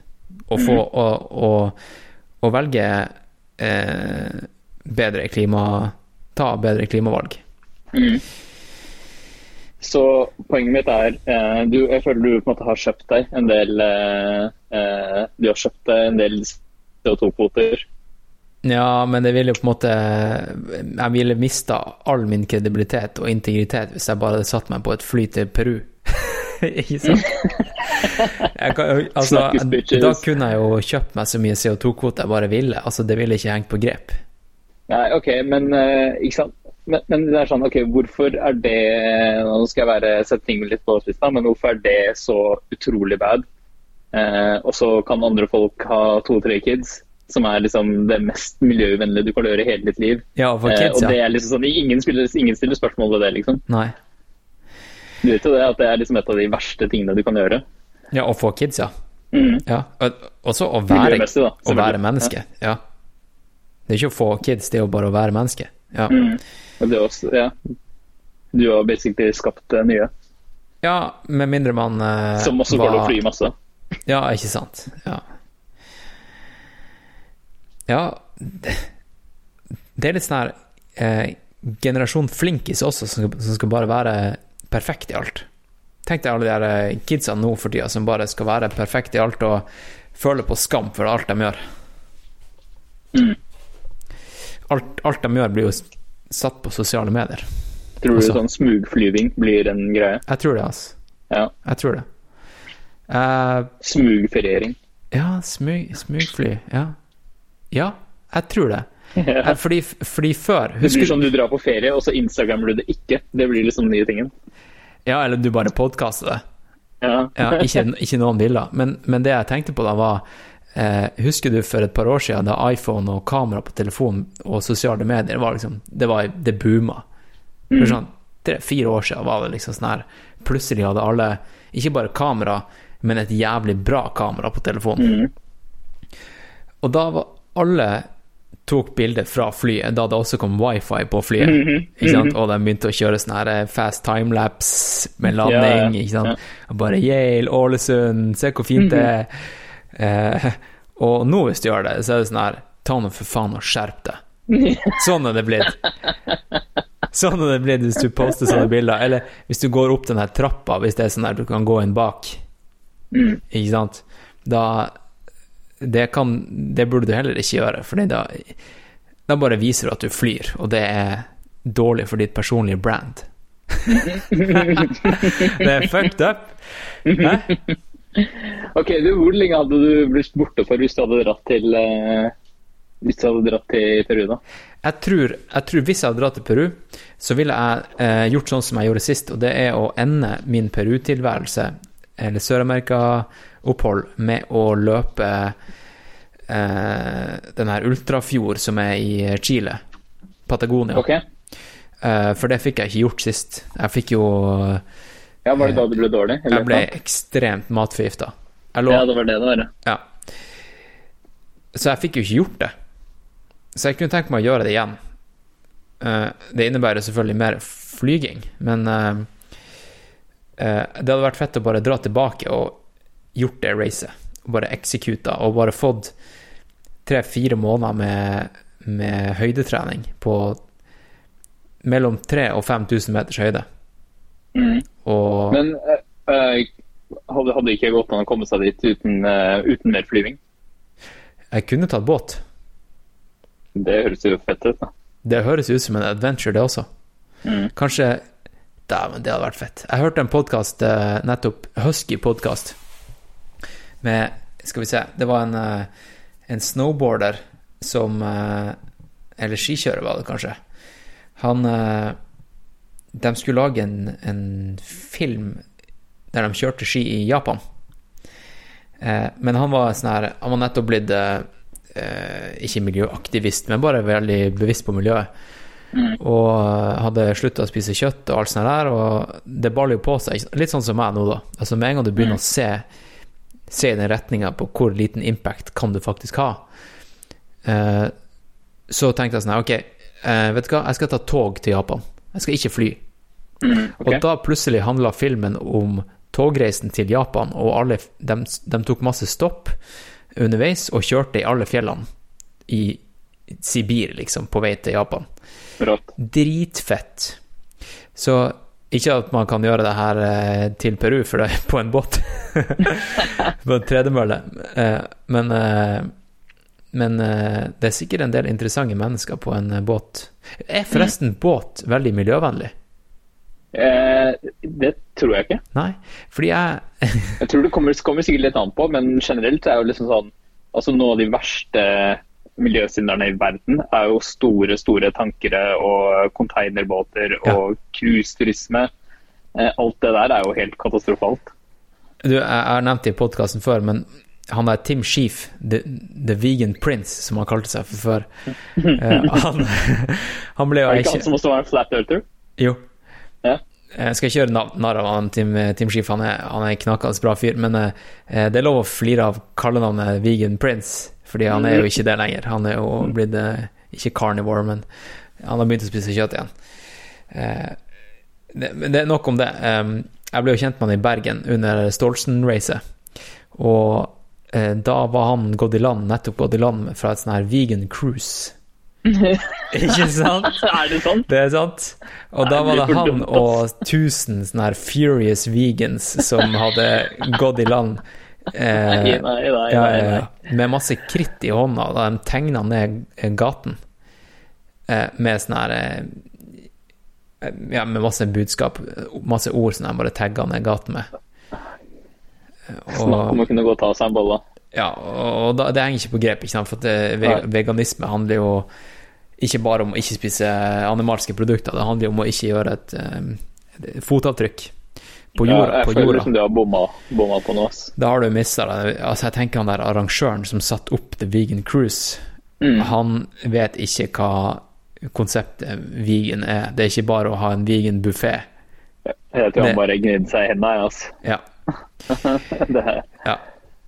Men eh, eh, jo, jeg tror kanskje det mest miljøvennlige måten å komme seg til Peru på, det ville vært hvis man bare fikk seg et lite en krypinn på et tankskip som ikke eh, Jo, jo som, som allerede skulle til Peru.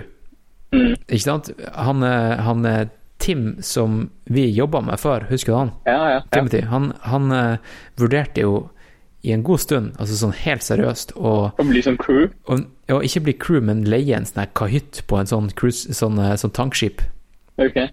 som, som ville gått i to måneder uh, ute på havet. Bare for å, for å drive med sånn mindfulness og soul searching, ikke sant? Fordi eh, to, må to måneder alene, ja. Det er bare deg og kapteinen. Best case, Ja. liksom. Ja, det er eh, et eh, Kanskje et, et bitte lite filippinsk styrt crew, og så er det, og så er det vel resten styres bare remotely fra landet et eller annet sted. og en kokk. ja, nei eh, Ja, men det høres ikke helt ideelt ut for deg, da. Nei, men saken er jo det at folk Folk velger jo å fly fordi de fordi det er sykt convenient. Fordi at de har en 100% jobb, og de skal til London og shoppe, og da har de Ja. ikke to døgn på å komme seg dit. Ja. Da er det jævla nice å bare kjøpe en billett på, eh, billig på Norwegian til 300 spenn, og så er du der på en time. Mm. Eh, nå har jo jeg tid, Ja, ja, ja, ja. så jeg, det, det argumentet er ikke der lenger. Nei, men eh, det er fryktelig dårlig tidsbruk på en måte også. Altså, jeg vet at jeg har tid, men altså to måneder på sjøen. Jeg vet ikke hvor lang tid det tar. Jeg satte kanskje på spissen, men Ja, ja, men Ja. du skjønner hva jeg mener, da. ja. Men eh, det, det var liksom litt av grunnen til at jeg spurte hvor lenge du tenker å være borte. For jeg tenker sånn, ok, Det er jo lettere å justify jo lengre Altså Det er ikke sånn at jeg skal på en helgetur til Machu Picchu, liksom. Mm.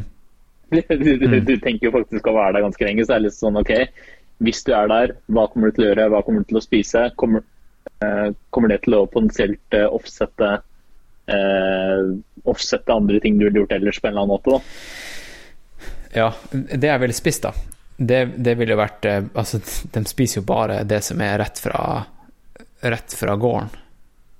Ikke sant? Så det er jo ingen impact i det hele tatt. Bare søtpotet og quinoa og, og grønnsaker. Eh, og jeg ville nok jobba med å hjelpe han eh, Edvin, som er en guide som tar turister til Machu Picchu via en sånn eh, skikkelig gammel, eh, rar rute forbi fjellet som heter Salkantai. Ikke den tradisjonelle okay. ruta til, eh, til eh, Machu Picchu. Og det det her ville gjort, da, var jo at jeg ville jo møtt veldig mange turister. Et nytt, et nytt sett med folk hver uke som jeg kunne intervjua, og alle har jo en story. Det ville vært jævlig artig, tenker jeg. Ja. Det ville vært ganske interessant. Ja.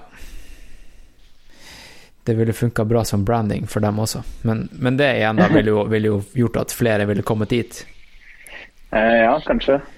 Ja, alt har en downside, da. Jeg blir crazy, Bilal. Jeg skal fortelle deg en ting. Ja. Eh, bare gjør Jeg skal gjøre det veldig enkelt for deg. Eh, kjør på og gjør det du tenker er best. ja. ja, men eh, ja. Jeg, jeg, jeg føler meg ikke så rådvill egentlig, egentlig som det høres ut som. Det- er bare altså, sånn det- nå, bare, nå bare sier jeg alle tanker som har, stre, Ja. har streifa meg, da. Ja, jeg skjønner. Men eh, nei, altså, jeg tenker at dette er ting som antagelig ikke er vits å drive seg Altså selvfølgelig hva du skal gjøre. Ja, jeg skjønner at det er Det vil du putte mye tankearbeid i, liksom. Mm. Men å drive seg selv nuts over sånn Å, skal jeg Burde jeg heller tatt uh, en bulkferje på- som tar seks måneder over Atlanteren, liksom? Det, det vet jeg ikke om jeg ville sittet og fundert så mye på, for å si det sånn. Nei. Altså, jeg tenker sånn OK, hvis du må fly til Peru, men du kommer til å være der i seks måneder, så fuckings gjør det, liksom. Mm. Ja, det, altså, det, så- det er det jeg ville sagt, Så har jeg sagt til lytterne mine at, uh, at uh, de må bare si ifra, så kommer jeg til dem hvis, hvis de har et fett miljø og kule fjell og en story som eh, Ja, de vil ha dokumentert. Så da, hvis de stiller med et, eh, en krypinn som jeg kan bare hvis, hvis du gir meg overnatting og kanskje en liten slant til togbillett, så, så er jeg der, ass. Mm. Ja, så det, det kan bli fett. Ja. Eh, nå har vi snakka en stund, Bilal. Det ble en egen podcast. Det her ble jo faktisk en egen podkast. Kanskje, kanskje jeg releaser den som en egen episode også. Bare for sikkerhets skyld. ja, bare for sikkerhets si eh, Men jo, det jeg skulle si også Jeg har nesten sagt absolutt alt nå. Eh, men det kom en, eh, en request på tampen. Og det her, er, det her er litt seriøst. Nå er det litt alvor her, Bilal. Okay, Eh, fordi jeg, jeg fikk en henvendelse for, fra en lytter for en stund siden, som jeg ikke har hatt lyst til å snakke om, fordi at det har vært et sånn touchy subject, og jeg vil ikke føle at han ble brukt for at jeg skulle lage en uh, interessant story. Ikke sant? Fordi okay. Ja, men, men nå har han vært ganske vocal om det her sjøl, da, så jeg føler at nå er det Og, og han har sagt uh, via en venn at det var greit at jeg tok det opp. Og kanskje han kommer på podkasten, hvem vet. Eh, navnet hans er Christian Øye, og han har eh, en ganske heftig eh, furious hudkreft på gang. Eh, som rett og slett ikke er Jeg tror ikke det ser så veldig bra ut, rett og slett. Eh, så det var en lytter som eh, sendte inn request til meg at jeg skulle gi en shout-out til han, eh, fordi at han er eh, superaktiv og springer og trener, til tross for uh, diagnosen. Og han uh, Skal vi se her Skal vi se her uh, Han var på TV2 nettopp. Jeg har ikke TV, så jeg fikk ikke sett det. Men eh, skal vi se her Han Fordi jeg kommuniserte med med han litt tidligere i år, og så fikk jeg melding av kompisen hans i dag. Jeg skal bare se Se hva han, eh, hva han sier. Han heter Christian Dott Oje på Instagram, hvis folk vil gå og, og følge han. Han er ganske han er ganske åpen om hvordan han har blitt behandla også, for det er ganske, ganske kjipt. Bra, ok. Eh, han tipsa meg om at jeg burde ta Jeg burde ha um, privat forsikring, fordi det har han virkelig hatt nytte av. Ja, det tenker jeg du burde hatt, ja. Ja. Ja. Uh, skal vi se her, skal vi se her Vet du hva, kanskje vi bare skal ta og, og vente med storyen sånn 100% til, til han eh, kommer i podkasten, for det, det må vi ordne. Ja, det burde du Det, absolutt det må vi ordne, fordi han er en ivrig løper også. Så Ja, i hvert er- fall hvis han er gira på å komme på podcasten. Jeg har hørt at han er gira. Ja, så bra. Så- Det, Christian Øye, her er en liten uh, shout-out, og kanskje en reach-out. en, en hva? En reach-out. En reach out, ja. ja. Mm. Du er velkommen til podcasten. Du er velkommen til Studio Disen. Jeg har hørt at du er i Oslo ca. hver tredje uke. Så neste gang du er i Oslo, kom, eh, kom til Studio Disen. Skal du få en ultrabolle og eh, Og en eh, ja, hva, hva, hva, hva bruker jeg å servere, Bilal? Misosuppe. Misosuppe og en ultrabolle. Du, du kan dyppe mis, i misosuppa. Mm. Delicious. Ja. Eh, ja, selvfølgelig. Og hvis han er i, tilfeldigvis er i Oslo og løper Grefsenkollen og ser en av oss, så må han jo bare komme og fistbumpe. ja, ja, altså selvfølgelig skal vi ta en løpetur med Christian. Mm. Ja, det ordner vi. Uh, Rått. rått. Den episoden her, den har eh, Den har Nå har vi snakka om mye. Du, Mm. du vet jo bare halvparten, Bilal. For du, altså Det har jo skjedd mye før vi i det hele tatt begynte å snakke. Ja, ja. Jeg snakka med han Jonas Sandel, skihopperen. Så um, Eh, spesiell kombo, det her. Ja, jeg gleder meg til å høre første halvdel av, eh, av denne Ja. podcasten. Ja. Ah, det er så nice. eh, Jeg føler at eh, Ja, nå er det seint. Jeg, bruker- jeg bruker vel å sove nå, Ja. men, men Hvor lenge pleier du å sove cirka? Hva er det daglig, om- sånn gjennomsnittlig om dagen? eh, jeg, jeg var i en god rutine med åtte, åtte og en halv time hver natt. Mm. Eh, fordi jeg har virkelig gått inn for å få masse søvn det siste året. Ja. Eh, men nå som det har begynt å bli lyst, sånn skikkelig lyst, Mm. eh, seint og tidlig, så har jeg fått sånn her mellom seks og en halv og sju og en halv. Jeg har ikke fått åtte på en god stund. Uh, det er lite, ass. Men saken er at eh, jeg våkner opp av meg sjøl på grunn av lyset. Eh, du kan Ja, av lyset. Mm. Så kunne sånn, hadde det ikke vært så lyst, så hadde du antagelig ikke våknet. garantert, og det her er jo også selv Altså, det er jo min skyld, for jeg kunne jo sørga for at det var mørkere i leiligheta, Ja, ikke sant? da syns jeg du burde gjøre det, egentlig. Jeg burde gjøre det. Ja. Vet du hva, jeg har gjort det nylig. Ja.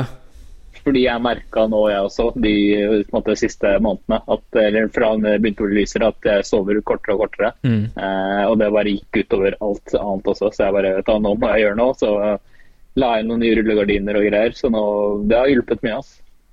Ok, da skal jeg gjøre det. Mm. Fordi nå, nå er det helt mørkt, liksom, og nå merker jeg at nå klarer jeg å sove mye lenger. Ok. Mm. Ja, men Det er en av de store tingene jeg har forresten merka etter, etter, i- i- etter at jeg begynte med Tromsø-opplegget. ja. Eh, mye mer behov for søvn. Mm. Og litt andre Dette advarte du meg for så vidt mot. Eh, litt andre rutiner rundt mat og sånn også. Mm. Mye helt annet matbehov og, øh, og sånne ting. Ja, jeg, jeg var hos eh, ernæringsfysiolog i dag. Mm. Eh, Jeg, jeg, jeg har litt checkups i ny og ne, og jeg må bare Altså, jeg fikk eh, Jeg fikk streng beskjed om bare Jeg må dytte i meg mer kalorier, ass. Ja, du ja. Du må jo bare gunne på. Eh, jeg, jeg, fordi at saken er at jeg trodde jeg var Jeg trodde jeg var lå bra an. Men eh, jeg, jeg på en måte ligger OK an, men jeg kan gjøre en bedre jobb. Mm. Det er det som er saken. Og, og jeg, jeg, jeg, går rundt og er så jævla mett hele tida, for jeg bare stapper i meg mat. Men Ja, det er ikke så, ja, det Jeg skjønner at det kan være Men- Det kan høres ut som et luksusproblem, men Ja. eh, Ja, Ja. men da er jo neste steg da å begynne å ta i seg en del liquid calories, ikke sant? Fordi da kan du Ja, ja. gå rundt og så føler du deg ikke stappmett hele tida. Da kan du faktisk bare få det inn via, via drikke. ja, Det blir sant. neste steg. Jeg hørte, jeg hørte forresten på Det var liksom en ting jeg tenkte over når jeg hørte på den forrige episoden din, var det vel? Ja, 50 3, 54, ja. Med, ja. fra Transvulkania, eller den der formtopping-episoden. Formtopping-episoden. Ja. Mhm. Nå husker jeg dessverre ikke navnet på gjestene dine, for det var eh, eh, en som het Elisabeth, stemmer det? Ja, ja. Og så var det Hva het han andre? Askild. Askild. Mm. Det var vel han som snakka om det, dette her med eh, matbehovet Mm. til eh, ultraløpere, i hvert fall. Altså hvor mye kanskje høyere det er enn det man selv tror, da. Ja. Eh, og det er sånn, ok, Jeg løper ikke i nærheten så mye som dere gjør, men jeg merka helt klart liksom, altså den økte aktiviteten eh, som jeg har hatt, har jeg merka. Jeg tenker sånn at for dere så må det være da desto mer. ikke sant? Ja, ja. Og, og det beste du kan gjøre, det er faktisk å ta i deg mat eller næring mens du er ute og springer, hvis du er ute på en langtur. Mm. Hvis, hvis med en gang du dropper det og tenker sånn Yes, nå kan jeg Hvis du er i en sånn situasjon at du ikke er toppidrettsutøver, kanskje du har eh, hatt et eh, Kanskje du har vært overvektig, ikke sant, og tenker sånn her Løping, da skal jeg gå ned i vekt. Eh, og så er du ute på langtur og så tenker du nå skal jeg gå en masse ned i vekt i dag, fordi at, eh, og så kan jeg bare droppe å spise mens jeg er ute og springer. Det, skal du gjøre det og bli bra trent i tillegg, og ikke bare gå ned i vekt, da er du Da er du i faresonen for å bli skada, rett og slett. Altså, du, det beste du kan gjøre for recovery, er å ta til deg næring mens du springer. Recovery, det starter jo Det er jo, det er jo en kontinuerlig prosess, ikke sant? Det er ikke noe som skjer når du stopper GPS-klokka. Så ja, det er i Ja. hvert fall eh, et bra tips. Bra tips. Um, ja. Men da har du kontroll. Skal vi ta, skal vi ta en checkup om uh, tre uker, kanskje? Da er jeg tilbake fra VM. Ja, noe sånt. Apropos Når, VM. når er VM? Eh, Hva sa du? Uh, VM, skal vi se Jeg burde jo ha stålkontroll på datoen. Det Eh, VM, det er eh, 7. mai. Nei, 7. juni. 7. juni. Det vil si om, Mm, eh, om til. eh, 15 dager er det VM. 15 dager er det til. Om 15 dager. Shit, er det 7. juni allerede om 15 dager? Det er 8. juni. 17, eh, 16 dager. Ja. Ja. Da skal jeg fly, fly igjen ned til Portugal. Ja, ja, ja, ja. Eh, Men jeg var og plukka opp eh, tøyet til eh, Altså kit, kittet. Norge-landslagstøyet i dag. Aha. Ganske mye fetere i år enn i fjor, ass. I fjor var det. Hvem er eh, produsenten? Merket? Det er Puma. Ja. Puma. Det er jo Jeg, skal, jeg må teste det i morgen. Man må teste, Ja, på det. Det er jo, var jo noe jeg tipsa deg om, er å, te, å teste tøyet ditt. Ja.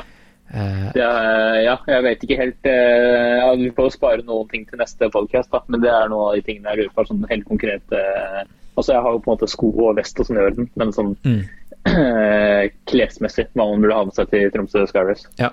ja, det kan vi snakke om. Mm. Eh, Det og, og, det jo, og det, da kan jeg jo snakke om hva du ideelt burde ha med deg, men jeg, må, jeg, er, jo, jeg er jo pålagt å springe i det vi har fått, så da kan jeg ikke velge. Ja, du har ikke noe valg. Nei, det er derfor jeg ville Jeg ba spesifikt om å få det før vi dro til Portugal.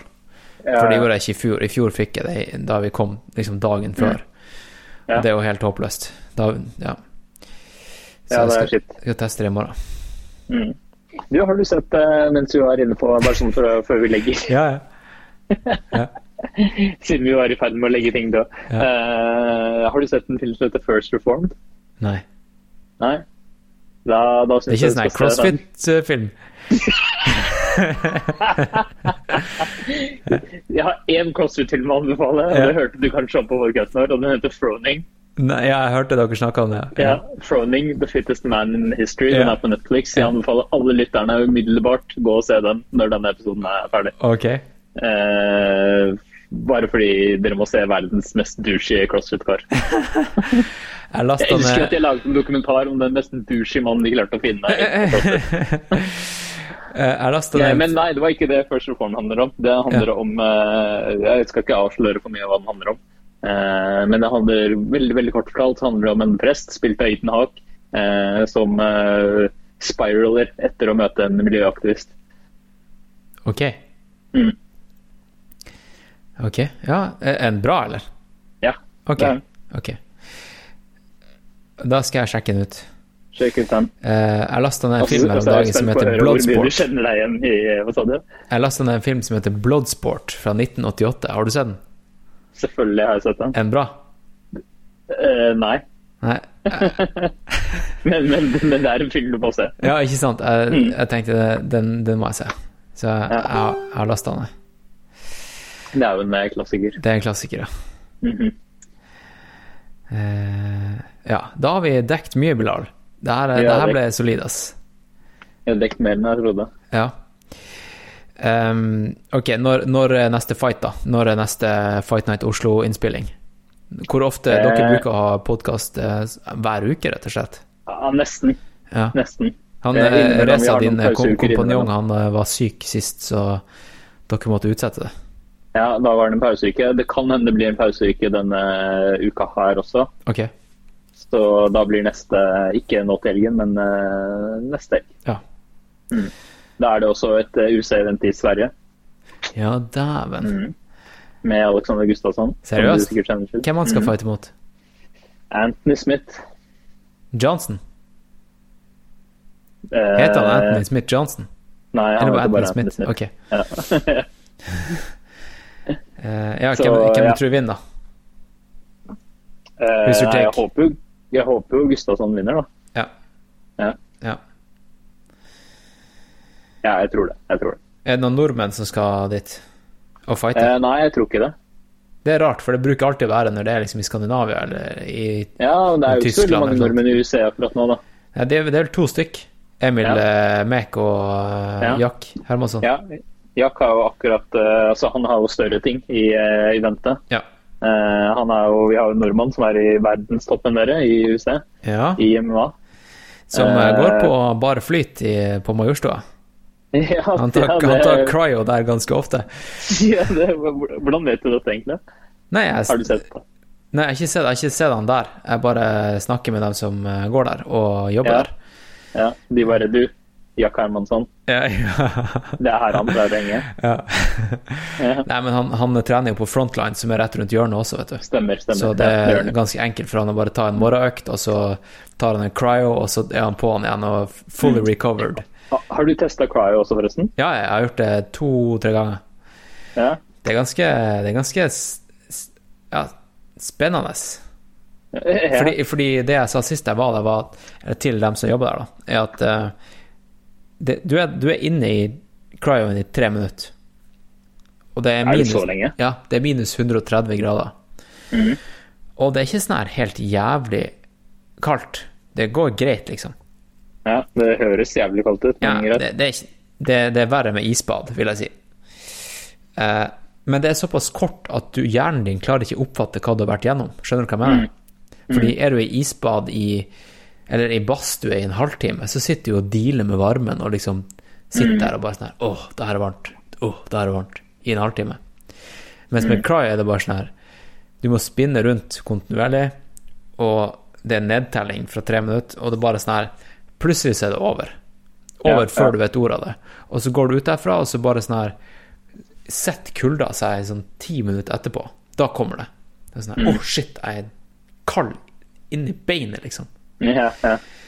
Eh, men hjernen din vet ikke hva som har skjedd, så det, det er interessant. Du må, jeg tror du må ta det Jeg hørte du må ta det sånn fire-fem ganger før du eh, Før det skal ha en ordentlig effekt. Og det skal ha en effekt på recovery, eller? Ja, det er jo super antiinflamatorisk og eh, bra for ledd og, og sånt. Så, og, og det er også en annen diskusjon. Det er jo det her med liksom, Ok, antiinflamatorisk, er det så sjukt bra, da? Fordi du trenger jo egentlig inflammasjon for å bli recovered. Altså, Ja. det, inflammasjon er jo et signal til kroppen, eller som kroppen gir, for at du skal recovere. Ja, ikke sant? Eh, og hvis du da demper det hele tida med cryo eller pain meds eller whatever, da, så er det ikke sikkert at det har så bra effekt. Men cryo eh, har vist seg å ha en ganske bra effekt. Men det er bare sånn her det er Noe som er verdt å snakke om, er det her, da. Du kan ikke bare ta ibuprofen hele tida fordi det er antiinflamatorisk, ikke sant? Cryo er en annen sak, men, eh, men jeg er ganske sikker på at du må øve litt på å være mindful intensivt i tre minutter for å få ordentlig effekt. Gå inn dit, og så bare, og så bare virkelig lar du det soake inn. Men jeg føler liksom at de fysiske effektene vil jo ta effekt uansett om du er mindful eller ikke. på en måte. Ja, men la oss si at du hadde fått en pille i deg eh, uten at du visste det, og den var en mirakelpille. Hvis du visste at du hadde fått den i deg, så ville det hatt mer effekt. Ja, ok, Så du Skjønner snakker egentlig om effekten effektene utover eh, effekten. Utover effekten, ja. Ja. Mm. Det er det jeg snakker om. Ok, skjønner. Ja,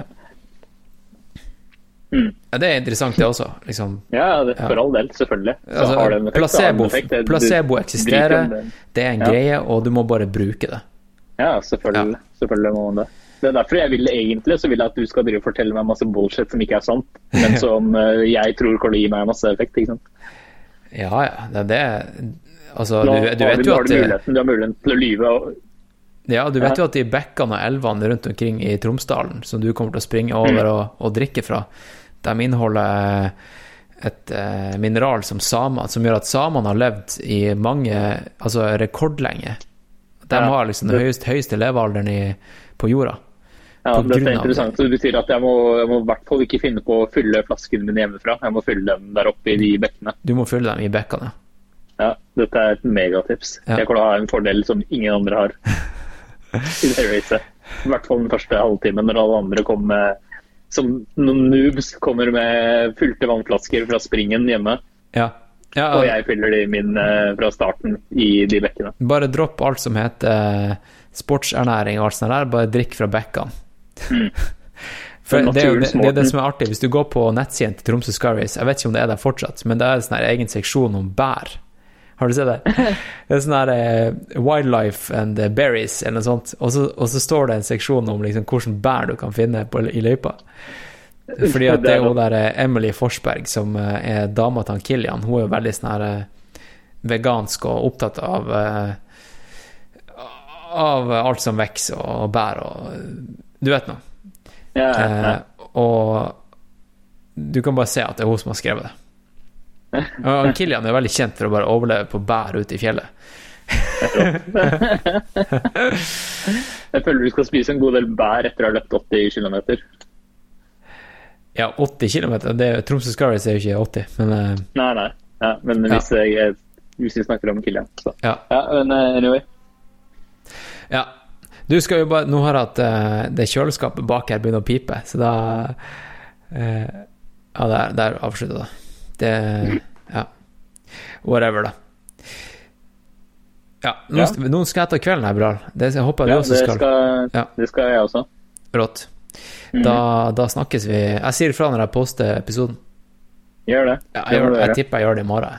Fredag Kult. den uh, 24. Mm. Fredag 24.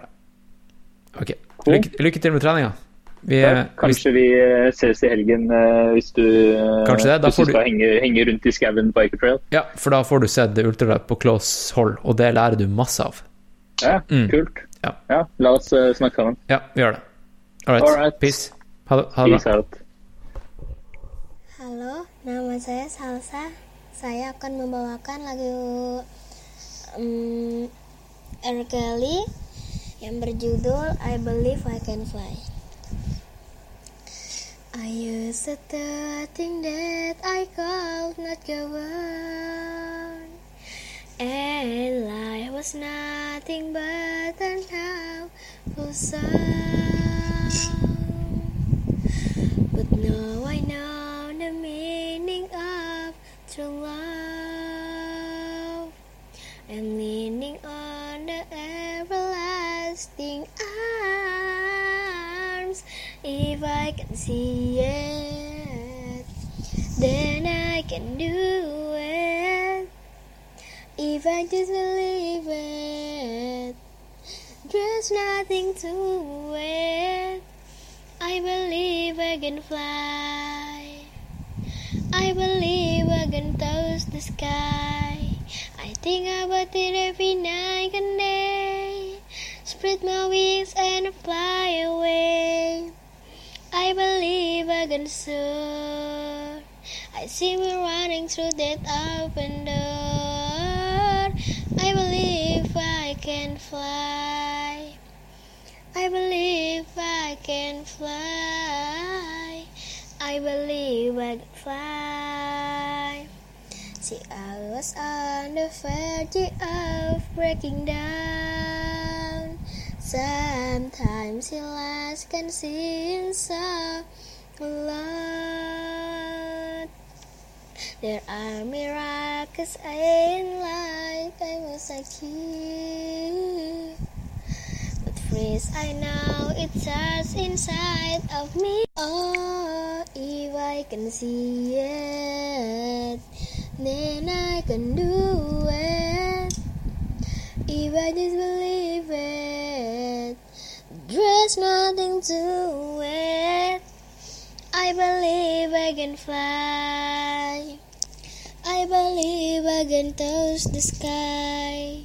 I think about it every night and day. Spread my wings and fly away. I believe I can soar. I see me running through that open door. I believe I can fly. I believe I can fly. I believe I can fly. Terima kasih.